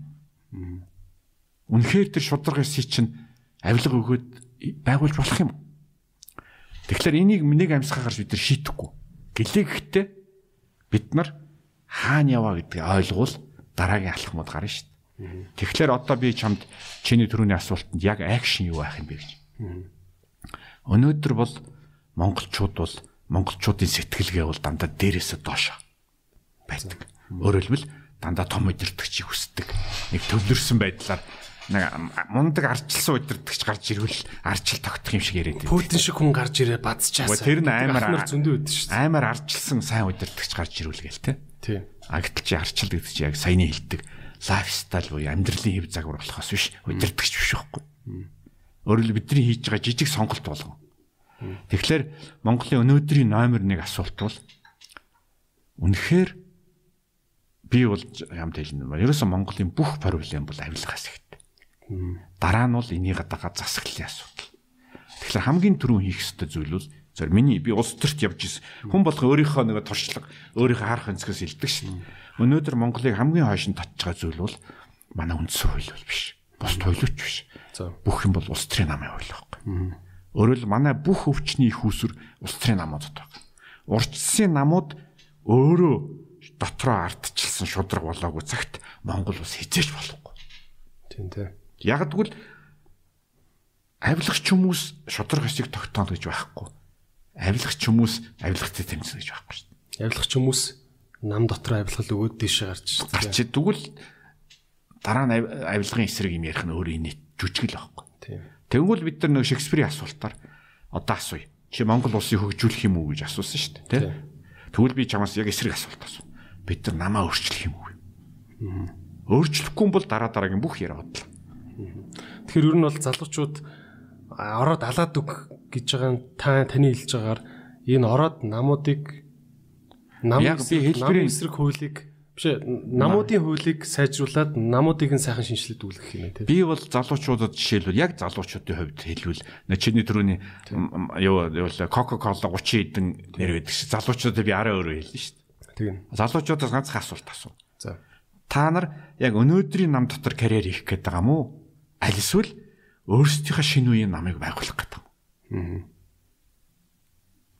Хэрвээ өнөөдрийн нам дотор карьер хийх гээд байгаа бол чи бол ерөөсөө шинэ үе биш чи зүгээр залуу биеттэй хууч уу байхгүй. Тийм учраас залуучууд намаа юу ч гэж иргэний сайхан залуу гэж нэрлээд өөрийгөө хичнээн гоё гэж яриад чи хуучин систем дотор л явах гэдэг шүү дээ. Тийм учраас одоо чи харж байгаач яг Монголын асуудал чи явсараа намын асуудал, намын асуудал бол хүн болгоны сонголтын асуудал. За тэгвэл их удаа намын хуулийг өөрчлөх хэрэгтэй гэж ярьж шүү дээ тийм үү? Тэгвэл гол гол төрхүүр залтууд нь юу ах юм? Та надаа ингээд намын хуулийг өөрчлөх хэрэгтэй гэхээр надаа бол нэг хитгэн л юм толгойд орж ин л та. Гэхдээ би ингэж намын төр. Олон юм ярих. Эн чинь өөрөө айгүй бие даасан том сэдвтэй. Тийм. За зүг базуул. Бацуул бол ерөөс ганцхан юм байна. Намын дотоод орчлол буюу гişүүдийнх нь оролцоог яаж хуулиар хамгаалах юм. Өнөөдөр бол альч нам их хурлаа ихгүй байна. Гişүүд оролцоолохгүй байна. Би бол одоо арчилсан намын дарах юм болоход бол нөлөөлөх явж боломжгүй. Тийм. Яг гişүүдэд нь зөвхөн бүх гişүүд нөлөөлөх боломжгүй. Тийм. Тэгэхээр одоо асуулт. Үнэхээр намын гişүүдийг тэр эрхийг хэн хамгаалах юм? Намын дарга нь хамгаалахгүй. Тэгвэл бид нар хуулиар хамгаалж чадах юм гэдэг асуулт тахгүй. Тэгэхээр нам дотор олон асуулт бий. Түүн дотроос би зарчмын хувьд саяны асуултыг асууж байгаа. Намын гişүүдийн намдаа оролцох эрхийг хэн хамгаалах юм? Намын дарга дээрлэхэд байвал яах юм? Хавчаад байвал яах юм? Тэгэхээр одоо харж байгаач би эндээс чам дараагийн нэг мэлэх гээд байхгүй. Намын дотоод асуудал бол намын асуудал биш байхгүй. Энэ бол Монголын төр ямар байх тухай асуудал. асуудал юм. А бүр цаашлуул Монгол улс ямар байх асуудал. Тэрийг иргэд нь ерөөсө тоож харахгүй юм те. Нам доторх юм тоож өнгөрөх. Тэгээ хүмүүс бол ингэж Одоо ярьдаг. юу өстэй? Уучлаарай. Одоо уучлаарай юу өстэй? Их хурлын одоо арчилсан миний л мэдхийн те. Арчилсан Монголын ар- арчилсан нам өстэй ан нам те. Арчилсан намын дүрмээрээ их хурлын сонгуульд ялагдсан бол арчилсан намын дарган солигдоод тэгээ шууд дараа нь 14 хоногийн дотор ч үлээ арчилсан намынхаа их хурлыг зарлах ёстой гэдэг дүрмтэй мөртлөө тэр нь одоо ингээд сонгуул өнгөрөөр бараг сар 2 сар болж байхад зарлагдаачгүй явж гин гэдэг чинь арчилсан нам бол огт арчилсан нам биш үү гэсэн үг үстэй. Тэгээ ер нь бол ийм би би чамд юм хэлэх гэсэн. Юу гэхээр чи одоо харж байгаач бүх юм бол улс гэдэг чинь биш үү? Ойлголт тахгүй абстракт. Нам гэдэг чинь ойлголт. Яг бодит амьдрал дээр яг чи тэр акшн гэсэн шүү дээ. Яг чиний одоо хийж байгаа үйлдэл бодит байхгүй. Тэгэхээр бид нар хэрвээ яг одоо үйлдэл үйлдэл хийж байгаа намын гишүүний үйлдлийг хамгаалахгүйгээр улс орон нам мам гэж гоё юм ярих бол өөрөө удлаа байхгүй. Тэгвэл одоо хоёлаа ингэж ярив. Хэрвээ тэгвэл энэ улс төрийн намын асуудлыг яаж шийдэх юм бэ гэж. Тэгэхээр энэ асуултуудад яг чи одоо ингээд жишээлбэл подкастаар улс төрчдөс чи нэг асууна. Монгол улсаа хөгжүүлэе. Хөгжүүлье. Намаа шинжлэв, шинжлэе. Тэгвэл чи яг практик асуулт. За намын гишүүн эрхийг та яаж хамгаалах юм? Хэлэхгүй хараа. Магадгүй энэ хамгийн чухал асуулт. Уу яг л энэ Гэсэн баг. төвшөнд. Энэ л багхгүй. Тэгэхээр бид нар бол яг энэ төвшөнд ингэж асуултуудаа ойлгохгүй байгаа мó, ойлгохгүй цараа гаргаад байгаа мó. Зөвөр и- миний ойлголтоор бол дахиад хэлэхэд бид нар дэндүү завгүй байгаа байхгүй. Тийм тий. Нөгөө одоо нөгөө нөгөө тийм. мөнгө хөцөлтөл нөгөө аж ахуйгаагаад хамгийн гол юм хайч чаддаг. Тийм. Тэгэл яг яг тийм байгаад байна л да. Нэг хүмүүс чинь ингээл одоо за би танд ингээ айгүй энгийн жишээ харуулъя. Хэлье. Манай орцны үүдэнд энэ зунаас эхлээд манай байрны хинийх нохоо юм мэдгүй. Яг намайг ингээ орцноос гардаг үүдэн дээр авч баалгаад байгаа хөөхгүй. Тэгээ би манай байрных нэг нэг нөхрөн л баалгаад байгаа хөөхгүй нохоо гадаа. Одоо ингээд нэг гарахад л баас нь 3 болцсон байдаг. Нэг гарахад 6 болцсон. Нэг гарахад ялаатай болцсон. Ингээл байгаа хөөхгүй. Тэнгүүд би ингээ өөрөөсөө ингээ бас усч байгаа хөөхгүй. Гэхдээ би ч одоо уг нь бол Америк Америк сургуульд төгсөн боловсралтай одоо гайгүй л баймаар иргэн ингээ өөрөөсөө би асуухаар тэгэхэд би энэ зун сөөх рүүгээ нэг ч удаа залгаж энэ нохооны баасыг цэвэрлүүлээч гэж хэлж амжаагүй байхгүй. Надад яг ингээ хувийн ингээд юм бодох нь тэр баасан дээгүүр нь эвтэйхэн 3 секунд гიშ дээгүүр нь явж өнгөрөөд тэр баасыг мартаад өдөржин ажил ахуйгаа ингээд хийсэн надад илүү амар байхгүй. Тийм. Тэгтээ чи нэг зүйлийг анзаараарай. Үнэн. Хүн болгон ийм байгаа Чи юм болгоныг шийдэж чадахгүй. Хүн болгон чадахгүй. Гэтэ түрүүний миний хэлж байгааг чи анхаараарай. Бид нар хүн болгон чадахгүй. Ганцхан энийг хөлөмбгөр бол чи ганцаар хязээ тэмцээнд орж чадахгүй. Чи үнэхээр хөлбөмбөг сонирхвол 11 хүлээ болох хэвээр. Өөрөөр л монголчууд нэг юм ойлгохгүй. Би муу иргэн байгаад байна те энэ тохиолдолд. Гэхдээ чи ганцаараа хичнээн сайн болоод шийдэж чадахгүй. Яг гэвэл нохооны бааснаас гадна цаана мянган асуудал байна шүү дээ. Тэгэхээр бид нар энэний шийдэл бол чиний сайн муухт биш байхгүй. Энэний шийдлүүд дээр иргэний нийгмийнхаа дараагийн байгууллагуудыг хийж чадахгүй гэдэг.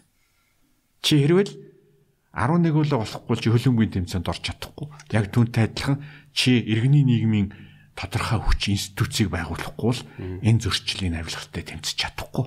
Чи ганцаараа тэмцээд чамайг барьж авчаал одоо юу гэдэг нэг газар хүмүүжүүлж шít. Тэгээ одоо зүгээр нохооны баасны кейсэн дээр ярил л. Яг тэгвэл чамайг бол энэ би одоо яах хэвээр хүлэмгийн баг байгуулах хэвээр юм. Үгүй энэ дээр бол ингэж Ингэснийхөө уриалах хэвээр юм зүгээр юм. Жишээлбэл чи орсны даргатай очиж ичнэ очиж хэрэлдэж чамайг л тоохгүй. А ганцхан сөөхийн дарга ямар үед сонсох вэ гэж. Хэрвээ чамайг үгүй гэж хэлвэл дараагийн хурал дээр чиний ард 500 байвал яах вэ? Манай байрны бүх хэрүүлж. Тэгвэл биш үү чамайг хэлээгүй байхад ирж асуун заяа. Эдгээр одоо одоо миний ажил хэр байна? Тэгэхээр манай сөөх хангалттай айхгүй нэ гэсэн үг тийм. Байхгүй гэсэн. Байрныхнаасаа. Тэгэхээр чи команда байгуулаагүй гэсэн.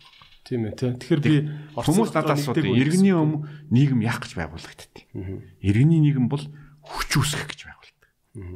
Өөрөөр чи даргаыг загнаад үтгэхгүй даргаыг шийтгэхэд дараа нь оронд нь дарга ирнэ. Юу ч өөрчлөгдөхгүй.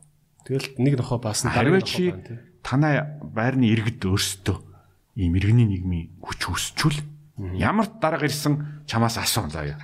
Чиний үгийг аймаар анхааралтай сонсно. Яг гэвэл сонсохгүй бол өөрөө хэрэгт оршин.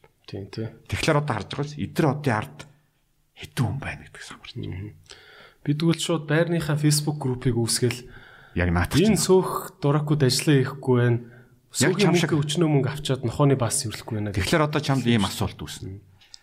Чи тэгж үүсгэж болно. Магадгүй яг чамтай адилхан 10 хүн тэгэхээр бодоо сууж байгаа. Нэгдүгээрт, хоёрдугаарх нь та хэд яаж ажиллахаа мэдэхгүй байгаа. Гэхдээ яг л хөлбөмбөгтэй адилхан. Магадгүй ихний жил алдна. Гэхдээ бид нар эндээс юу хэлэх гээд байгаа юм шүү дээ. Чивтер магадгүй нохооны басыг хизээс арилгуулахгүй ч магадгүй. Гэхдээ чивтерийн дараа ирэх хүмүүст чивтер тэр 10 хүнийх нэмийг байгуулад өгсөн байгаа байхгүй. Тийм тийм. Тийм учраас хүн болгон нэг нэг алхам хийх хэрэгтэй. Тэгэхээр миний нэг итгэл үнэмшлийн тухай төрүүнээс хойш би чамд яриад байгаа зүйл байхгүй.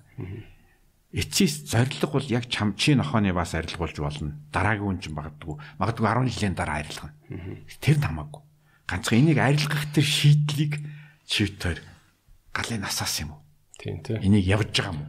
Тэгэхээр иргэд эвлэлтэн нэгдэж хөлбөмбөгийн баг жижигэн жатугаа энд тэнд байгуулж овг отог болж эхэлж л бол байнга залхуу сөөхийн даргын үйл айгаар нохооны бастал байранд л амьдрах. Тийм, ер нь бол шүү дээ. Эвлэлтний төл зөвхөн нохооны бас биш. Энэ бол ерөөсөө ардчлалд амьдрах арга байхгүй. Хэрвээ чи эвлэлтэн нэгдэж эвл- иргэний нийгэм байгуулахгүй юм бол нөгөө бидний яриад байгаа ардчилж ажиллахгүй. Ажиллахгүй тийм. Ардчил гэсэн сонгуул биш байхгүй. Тийм. Ажиллаж чинь сонгочоод араас нь хариуцлага тооцно. Тийм. А бид нар Хариуцлага бүр нэгдэж байгаа хариуцлага тий хариуцлага тооцох механизм нь байхгүй шүү дээ. Тийм учраас яаж хариуцлага тооцсон юм бэ? Тэгэхээр Европ хүний толгойд бол одоо номын клуб, шашны клубүүд төмийн байгаа заяа тосгоны зөвлөл мөвлөл тийм. тэд нар нэг одоо амжиргаан учиргүй сайхан учраас ажилгүй учраас альсууд хуралдах дуртай учраас цуглаад байгаа биш байхгүй. Тэд нар бол тэрвэл зөвхөн энэ ертөнцид дарга нартай тооцоо хийж өөрийнхөө эрх шигийг хамгаалж амьдрах арга нь байхгүй. Тооцоо сайн хийгээд байдаг болохоор сүүлдээ тооцоо хийлгэх хэмжээний муу дарагч гарахаа болно Гэхдээ тийм. дарга бол нэг зүйл мэдэн шүү дээ. Тооцоо хийнэ. То- Надтай тооцоо хийнэ гэдгийг мэдчихвэл ямар дарга вэ? Одоо манай дарга нар эднэр бол тооцоо бодохгүй. Бодохгүй шиг юмнууд гэж бодож шít тийм Үгүй үү? яагаад шүү дээ бид нар үний юм чинь. Тийм. Бид нар ганц ганц ганцаар үнэхээр хонь байхгүй. Аа. Харуулааны хил бол хонь биш шүү дээ. Тийм тийм. Тийм. Тэгэхээр бидний соёлын асуудал байхгүй. Эн чинь ардчлалын соёл. Монголчууд ардчлалын замд орчлоо гэдэг чинь ардсан намтай болчлоо. Альсвал ардчлалын арга сонгуул хийчлээ гэдэг чинь зөвхөн нэг хэсэг. Тийм. А бид нар өөрсдөө түрүүний хэлдэг яг ардчлалынхаа дүрмээр амьдрч байгаа юм уу? Ганц ганцаараа шөмжлээд байвал энэ чинь ардчлалын дүрм биш байхгүй. Өөрсдөө арчлалын үндсэн дүрмээр амьдрахгүй байгаа дээ тий. Яг нөгөө социаль нийгэмд дээрээс бүгдийн шийддэг байсан гээд орц орцондоо дув дугаал амьдраад байна тий. Ер нь бол нэг залуу над тэгж хэлсэн. Бид нар ардчлалд ардчлалыг коммунист аргаар байгуулж байгаа байхгүй. Төвлөрсөн. Ардсан нам даалгачихсан. Хэдэн мундаг ардчилсан дарга нар. Тэгээ сайн дарга гарчаасан гэж залбираад. Өөрөөр бид нар ардчилсан үзэлттэй коммунист дарга нарыг өсөйт байгаа юм. Гэтэл ардчил гэдэг маань өөрөө бидний лайфстайл буюу амьдрах хэв загвар. Зөвөр дахиад хэлэхэд энэ муу зүйл биш. Чивтер энэ ярьж байгаа зүйл бол ардчилд 30 жил явсны дараа ойлгож ярьж байгаа зүйл байхгүй. Тийм учраас энэ ерөөсөн муу биш. Энэ бол ерөө цагийн юм цагтаа л явж байгаа. Тийм учраас би чамд юу хэлэх гэсэн гэвэл бид нар муу яваа биш. Бид нар бол үнэхээр дэлхийн 200 орны дунд л яваа. А зүгээр дараагийн асуудлаа юу их үү яах вэ? гэдэг ярилцаж л яваа. Чи одоо мэдэн шүү дээ. Сайн муугийн тэмцэл бол бүх мянган мянган жилийн түүхэнд байсан үлгэр төртөл байдаг. Тийм. Сайн муугийн тэмцэл мөнхт байдаг. А ганцхан нэг дүрмийг бид нар мартчихдаг. Хэрвээ чи сайхан амьдрыг бол зогсолтгүй тэмцэн. Нөгөө эртний Римийн хааны үг үйдий. Хэрвээ чи инхийг хүсэж ивэл дайнд бэлтгэж. Тийм тийм. Хэрвээ чи дайнд бэлтгэхгүй л хөрш чин чамар руу дайрна. Яг түнтэй адилхан хэрвээ бид нар сайхан амьдрыг бол тасралтгүй тэмцэн. Сайхан амьдрал үнэг үл Facebook групп пэйж байгуулаад гарч чичгсаал юу чаддаг л. баахан албан бичиг явуулаад мөнхийн ингэж тэмцэлтэж л бид нар юм Тийм ирэх. гэхдээ чи ганцаараа бүгдийг хийвэл ядарна гэл. А хэрвээ институт бол шал өөр төвшөнд ажиллана. Тийм. Магадгүй хүн болгон төрөлж чинь. Магадгүй олон хүн оролцсон. Тодорхой хугацааны дараа нөгөө институт чинь тэр тэргүй маш олон зүйлийг одоо харалтаа дарагч айдаг болчихлоор чиний проблемын 50% нөр алга болчихж байгаа байхгүй. Тэгээ саяхан би бас нэг ийм механизм гэх юм уу ойлгож аваад пөөх гэ бүр толгой бүф гэсэн аахгүй. Тэр яасан гэсэн чинь одоо би ингээд сөөхийнхөө даргаыг хариуцлагагүй байна гэж би ярьж штэ. Тэ? А даргагч одоо тэр сөөхийн компани гэж ярьдаг штэ. Тэр компани чи сөөхийн мөнгө гэд мөнгө байнга мөнгө төлж байгаа штэ. Тэгэхээр тэр мөнгө төлж байгаа сөөхтэйгөө би ингээд хариуцлага нэг нэг учруулахгүй байгаа байхгүй. За Facebook групп байгуулах юм яах юм гэд. Сайхан нэг ийм юм би ойлгож авсан. Хүмүүс нийлэнгүүтээ нөгөө таны хэлдгэр би ингээ хөөцөлтөд албан бичиг бичгээ лай болоод шүү дээ тий. Нийлэнгүүтээ жоохон жоохон мөнгө нийлүүлээд хуульч авчт юм шүү дээ. Дундаа. Тэгээ тэр хуульч нь нотрат дээр ороод би энэ энэ айлууд айлуудын бүх эцэдийг төлөөлөх үү? Буруу эрэхтэй гэд тэгээд бүх хэрүүлийг хийгээл явж идэв шүү дээ. Тэр хуульчийн нэг давуу тал байдсан шүү дээ. Тэг хуульчдад авч. Ийм очтой байхгүй. Асуудал зөвхөн хуульчтай биш. Чи өөрийнхөө талд Монголын хуулийн системийг хөлсөлчихөж байгаа байхгүй. Өөрөөр чи төртөө төрийнхэн зэвсгэр тэмцэж байгаа. Өөрөөр хэлбэл одоо хоёлаа бүр муугар ярэ. Гэтэ хүмүүс тэгж ойлгож болохгүй. Чи нэг дарга нар өөрсдөө хамгаалсан зүйлийг дарга нэрх нь эсрэг ашиглаж байгаа байхгүй. Өөрөөр хэл дарга нар гоё хууль бичээд бид нар одоо ийм гоё байна гэж хэлнэ шүү дээ. Тэнгуут чи хуульчийг хөлслөөд Тий. Гэхдээ тэгвэл энэ гоё орчин баялтай гэж байгаа байхгүй. Тий. Тийм учраас хуулийн системийг зөв ашиглах гэдэг чинь өөрөө чи маш хүчтэй зэвсэгтэй болж байгаа. Тийм учраас иргэний нийгмийн байгууллагуудыг хамгийн анхааруулдаг зүйл бол зөвхөн зохион байгуулалт орох ш. Хуулийн зэвсгээр хуулийн аргаар зэвс тэмцэх хэрэгтэй. Өөрөөр ардчилт коммунизм ямар ялгаатай. Чамд хуулийн аргаар тэмцэх боломж өгдөг байхгүй. Ганцхан чи тэрийг ашиглах уу юу дараагийн асуулт. Тий. Тий. Өртөө тэр шүү дээ. Тий. Өнөөдөр бол Монголд үнэхээр социализмаас илүү зүйл байна. Урд нь бол даргын үг бол хууль байсан. Одоо бол ямар ч гэсэн даргын үгэнд ордгоо хууль байгаа шүү дээ. Даргаыг шүүхт өгж болно шүү дээ. Тэр байтугай гадны улсуудын иргэдэн нийлэнгүүтээ хотынхон захиргааг шүүхт өгдөг юм билээ Бүр засгийн газраа хүртэл Засгийн юм хүртэл. Тийм учраас эцсийн эцэст бол бид нар нэг зүйлийг ойлгох хэрэгтэй. Хууль бол зөвхөн дарга нарт үйлчлдэг зүйл биш. Хууль бол иргэдэд үйлчлэнэ. Ганцхан нөгөө иргэний нийгмийн асуудал, ухамсарын асуудал байхгүй. Энэ хуулийг чи ашиглахаа мэдж байгаа юм уу? тий. Ашиглахаа чадж байгаа юм уу? Ашиглахаар санаачилж байгаа юм уу? Тий. Тэгэхээр ардчил бол дахиад хэлэхэд энэ чинь нөө тэмцэл тоглоом байхгүй. Чи хэрвээ тоглохгүй бол чамайг үргэлж дээрлэх. Тий.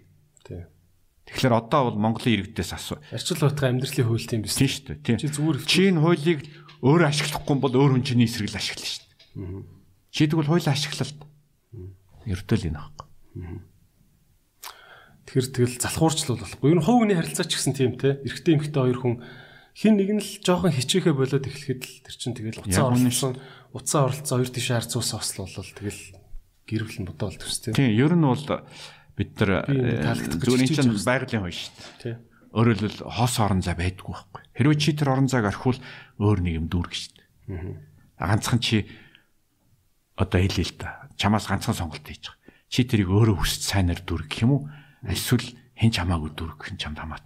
Одоо юу гэх юм. Хэрвээ чи тэрэнд оролцохгүй бол чиний өмнөөс оролцох нь гараал ирнэ. Хэрвээ чи сайнаар оролцохгүй бол муу хүмүүс гараал ирнэ. Модны холцыг нь хуулаад орон зай үлдээхэд тийшээ мөгөнцөр Thank you гэж ороод ирчихсэн хорвоо юу гэдэг л орс үг байдیں۔ Нөгөө а, одоо манайхаар бол юу гэсэн үг юм дээ. Ариун газар хоосон байдгүй гэж. Орол чи юм л орхивол муу тал чин дүүргээл ороод ирнэ. Тийм учраас эцэст бүх юм санаачлах шүү дээ. Тий. Тийм учраас би бол одоо эцэстээ бол ингээд яг уу залуу байхад тийм хүүхэд байхад бол одоо ардчил ингэж ажилд ийм гоё байх ёстой, тех ёстой, ингэх ёстой гэж ойлгодог байсан байхгүй. Одоо ардчлагч шодрог байх ёстой. Одоо юу гэдгийг замын хөдөлгөөний дүрмийг бүгд дагах ёстой. Дарга бол иргэдтэй тайлагнах ёстой гэдэг. А яг амьдрал бол тийм биш байхгүй. Чи хэрвээ өөрийнхөө нормыг ирэхгүй бол нөгөө ёстой ч ажиллахгүй. Тийм тий. Одоо нэг юунууд гэдэг үстэй.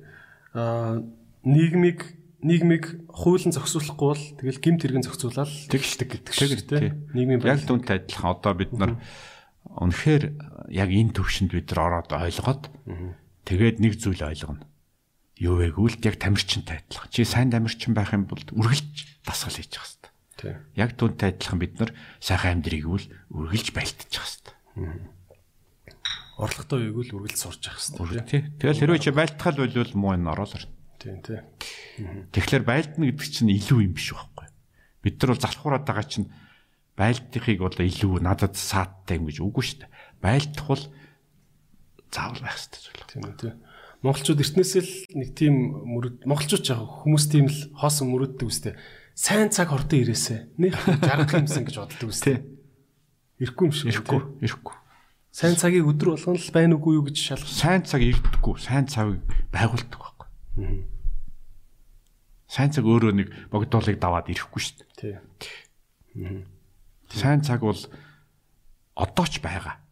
Тий. Ганцхан бидний өнөөдрийн бид нар өнөөдөр тэмцүүл сайн цагийг бий бол. Түүнээс ирдэггүй. Сайн муу үргэлж одоо хоёла гоё философи ярил л да. Ганц үг. Сайн муу хоёр үргэлж хамт байдаг. Аа ганцхан чи аль талд нь амьдрахын тэр өөрөө шийддэг байхгүй. Миний ойлголт бол.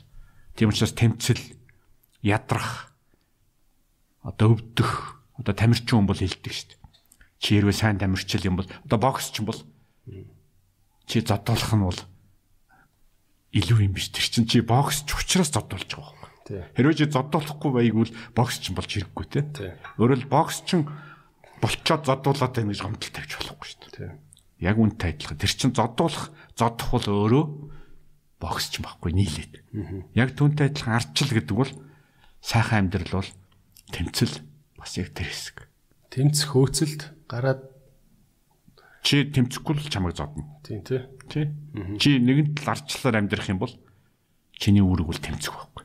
Харин чи тэмцэхийг хүсэхгүй бол магадгүй чи ардчлалаас өөр системд амьдрах хэрэгтэй. Альсвал боол болоод амьдрах хэрэгтэй. Альсвал одоо юу гэдэг коммунизмд очиод ганц ким гэдэг өдөртөгчтэйгээ сайхан амьдарч болно шүү дээ. Тийм тэр нь ингээ сайхан хүн бүрд тэгш халамж тараачдаг Тий, тий. яг тийм нэртэй. Тийм. Гэхдээ тэр халамжийг тогтмол авсныхаа төлөөсөнд мангар их юм бас үгэн тий. Уг нь тий. Ягаад гэвэл чи өөрөө шийдэхгүй бол ким ах шийдэн шүү дээ. Тийм тий. Тэгэхээр ким ахын бүх шийдвэр чам таалагдтахаар. 100000 багш үлтгэнэ чи багш бол гээл явуулна өстэй шүү. Тэгэн тий. тэгэн. Наа үсээ ингэ засахгүй гээл тий. Тий. Тийм учраас арчил бол чам сонголт өгч байгаа. А зүгээр асуулт бол дахиад чи тэгээд тэр сонголтоо ашиглах юм уу гэдэг. Ашиглаагүй байж гомдол мэдүүлэх бол хамгийн нийттэй арга л та. Тийм. Мгм. За тань хоёр ярьцлага бас нэлээд жоох өндөрлөгтэй шиг андж байна. Аа нэг юм байна л да. Дахиад жоохон философи юм гэх юм бол аз жаргал гэж юм биш шүү дээ. Саяхан MIT-гийн их сургууль баха. Би андуураг бол Princeton өнөө MIT, MIT баха. Аа олон нийтэд маш олон сургалтын хөтөлбөрүүдэд нээлттэй болгосон. Тэгэд бүр бусад бүх хөтөлбөрүүдээс тасархаа илүү одоо хүмүүс аа, илссэн сургалт одоо сургалт нь happiness гэдэг сургалт. Аз жаргалын сургалт гэж байгаа гайгүй сонио. Тэ? Аа дэлхийн ертөнцийн тэр чигээр аз жаргалын ирэлт гарчлаа шүү дээ. Тэ? Google-ийн бас айгүй мундаг нөгөө анхны хятад инженерүүдийнх нь нэг search inside юу лээ нэг ном. Yourself билүү? Yourself Тий. тий бестселлер болсон. Тэрийг уншсан чинь зүгээр баг манай буддизм буддизм жоо ойлж мэлснэ. Аз жаргалаа яаж олох вэ гэдэг ном юм бэл шүү дээ. Тэгээ тийм ном бестселлер болоод байна тий. Таны хувьд аз жаргал гэдгийг яаж томьёолдог вэ тий? Зарим хүн тэгдэг шүү дээ. Чи ээжигээл хайрлал. Тэгвэл тэгэл аз жаргал. Аа наа ингэдэж шүү дээ зарим зарим ах нар. Тэр шиг та одоо аз жаргалын талаар надад номлооч гэвэл юу гэж хэлэх вэ? Ер нь бол ганц л зүйл хэлнэ. Би бол түрүү чамд хэлжсэн буддийн сургаалыг нэлээд одоо англи хэл дээр одоо хялбаршуулсан байдлаар уншдаг л да. Тэгээд тэр олон зүйл надад таалагддаг. Юу вэ гэвэл ер нь хүн шүд ад жаргалын нэг хөтөл зовлон гэж хэлээрээ. За. хүн хизээч 100% ад жаргалтай болдгоо. Үргэлж зовлон байдаг. Би тэгтээ нэг зүйлийг чамд хэлээ. Юу гэвэл хүн хизээч зовлонгоос салахгүй. Ганцхан чи дуртай зовлонтойгоо байх хэрэгтэй байхгүй юу? Дуртай зовлонгоос сонго. Чи дуртай зовлонгоос сов. Тэгээ тэргээр хангалттай зов. Чи тэгвэл аз жаргалтай болно. Өөрөгчүүд нөгөө яадаг штэ. Зовлонгоо ярангууд. Wow, тэгээд that's good problem to have гэдэг штэ. Тий, яг тэр. Тэгэхээр зэрэг үнэхээр ингэж байгаа дээ. Чи үнэхээр дуртай зовлонгоороо зовж байгаа бол одоо жишээл зарим хүн хэлдэг. Одоо ингээ олон хүүхэдтэй дарагдаад ад жаргал чинь үүнд хоёр тал байхгүй. Нэг харахад бол одоо 10 хүүхэдтэй хүн бол амар жаргалтай. А нөгөө харах нь тэднийхээ хоолн, хувцсан явна гэл нэг зовж байгаа тий. Тэгээ хүн бол хоёр янзаар дүгнэ. Энэ их жаргалтай хүн аа энэ ч мөн зовж юм да гэж. Ядуу. Гэтэл нууцна шүү дээ. Тэр хүн дуртай зовлонгороо зовж байгаа байхгүй. Өөрөөр тэр зовлонг өөрөө сонгож байгаа. Тэндээс чи ад жаргал олж харж байгаа. Тийм учраас сэтгэл зүрх ад жаргал гэдэг ойлголтыг би ингэж тайлбарладаг байхгүй. Чи ад жаргал гэд бити абстракт тийм гоё юм. Хай. Далайн хэрэг битээ хайгаад Далаа бити яар. Өөрөөр чи тэнд харь гариг юм шиг эзэж очихгүй. А чи ганцхан одоо асуулт. Энэ хорвоогийн одоо юу гэдэг нь зовлонт хорвоогийн энэ олон проблем, энэ олон юм дотроос чи үнэхээр иргэний нийгмийн төлөө тэмцэх юм уу? Эсвэл бизнесээ байгуулах юм уу? Чи ганцхан сэтгэл зүрхээр яв. Тэгвэл чи тэндээс ад жаргалаа олно. Тэгэхээр би бол ад жаргалыг чиний асуулт маш том энгийнээр хэлвэл ад жаргал гэдэг бол чи өөрийгөө өөрийнхөө сэтгэлийн дуудлагаар өөрийнхөө амьдралаар амьдрахыг хэлж байгаа. Тэгээс хүний үгээр биш. Бусдад таалагдахын төлөө биш. өөрөө чи амьдрал зовлонтой байж болно тий. Болно.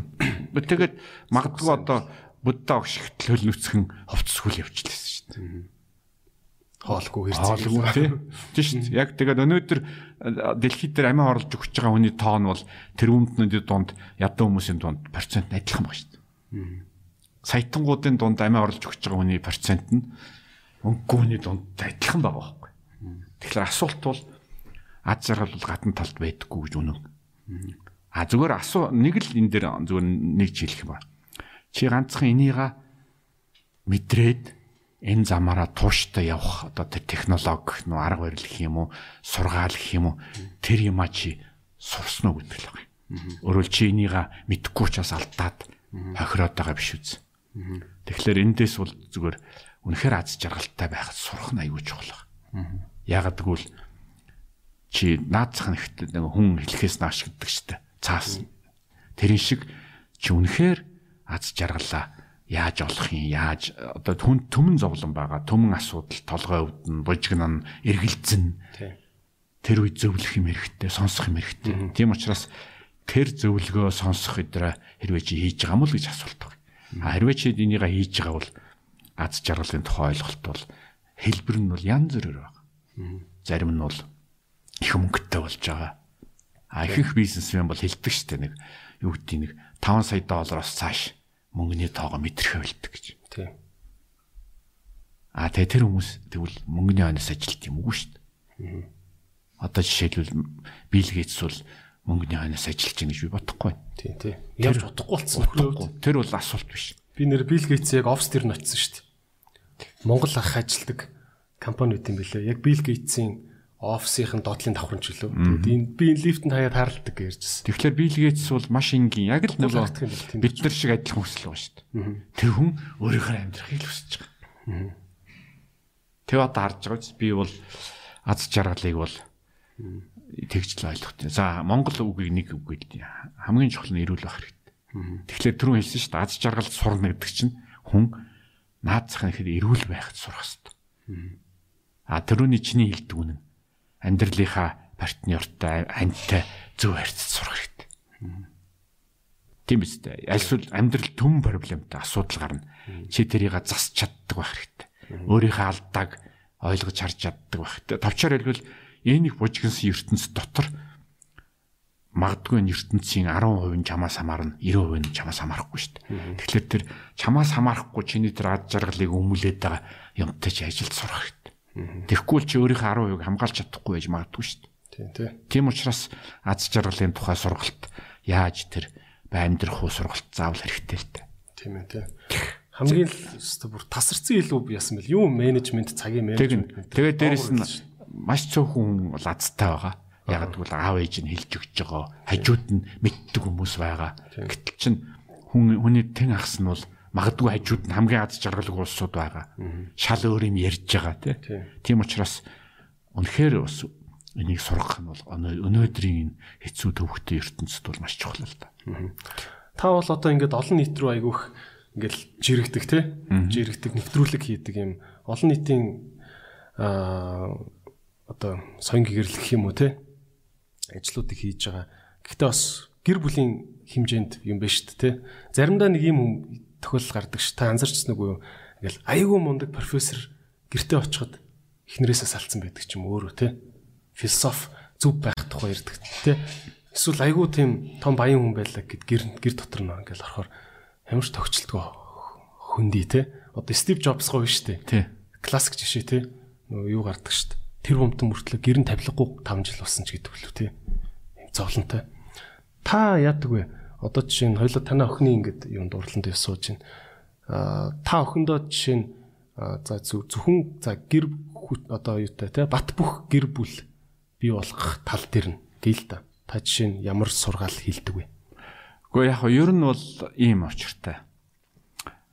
Би бол нэгдүгээр хүний зовлон бол жишээл шүүхт хэцүүлтэй. Хүн болгон өөрийн проблемтай байгаа. Жишээлбэл хүн болгон одоо аав ээж нь ямар байсан, багад нь яаж сургаж ийсэн, амьд ямар найз нөхөд байсан гэл маш олон асуудал бий. Тийм учраас надаас олон дахин чадaltaй улсууд надаас муу явж иж болох байхгүй. Тийм учраас хүнийг гаднаас нь дүгнэх маш хэцүү. А нөгөө талаас бол би өөрөө бас суралцаад явж байгаа. Маш их юм алдаа хийж байгаа. Нэг хүн сургаал хайрлаад тахтай биш. А зүгээр би ганцхан хүмүүстэй өөрийнхөө сонссныг, бичснийг хуваалцах дуртай байхгүй. Түүнээс нэг сургаад тахтай биш. Тэгээд одоо ингээд таньс жоох нөгөө наснаас ч болооч тэр мүү ингээд ер нь бол ингээд сургаж гин гэж ойлгож байгаа шүү дээ. Үгүй яхаа хүн болгон зарим тэгж ойлгож байгаа. Яг үүндээ хэлэхэд би бусдаас сурсныгаа хуваалцаж байгаа байхгүй. Жишээлбэл зарим мондөг хүмүүний хэлснийг давтж хэлж байгаа шүү дээ. Тэгэхээр зэрэг миний ойлгож байгаагаар бол хүн чинь гэдэг шүү дээ. Ямарваа нэгэн гоё юм олвол бусдаа хуваалцаж илүү гоё болдог шүү дээ. Яг тэр утгаар би бол уншсан мэдсэн олон зүйлээ олон хүнтэй хуваалцахлаар магадгүй нөгөө сэтгэл ханамж нь илүү байдаг байхгүй. За та тэгвэл жишээ нь шууд ингээд нэг жишээ гаргахад, кейс гаргахад та жишээ нь охиндоо өөрийнхөө охинд тэ хамгийн сүүлд ямар одоо сургаал гэхүү те номлосон бэ? Би бол одоо энэ охиндоо бол ганц л юм хэлдэг үндсэндээ. За. Юу гэвэл намайг дуурайх хэрэггүй. Өөрийнхөө амьдралаар амьдр. Тэ алдаач гэсэн чинийх байх хэвээр. А ганцхан хүн алдах хэрэгтэй байх хэвээр. Түүнээс аав ээжийн ихэнх аав ээжийн алдаа бол өөрийнхөө мөрөөдлийг хүүхдэд тулгадаг байхгүй. Одоо юу гэдэг те одоо том одоо жишээлбэл том дарга болох мөрөөдөлтэй бол хүүхдэд заавал дарга болох. Би бол манай эхнэрч гэсэн яг адилхан.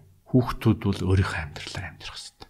А ганцхан мэдээж хэрэг бид нар чадлынхаа хэлээр туслана. Тэгэхээр би охиндоо бол одоо юу сургадаг вэ? За энэ ингээд студ байгуулад бизнес хийгээд явна. Шанхайд Шанхайд амьдарч байгаа сая ирсэн. Гэхдээ тэгэл чиний сонголт шүү дээ. Тэгээд алд нүггүй юу? Тэгээд би ганцхан зүйлийг одоо одоо зүгээр яг хатуу хэлтий. Гэвэл хүн алдах хэрэгтэй байх чинь тэр хүнд маш том хэрэгчлээ байхгүй. Энэ зөвхөн хүүхдийн тухай биш. Чи өөрөө компани удирдах гэвэл чиний доор байгаа хүнд чи нэг үг хэлэх хэрэгтэй чамайг алдаа гаргасан ч би дэмжинэ. Өөрөөр чиний алдаа гаргасан ч би чиний талд. Ямар алдаа гаргах ч мэдэхгүй. А ганцхан чи ингэж хэлж болохгүй. Чамайг амжилт гаргавал би чиний талд алдаа гарвал чиний эсрэг. Тийм биш байхгүй. Чи хүнд ажил даалгана гэдэг бол алдах эрхийг хамт өгч байгаа. Тэр чинь бол бас одоо инэрэнгүү чанар гэж гэдгийг чинь л одоо Гэхдээ ерөөсөө энгийнээр хэлвэл нөгөө талаас менежментийн хамгийн гол дүрм шүү дээ чи хүнийг алдах эрхийг өгжөж тэр хүнд хариуцлах одоо өөрийгөө тэр хүн чинь хариуцах хэрэг авдаг. Хэрэв хүн дадлах эрхийг өгөхгүй бол тэр хүн яадаг гэж үргэлж чамаас асууна. Ягаад гэвэл алдах хүсэхгүй шүү дээ. Тэгэхээр хариуцлага над дээр ирж шүү дээ. Тэгэхээр тэр хүн өөрийнхөө ажиллахгүй гэсэн үг шүү дээ. Тийм. тэр хүн чинь чиний туслах болохоос биш тэр хүн тустай хүн биш байхгүй. А хэрвээ чи шинэ удирдахч бэлдээ шинэ хүмүүсийг бэлдээ гэвэл алдах эрхийн өвн. Гэхдээ нэг алдаагаа давтаад байвал харин тэрийг яаж засах уу яах вэ дараа дараагийн юм ярина. Тийм учраас ер нь бол миний байр суурь бол хүн алдах хэрэгтэй байх хэвээр. А тэг өөрөө туулах хэрэгтэй байх хэвээр. Одоо жишээлбэл өнөөдөр ингээд яг энэ студийн хувьд хэлэхэд ийм урлагаар зуран зургаар хүн бол очиргүй баян болохгүй шүү дээ. Тийм. Гэхдээ би нэг талаас хэлнэ. Гэхдээ чи ядаа амьдрах хэрэгтэй бас. Тийм. Дуртайгаараа. Аа. Магадгүй одоо нэг том компанид ажилд ороод тав дахь их цалин авч болно л доо. Гэхдээ тэгээд тэр чинь өөрийнх нь амьдрал биш үл яах юм. Тийм шүү дээ. Тийм учраас би бол яг энэ охинтой бол хэлдэг. Юу гэхээр энэ юм чинь орлого олохгүй. Гэхдээ чи тэгэл одоо тестгээ хүртэл яв. Тэр чиний сонго. Амар орлого болчих юм лээ. Уг магад мэдхгүй шүү дээ. Гэхдээ би бол одоо бол харин яг нэг нэг үлэх сайн явж байгаа. Тийм. Тийм. Тэгтэл энийг чинь туулдаг байхгүй. Тийм учраас миний байр суурь бол энэ бүгд болох уу болохгүй юу явах нь энэ хүний эрх байхгүй. Тэгээс миний бодол бол нэг дор зүйл биш. Тийм ээ. За тэгээд ярьцлагын маань цаг ер нь өндөрлж байна. Их утгахтаа бас ингээл хэдэн өдөр сайхан яриад байна санаг чинь тий. Тэгээ хоёлоо бас нэг хэсэг хугацааны дараа дахин ярилцах байх гэсэн одоо эрүүлгийг тавьж байна тий. Тэх байх гэж бодож байна. Танд тэгээд бас сүүлийн минутыг үлдээ. Танд одоо манай сонсогчнор бол яг маас нь одоо ихэнх нь хэм үү баг 60 60-аад 60 70% нь 18-аас 35 насныхан байгаа. Тэгээд дээш байгаа. Тэгэхээр та зүгээр би бас илүү яг илүү 18-аас 35 насны сегмент рүү хэлээ л та тий. Та хэлж ямар мессеж хүргэх вэ? Хэлэх зүйлээ хэлээч гэвэл. За би бол зөвөр ганц л зүйл хэлье. Юу гэвэл манай залуучуудын дунд тэр хохирогчийн сэтгэлгээ маш их байдیں۔ За. Бүх юм одоо надаас одоо гадна талд муу учраас Улаанбаатар агаар муу учраас Монголын сургууль муу учраас одоо юу гэдэг юм Монгол авилгатай учраас ч гэдэг юм уу эсвэл би ядуу учраас энийг бол тэгээ тийм учраас миний юм болохгүй нэ гэж ярьдаг байхгүй. Тэгэхээр чи тэр түрүү ярьжсэн шүү дээ. Тэр бүгд муу байгаа нь үнэн. Гэхдээ дахиад тэр чинь бодит зүйл байхгүй. Зүгээр асуулт. Бодит байдал дээр чи яасан гэдэг. Бодит байдал дээр юм. Бүх мондөг хүмүүсийн түүхийг үзээрэй. Биднээс 100 дахин муу нөхцлөөс гарч ирсэн улсууд байдیں۔ Тэгэхээр эцэст нь хүний мөн чанар бол гадна талын тэр байдлаар тодорхойлогддог. Ганцхан чи өөрөө хий. Яаж яваа юм? Тэгэхээр яг 18 та хүүхдүүдэд бол 18-аас 20 35-ын залуучуудад миний нөө намд орж байгаа залуучуудтай хэлж байгаа. Окей. Чи өөрөө яг яаж амьдрах гэдэг вэ? Чи түүний хатлаа юу хийсэн? Тэр лугаа ингээд алхам алхмаар яваад мөрөөдөж чадвал хүн юмд хүрдэг байхгүй. Тэгэхээр залуу хүмүүс мөрөөдөлтэй байх хэрэгтэй. Ягаад гэвэл үргэлж мөрөөдөл чинь чамайг дууддаг. Тэгэхээр энэ бол би бол мөрөөдөл гэдэг нэг гоё эд материал гэж хэлээгүй. Өөрийгөө ямар байхаар харж байгаа юм. Түүний хөдлөө чи юу хийсэн? Тэгэхээр улс орнч адилхан хүмүүс том амжилттай хүн болно гэхээр том мөрөөдөл гэсэн үг биш шүү дээ. Манайхан ч том мөрөөдөл гэж хэлчихээр дараагийн Google компаниг байгуулах гэж ойлгочиход би бол амжилттай гэдэг үгэнд тийм бас туртай биш. Яг чиний түрүүний ярьдаг байхгүй. Амжилттай биш, аз жаргалтай бай.